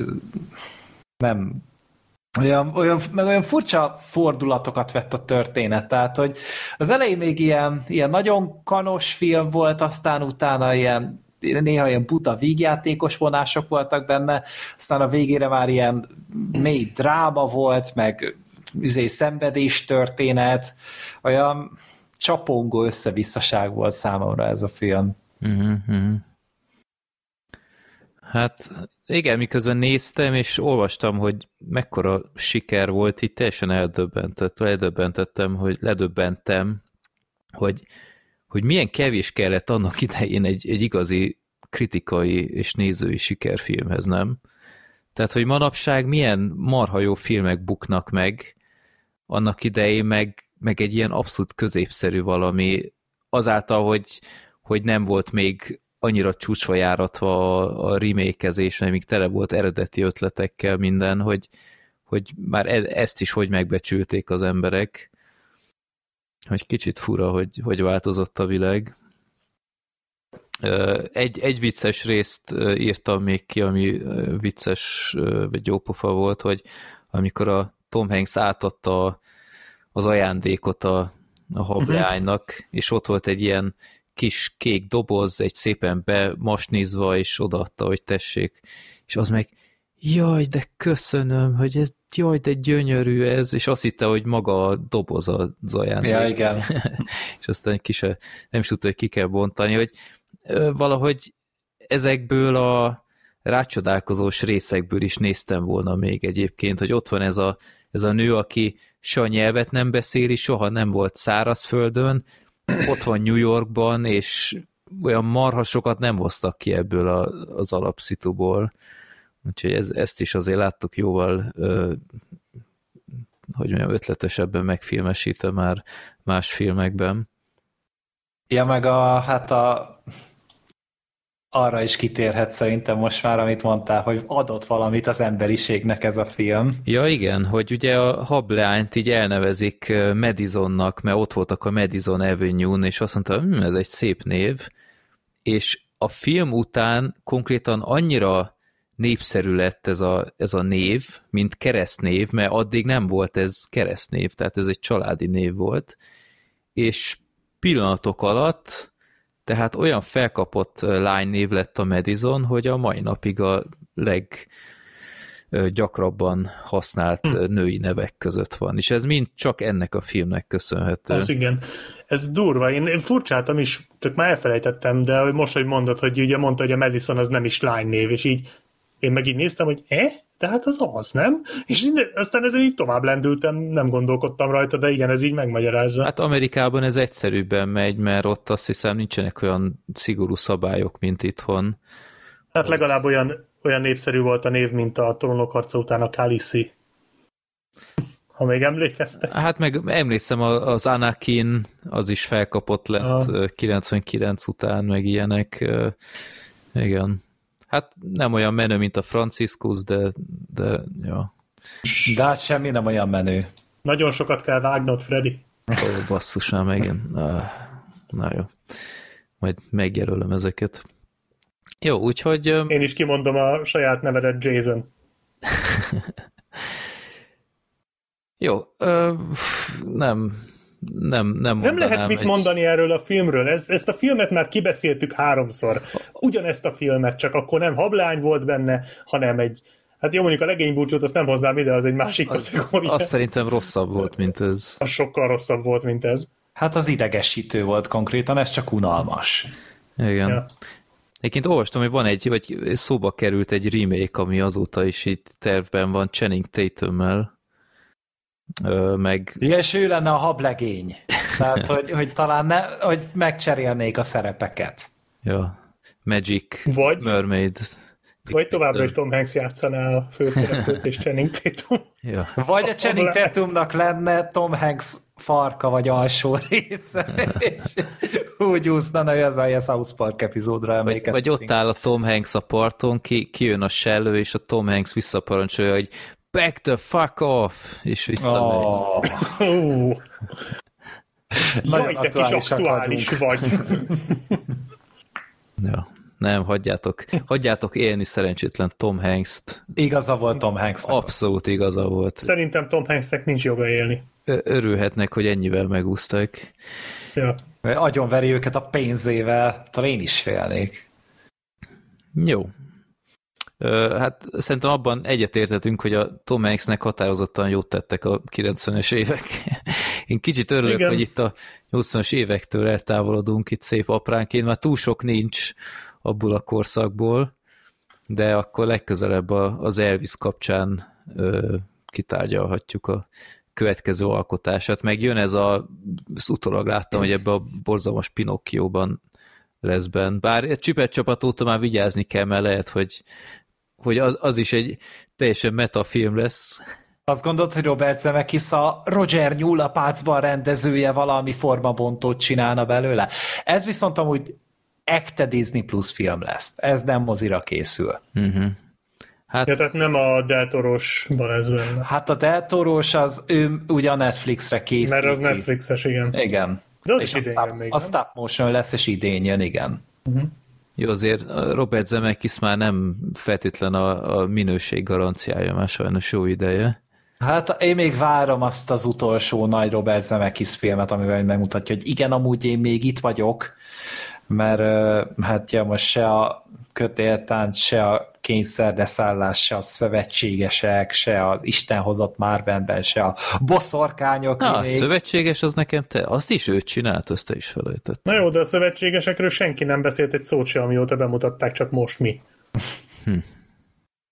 Én, én Azt én sem tudtam, a hogy ő rendezte. Az nekem is tetszett egyébként, de hát azért a, fény, a fénykoránál már igencsak távol van. Távolabb. Jó. Ezt a Marvenes filmet látta valaki? Erről olyan furákat olvastam, Marvel. vagy nagyon, ez az Isten hozott Aha. ez a Mi a, Steve milyen póster ez? Hát igen, ilyen bábú, Ha, nem. ilyen kicsit olyan, olyan zavaros filmnek tűnik, de egyfelől azt hallom, hogy tök jó, mások meg nagyon lehúzzák, úgyhogy nem igazán tudom, hogy mit, mit gondoljak róla. Nem. Én nem is nagyon hallottam erről. Sosem mutatták itthon emlékeim szerint. Nem, nem, nem kapott végül forgalmazást. Jó, Okaj. akkor menjünk el az utolsó filmünkhöz, ami a, a népakaratás Hol a barátom háza? Ez az iráni film, amit már annyira bepromóztunk az adás elején, és nagyon kíváncsi vagyok erre a kibeszélőre, mert, mert dugig vannak a jegyzeteim. Ennek is egy nagyon egyszerű története van, egy kis iráni faluban járunk a 80-as években. Öm, hát elég nagy szegénység lehet azon a környéken, kicsit a, a, tehát látni, hogy nem a legjobb körülmények között tanulnak se a gyerekek, nem is élnek túl jól, de ö, becsületesen az iskolába járnak, és rögtön a film elején egy, ö, a, egy jelenetben a tanár leszídja az egyik diákot, hogy már harmadik felszólítás után sem a füzetbe írja a háziát, hanem ilyen külön lapokra, és megfenyegeti, hogy ez még egyszer megtörténik, akkor, akkor kicsapja az iskolából. Hát azt a gyereket nagyon megviseli, aztán egy olyan malőr történik, hogy mindenkinek ugyanolyan a, a füzete, meg gondolom csak egyfajtát lehet ott kapni, és véletlenül a, a pattársa, aki egyben a film főszereplője, ő elviszi ennek a gyereknek a füzetét haza, és otthon veszi észre, hogy úristen, elvittem az ő füzetést is, és másnap megint nem fog tudni füzetbe házit írni, és emiatt a barátját ki fogják csapni. Hát mi a megoldás? Ö, suli után me akarja keresni ezt az osztálytársát a szomszéd faluban, de nem tudja, hogy hol lakik, és egy ilyen nagy kutató munkát végez, megpróbál mindenféle feladatok, feladatoktól megszabadulni, hogy megkeresse a, a, az osztálytársát, és odaadja neki a füzetet, de ez nagyon nem egyszerű feladat, mert kicsit... nem, tudja, nem tudja, hogy hol lakik, besötétedik, és az ideje az folyamatosan fogy, mert attól fosik, hogy ha sok, sok ideig nem találja meg, akkor ő fog nagy büntetést kapni. Én kicsit túl gondoltnak érzem, tehát csak rá kellett volna írni a Facebookon, és kész. Igen. Ennyi, ennyi lett volna, és megoldódik az egész, szóval azért ez a film ez nem tűnt túl hitelesnek, bocsánat. Jó, Én hát ennyi- ennyi, lett volna a kibeszélő, igen, hol a baj? Egyébként most jutott eszembe, hogy meséled a sztori, de az kiderült, hogy a srác miért papírlapokra írja? Miért nem a füzetébe? Hát mert nincs ott a házi feladat füzete, elfelejti, itt marad, ott marad, Hát meg, a házit meg, meg valahogy, valahogy be kell mutatni, és papírlapra írja. Hát meg azt is látni a filmben, hogy nem igazán van sok gyereknek ideje rendesen házit elkészíteni, vagy iskolával foglalkozni, mert annyi fajta külön feladatot kapnak. Uh-huh. Jó, csak így nem emlékeztem rá, hogy ez így, ez így egyébként kiderül-e. De akkor így konkrétan nem, csak lehet sejteni, hogy vajon mi lehetett mögötte. Hát szétszórt, tehát Hmm. gyerekekről beszélünk, de lényeg a lényeg, hogy ez volt a, a quest a videójátékban, hogy Igen, igen, jutatni a- pontosan. Tehát itt ezt fontos kiemelni, hogy így erről szól a film. Tehát ez nem az, hogy majd ez az első 10 perc, és akkor a srácból hirtelen szuperhős lesz, és ez az eredet sztoria, hanem így ez, ez, a, ez, a, ez a sztori. Uh-huh. Ami azért valahol döbbenetes, egy ilyen filmet né... ne, Nekem döbbenetes élmény volt ezt így végignézni. Nem tudom, Igen. hogy vagytok vele, tehát Ö, annyira, annyira távolinak, annyira nem eviláginak tűnik az egész. Igen, Miközben de, az. de, de ez ugyanakkor nagyon ö, lenyűgöző volt sok szempontból, hogy megnézem ezt a, ezt a srácot, ahogy hazaérkezik a suliból, és hogy telik e, egy srácnak úgymond az idézőjelben szabad ideje, ö, így iskola után, és hogy mennyire más, mint amit én valaha tapasztaltam, vagy mondjuk az én gyerekem tapasztal.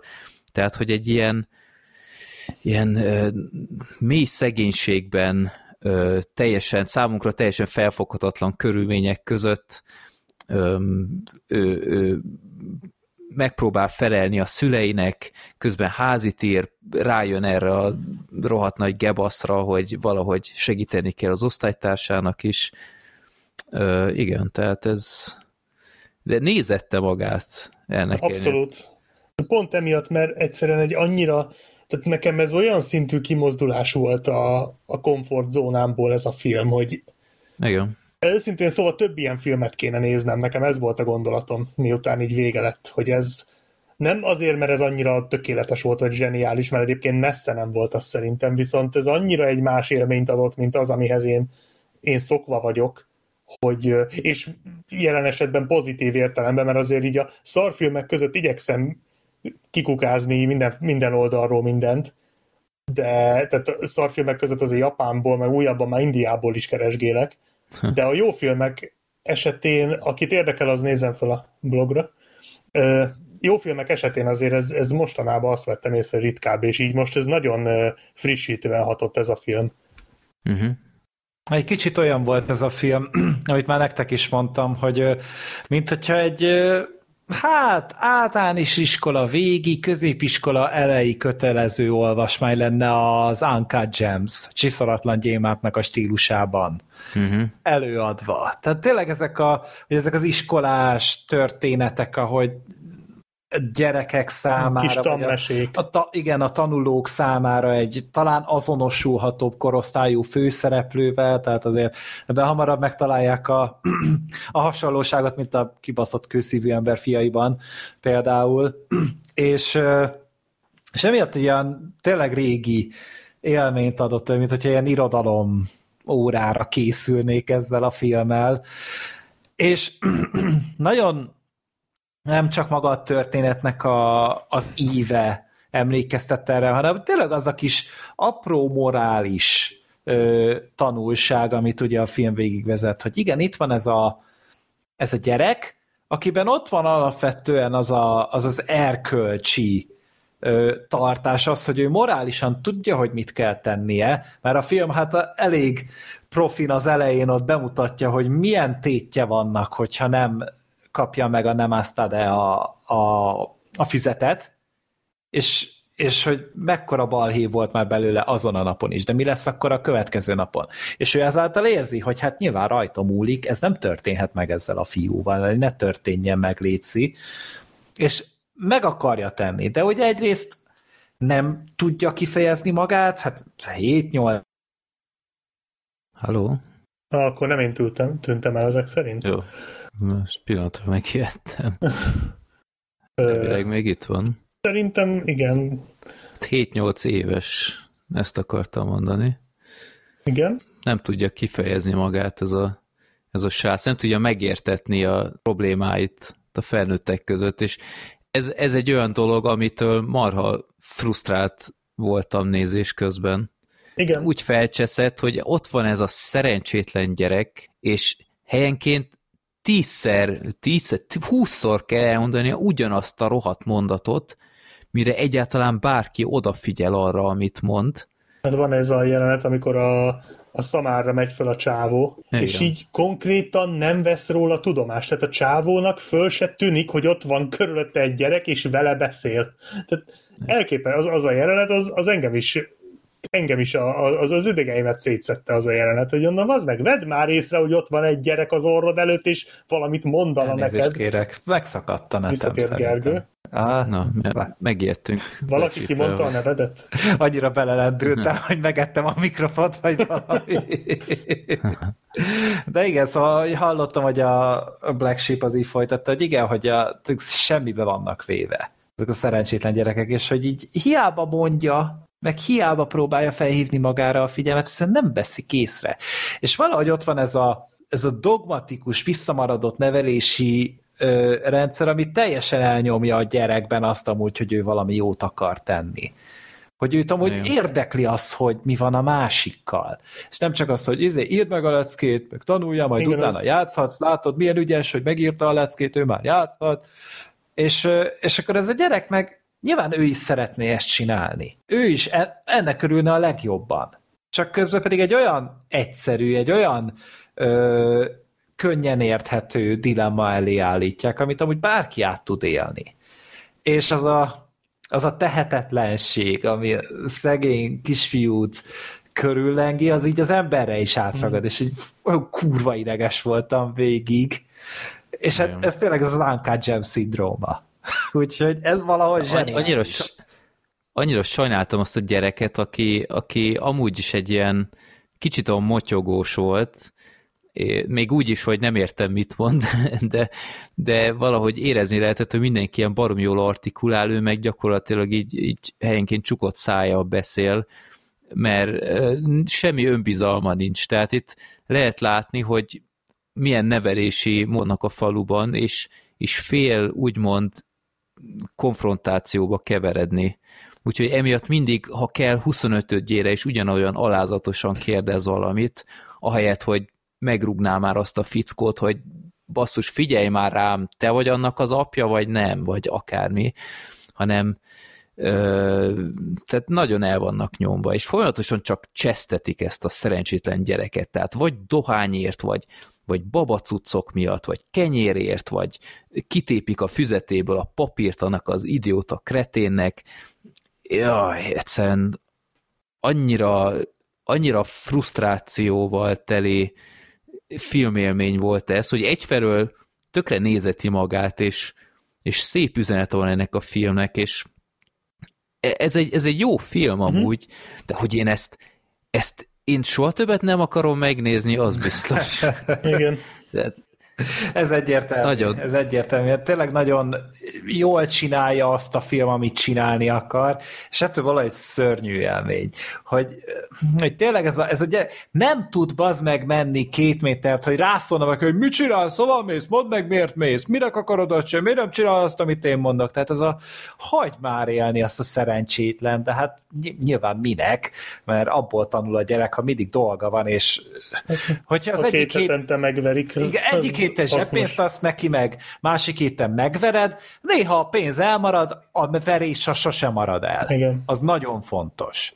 Hát ott a nagypapa mindenképp belopta a szívembe magát, amikor előadja a epic párbeszédben a másik öreg szarral, hogy, hogy a gyereket meg kell verni két hetente, de hát ha, akkor is, ha nem csinált semmit, persze, mert így tanul fegyelmet, és ezt így öt percen keresztül hallgatod, úgy, ahogy nálunk csinálták, igen, igen, mi aztán tudtuk, mi a fegyelem, és mentek ti a büdös fenébe, bár Black Sheep biztos jegyzetelt majd novemberre, hogy... Erről nem nyilatkozok.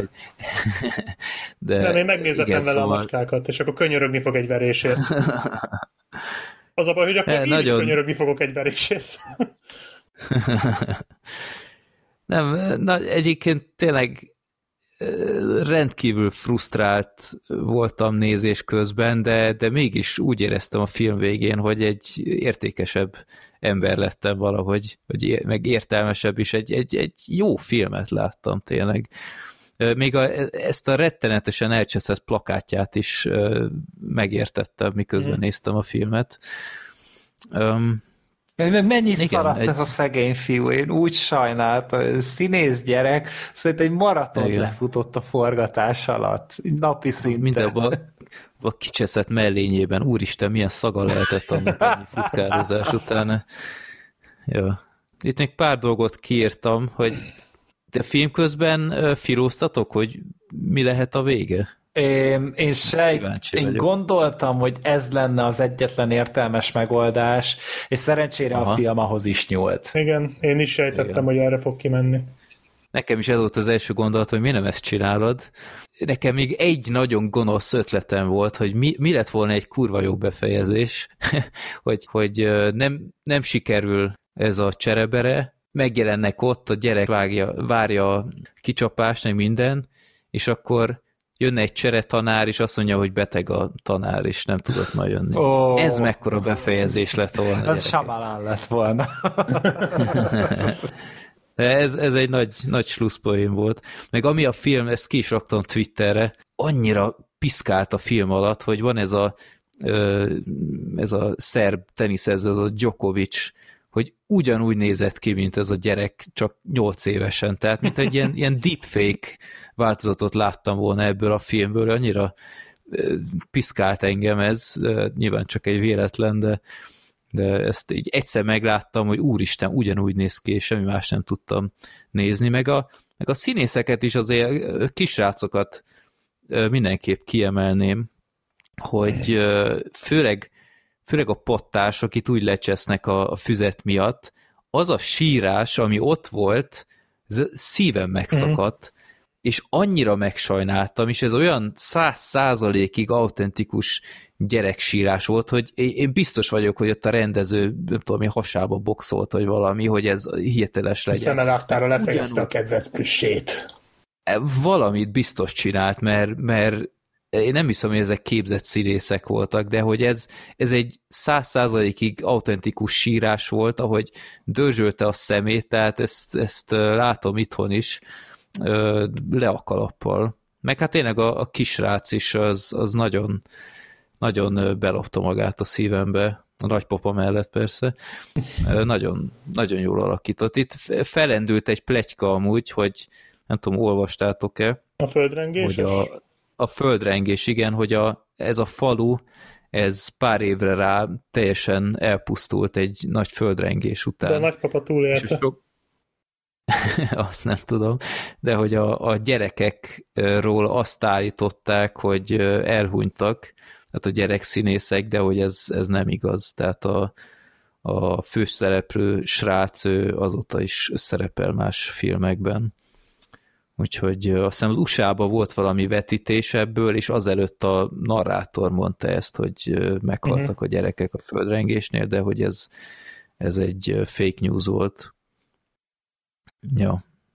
Ö, nem, tényleg, ha, ha akartok egy értékes filmet nézni, akkor én nem akarom elvenni a kedveteket, de nem lesz egy egyszerű menet, de a film szerintem végső soron meghálálja. Ja. Hát látszik, Ez hogy nagyon... nem is hosszú. Hát hosszúnak érződik amúgy, tehát én úgy éreztem azt a feszülést, ezt tudod, hogy rosszul érzed magad, akkor minden perc ö, sokkal lassabban vánszorog. És emiatt megint csak azt tudom hogy a rendező az nagyon tudta, hogy mit akar elérni. A rendező az nagyon Igen. tudatosan csinálta ezt az egészet, és az egész filmet belengi az, hogy itt egy pillanatnyi tanástalanság nem volt egyetlen egy jelenetnél se, hanem mindent a létező legtűpontosabban csináltak meg. Hogy ez az élmény, ez ilyen legyen. Úgyhogy uh-huh. tényleg, hogyha ezt a mesterségesen indukált pánikrohamot át akarjátok élni, akkor ide gyertek. Na jó. Ja. Jó, egy, egy kérdés még itt a film kétharmadánál volt az az öreg uh, fószer, uh, az a Kovács, vagy mi igen, volt? Az a, igen. Igen. Ott nem, nem volt bennetek egy ilyen creepy egy kicsit. faktor. Én mondom, jaj, ne, ez, ne, az, ne, ez szerencsétlen gyerekkel ne csináljátok De az annyira olcsó lett volna ettől a filmtől, nem? Hát én, én amiatt gondoltam, hogy azért csak nem, mert azért ezt a témát egy ilyen iráni film nem hiszem, hogy berakja. Hát sokkal bár, kegyetlenebb bár... volt, amire kifutott az szerintem, vagy ahova végül elvitte. Bár ez egy nagy pozitívum, ezt nem is mondtam, hogy nekem nagyon-nagyon tetszett, hogy itt volt ez a film 87-ből, tehát bőven itt az Ajatolla korszak után, hogy, hogy Iránból, és a vallás semmilyen módon nem játszik szerepet. Uh-huh. És ez nekem egy nagy pozitívum volt, hogy, hogy nem rakták még be ezt is, hogy nem tudom én, miközben keresi a, a házat, még neki kell állnia, imádkoznia, vagy mit tudom én. Um, úgyhogy ez, ez egy kifejezetten üdítő dolog volt, nem, nem ez a jellemző. Uh, úgyhogy igen, egy, egy olyan film, aminek végsősorban örültem, hogy kisorsoltuk, mert, mert erről végképp nem hallottam volna. De hogy ezzel még listákon Úgyhogy... se találkozol meg hasonló. Nem, nem, nem. Nevével se találkoztam Igen. soha. Most ó, én... Úgyhogy a Sorter, Sorter ezt hallgatja utólag, szerintem még ha nem is vett itt részt, én, én tanácsolom neki, hogy, hogy nézze meg, mert neki szerintem talán legjobban tetszenek közülünk, én úgy... Varázs az. Ja, ilyen, ö, olvastam az IMDb-n, hogy ilyen Criterion collection benne volt, meg ö, a valami listán a száz legjobb nem angol nyelvű filmbe bekerült, tehát hogy így elismergették, de nem egy ilyen mainstream film, az biztos. Mm. Tehát nem olyan, mint mondjuk a mit tudom én, az olasz 50-es évek olasz filmjei például, Fellini, vagy hasonló. Vagy Iránból az új, a aki a Naderissimi-t is rendezte. Uh-huh, uh-huh. Hogy az ő filmjei például ugye rendszeresen azért nyugaton is el szoktak terjedni, tehát ez egy annál szerintem kisebb vállalás, vagy ilyen kisebb darab, kisebb kultuszra. Hát vagy kultuszra, az a kisebb, kisebb ismertségre tett csak szert. Uh-huh. Uh-huh. Igen. De nem, hát én is, a, amit én néztem, az is a Criterion Collection nős verzió uh-huh. volt, tehát egy ilyen restored ö, valami volt. Jó, hát így is, így is csak SD-ben tudtuk ö, elérni szerintem mindannyian. De, de szerintem hozzá is adott az az egész kis Hát ez másképp Falusi nem. egyszerű tehát... millióhöz, tehát ez... Én 4 k a, 4K... a, a nagypapát tényleg a hiányzó fogsorával 4K-ban akartam. Nem feltétlenül 4K, én nekem egy HD is elég amúgy, de... De kicsinyes vagy. Hát ne, ne, nincsenek ambícióim. Ez elég szomorú. Igen. Ja, hogy néztem, ez a rendező, ez az Abbas Kiarostami, ez uh, ilyen trilógiákat csinált, és... A gyűrűk urát például. a Jurassic world is. Hát ilyen tematikus trilógiákat Aha. csinált, el, elismert, már elhunyt, ahogy néztem. Uh-huh. Ja, úgyhogy hát köszönjük szépen a random.org-nak és a beküldőnek is. Hát a következő, a Straight Outta Compton, az egy kicsit másfajta film ja, lesz. Határozottan. Mondjuk, amúgy, e- mondjuk szintén, nem a, szintén nem a mi világunk, én úgy érzem. Hát a rap zenét én mondjuk szeretem, úgyhogy mm.